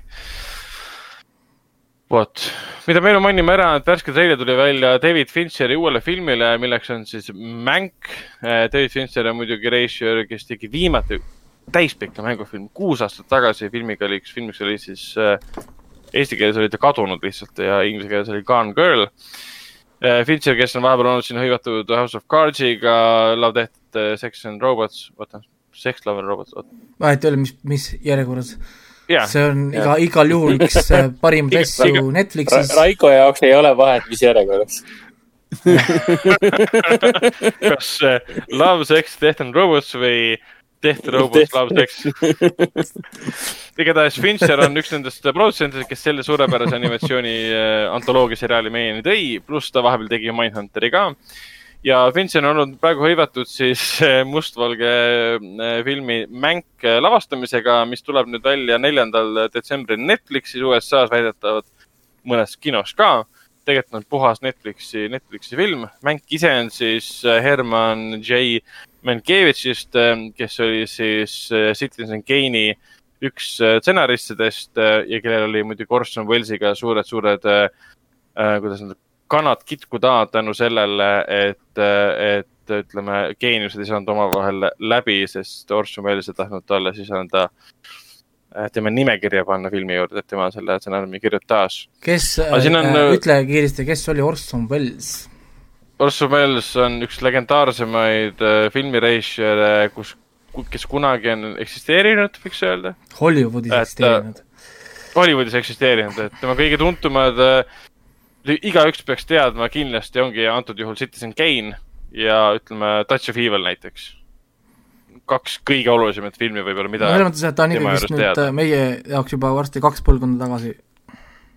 Ja ta suri aastal äh, tuhat üheksasada kaheksakümmend viis, sündis tuhat üheksasada viisteist, et ütleme niimoodi, et eh, Orson Welles tegi aastal tuhat üheksasada nelikümmend üks, kujutad ette nagu maailmasõda ja kõik siuksed asjad, väga vana aeg. ta tegi Citizen Kane'iga asju, mida hakati tegema oluliselt hiljem. Et tal olid piiratud võimalused ja kaamera töö, kuidas kaamera kuidas ta võttepaika, valgustuskasutus, ta oli nii nagu ajast ees ja kasutas seda ajal, kus tehnoloogia isegi võimaldanud tegelikult olla äh, tema, tema ideid täide viia ja sellepärast oli kõige, üks huvitavamaid reisijale üldse. kui sa vaatad Touch of Evilit, okei, viiekümne kaheksanda aasta oma, film algab niivõrd legendaarse ähm, ühe kaadri võttega, et seda siiamaani matkitakse, tehakse järele. Et kui mõni film teeb ühe kaadri stseeni, öeldakse, et aa, Touch of Evil tegi paremini või see sarnaneb Touch of Evilile. Pole, pole kunagi näinud Et well- Touch of Evil kahjuks ei oska öelda. aa, see oli väga, filmikoolis sunniti seda lausa peale ähm,. jah, aga kuna David, David Fincheri isa, Jack Fincher oli tegelikult äh, legendaarne või noh, väga legendaarne, kuidagi halb sõna, sest see kuidagi vihjab sellele, et ta on suurem kui elu. Suurepärane tuntud äh, stsenarist, kes kirjutaski sellest äh, nagu äh, Mankiewicz-ist ja Orson Welles'ist loo juba üheksakümnendatel siis David Fincher jõudis selle lavastamiseni alles, alles nüüd. peaosa mängib siis Gary Oldman, kes kehastab muidugi siis Mankiewicz-ist, Mankiewicz-it. kaasa teevad veel siis Amanda Seyfried, Lily Collins, ma ei tea, Charles Dance näiteks, kes on tuntud Game of Thrones'ist. ja Orson Welles mängib Tom Burke, Burke, keda ma ei tulegi kohe, kohe nägu ette, sest Vikipeedia ei anna tema nägu. ai, ai ai, ai. aga see on, see on äge, sest, sest Sorkin on äge, aga mitte Sorkin tähendab Fincher, aga Sorkin on ka äge. Sorkin, Aaron Sorkin, kelle film The Trial of Chicago Seven varsti jõuab siis, oli vist juba oktoobris jõuab siis ähm, Netflixi. Netflixi andis teada, et tema tahaks väga, et äh, Fincher lavastaks Social Network kahe, kuna Sorkin kirjutas esimese filmi stsenaariumi, võitis sellest Oscari. ja ta arvas, et kuna nad, nemad vaatasid omal ajal Netflixi, mitte Netflixi, vaid siis Facebooki hoopis ühe pilguga, nüüd vaatab maailm Facebooki hoopis teise pilguga, et oleks aeg teha järg.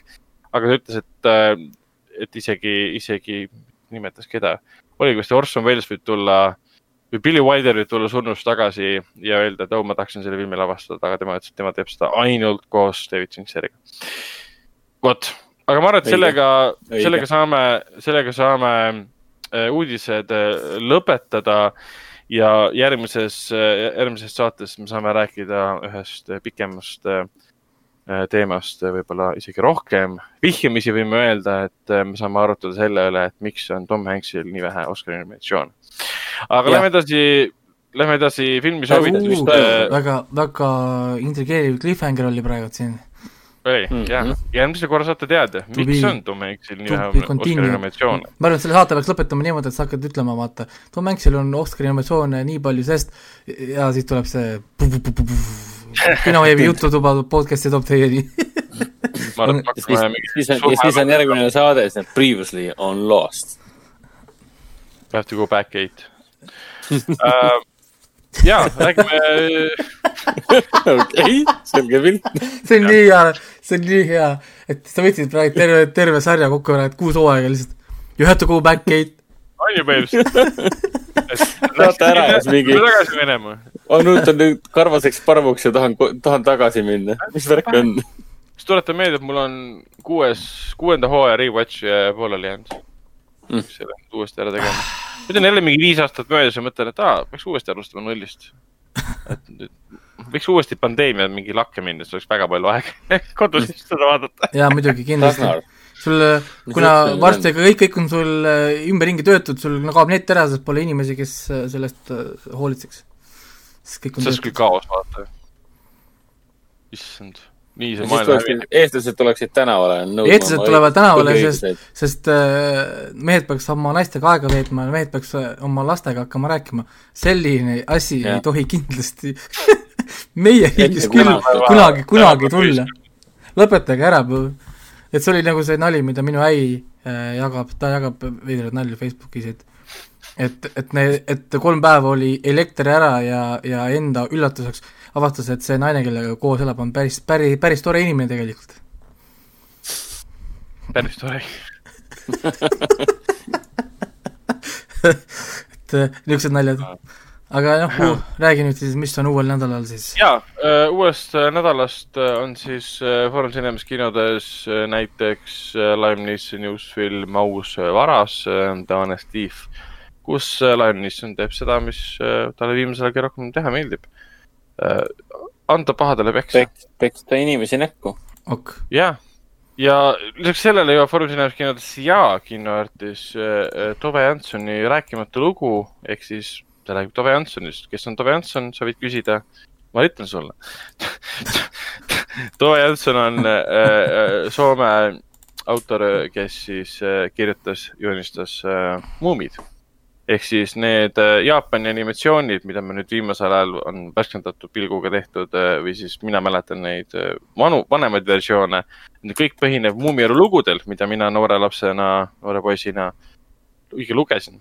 trollitalv ja Muumipapa memuaarid ja kõik need olid minu lemmikud see oli fantastiliselt kirjutatud ja loo. ainus, ainus õige ad- adaptatsioon, mida mina oma, oma elu jooksul olen valmis aktsepteerima, vähemalt siiamaani, vähemalt võrreldes sellega, mida ma nüüd tänapäeval olen näinud, on jätkuvalt see üheksakümnendate äh, Jaapani äh,, jaapanlaste animeeritud teleseriaal.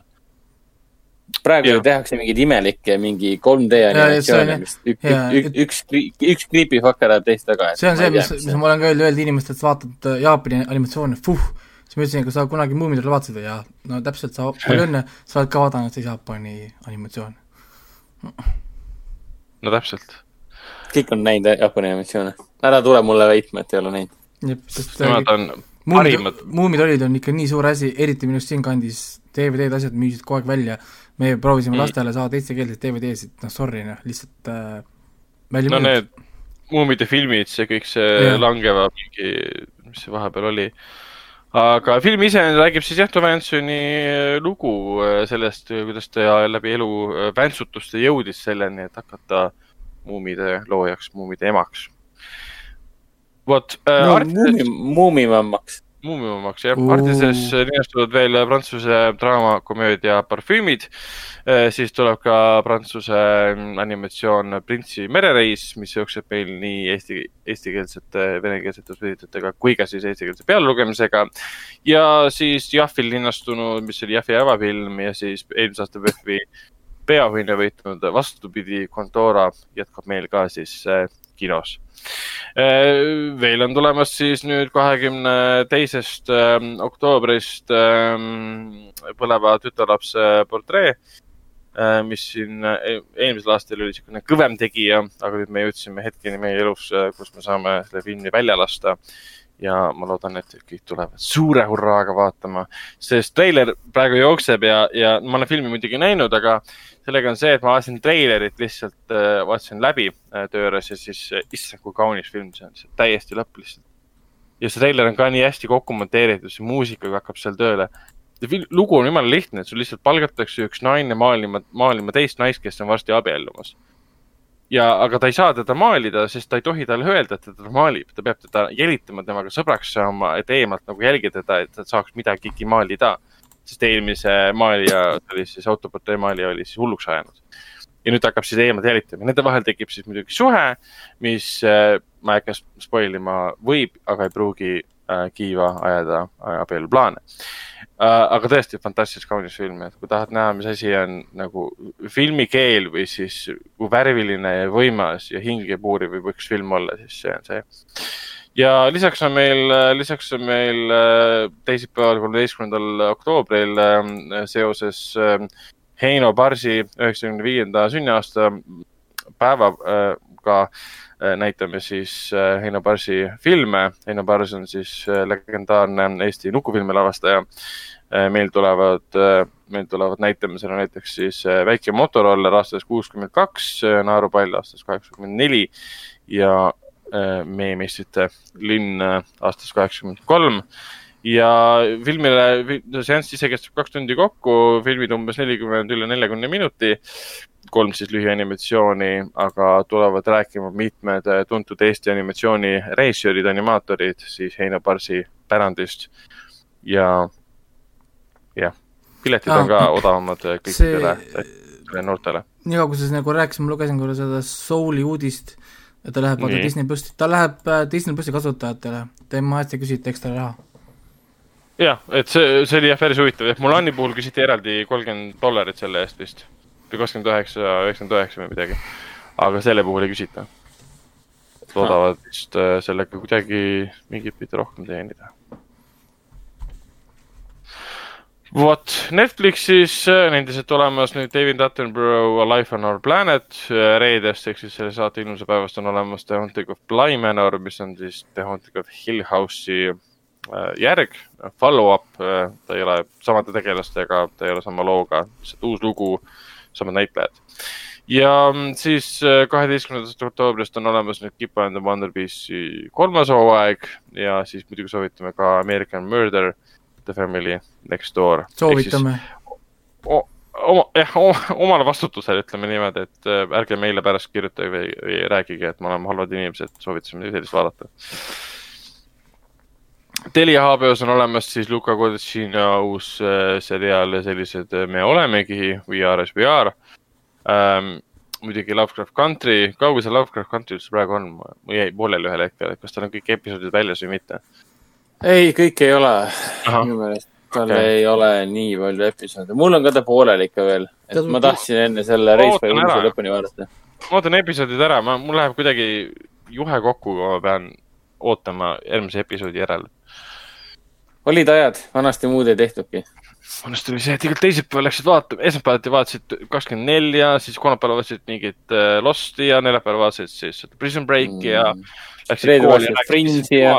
Michael Scofield põgenes jälle neljandas hooajas kuskilt Panama vanglast ja sind tegelikult enam ei huvita, sest lugu on jumala halb. siis sa mõtled nagu, is my life nagu. ja, ja, ja Telias on siis ka hundiharidus, kõik episoodid nüüd olemas, kolmas päev, neli episoodi olemas, mida Raiko maha tegi. ja siis on olemas ka mi, mitte rase, mis mi, mi, mitte rase kõlab minu jaoks nagu see Sony ettevõte, see mingi mitte rassa, ma tükk aega lugesin seda valesti, oli vist mitte rassa? on küll jah, mitte Rasta on jah see kohalik eh, Sony Center edasi, mis see jah, täpselt, tükk aega lugesin mitte rase, mitte rassana. aga Unpregnant on siis film Telia HBO-s, mida soovitan vaadata.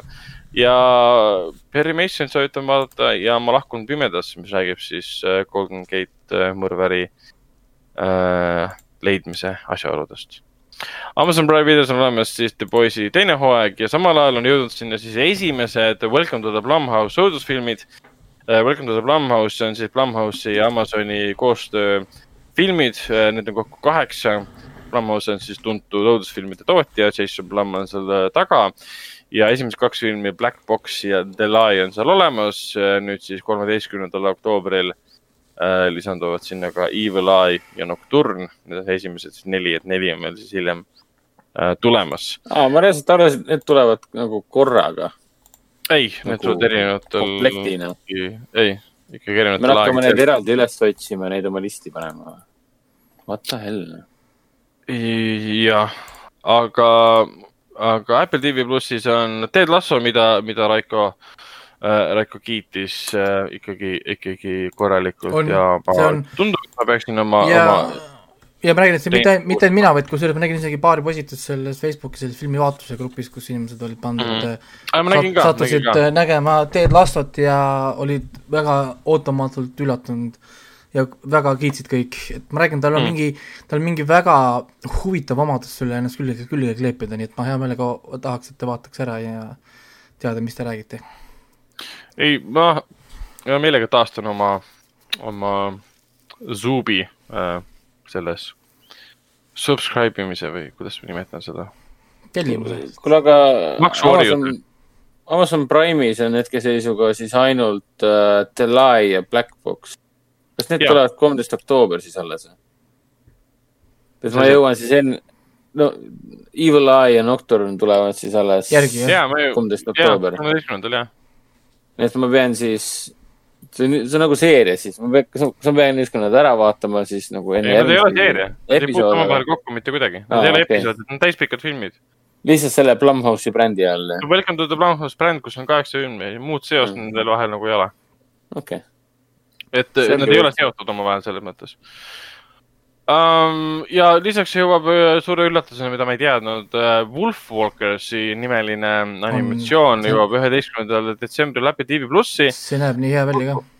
see näeb hea välja, see näeb väga ilus välja ja see, ja see on arusaadav, miks, sest ta on Secret of, of On äh, või? uus äh, film. Secret of Kells oli siin päris mitme aasta tagune animatsioon. kas ta kandideeris Oscarile või mitte, ma kontrollin kähku üle. Vist mitte, aga ma mäletan, et oli väga ilus, väga kaunis ja kandideeris Oscarile parim äh, äh, parim animatsioon, täispikk animatsioon, oli jah, täpselt. ja seesama Reischer, need on kaks tükki tegelikult, siis hiinlased äh, vahepeal tegid siis ühe lisafilmi veel, Song of the Sea, mida me ei ole veel näinud. ja neil oli siis ka, jah, täpselt see oligi. ja nüüd ongi Wolfwalkers nende uus film, ta jätkab täpselt sedasama stiili, mida nad on siis viimased kogu mu karjääri jooksul arendanud ja siin paljud ennustavad sellele filmile jälle Oscari nominatsiooni või isegi, isegi võitu. ja see, see näeb nii hea välja, ta näeb välja nagu need väiksed indie-mängud, mille sa lõpetad mingi viie tunniga ära ja siis pärast yeah. sa, sa sama kaua lihtsalt vahid seina ja mõtled korra ja, ja, see Secret, Secret of the Kells nägi, nägi ka täpselt samasugune välja. ja ta ongi nagu see indie-mäng, kus sa vaatad, et see pilt on nunnu, hakkad mängima, siis pärast mõtled mingi. pärast oled mingi, mingisuguses sügavas identiteedikriisis korra defineerid kõik asjad kiiresti ümber endale, et kuidas ma siiamaani olen elanud nagu mingit valesti. tühjust, et see mäng on muutnud sinu elu või pannud sind mõtlema asjade üle, mis sinu jaoks on. nojah, ma, ma, ma praegu, kui ma mõtlesin selle peale, ma mõtlesin tegelikult selle Ora seeria peale. mille? see X, Xbox'i peal on see Ora and the Will of the Wisps ja Ora and the Aa, ma tegin ma tegin selle läbi Ori, variant Will of the, Will of the Wisp ja, ja see oli tõesti, see oli, see oli mega raske. aga ta oli nii ilus ja südamlik ja nii kurb ja eriti see suur, see väike, väike öökull, mis temaga juhtus ja siis, kuidas tagasi tuli ja siis see suur öökull, see kuri öökull või kuidas sa nimetad teda, mis, miks ta kurjaks muutus ja ta jäigi kurjaks, see oli umbes niimoodi, et ah, ma tahaks, et kui mina olin väike, et siukseid muinasjutte rohkem äh, oleks. on, on see Orai on nagu päriselt nagu võtab ära ja siis teine teine indie-mäng oma oli see Valiant Heart ja ah issand jumal, ära räägi ja, ja, ja This War of Mine ja, ja, ja see, ma võingi neid nimesid siia jätma. no This War of Mine oli depressiooni, depressiivsuskuubis lihtsalt ja no Frost, Frostpunk tuleb kohe mulle pähe. ja Frostbank oli ka ja... umbes niimoodi, et sul on võimalus panna lapsed äh, lihtsalt äh, tööle äh, talvisel ajal ja nende käsi amputeerida. ja siis, kui neile see ei meeldi, sa saad teha reformatsiooni, saata usu vardjad või siis valvurid tänavatele ja mässe maha suruda. ja on, on Seda ja ja kõik niisugused, noh, need on lühikesed ju kihvtid mängud, mis mulle meenutavad, kui ma näen niisuguseid huvitavaid animatsioone, siis mul tulevad nagu pähe, nagu a la see Max and the Cursed Brotherhood, see kahe venna lugu, kus no, no vanem vend läheb oma väike, väikest noorvenda päästma ja need on kõik Mm. niisugused noh, niisugused, niisugused kihvtid väiksed nagu lood, aga nende mõju on tegelikult palju suurem, kui me algselt võib-olla isegi mõistame. jah, see on, see on tõsi ja, ja Secret of the Kells omal ajal oli täpselt samamoodi. et see üks väga ilus laulu, laulukoht. jah, väga meeldejääv. ta, ta. Apple hakkas seda äkki promoma jah nüüd, et nad üldse üldjuhult ei promo oma asju, siis väga järsku on nüüd, kui sa iga kord Apple TV tööle paned, viskab ta sulle nüüd selle treileri ette ja, ja, ja korraks siis oli päris tüütu, sest äh, ennem seda Ted Lassot äh,, kui oli see üheksandat osat läks kümnendale, siis Mm. tuli mm. Unskippable reklaam tuli. siis äh, juba nagu tänapäevasel moel ma pakkusin, ma mõtlesin, et ma viskan puldiga, aga come on, miks ma pean vaatama Unskippable reklaame, no mis see nüüd on siis? kuskilt tuleb mingi muusikat ka siin vahepeal. aga, aga jah, nüüd ongi kõik, et seda Tehrani, mina ei tea, ma jätsin pooleli kolmanda hoo, kolmanda episoodi peal äh,, vajus ära mm., minu arust äh, igav. noh, ma näen seda aga... Nagu pointi, aga lihtsalt on igav ja ma räägin, et kui keegi vaatab ära ja leiab, et see on hea asi, siis ma olen nõus andma Mhm. uue võimaluse. no selge, aga, aga loeme saate saateks ja Monster saade, aga järgmine nädal nagu uuesti nagu ikka, mis, mis on veel uut päikese all. aga järgmises, järgmisel korral räägime filmidest. ma ei tea, Tove Ansonist näiteks räägime, saame pikemalt rääkida. äkki käime vahepeal igavik meie vahel vaatamas ja tuleb välja, see on suurepärane film. et lihtsalt mina lihtsalt äh, loodan, et ma saan kunagi autoremondist ka kätte, et ma saaksin ka liikuda siit kaugemale kui äh, viis meetrit siit äh, kodust.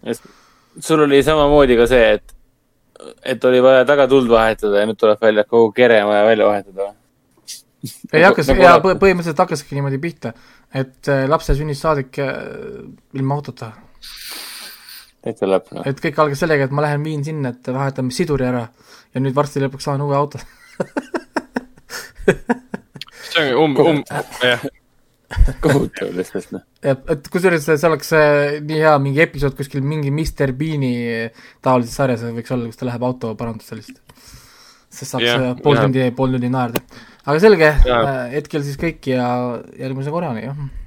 jah, teeme nii, tšau. tšau. tšau.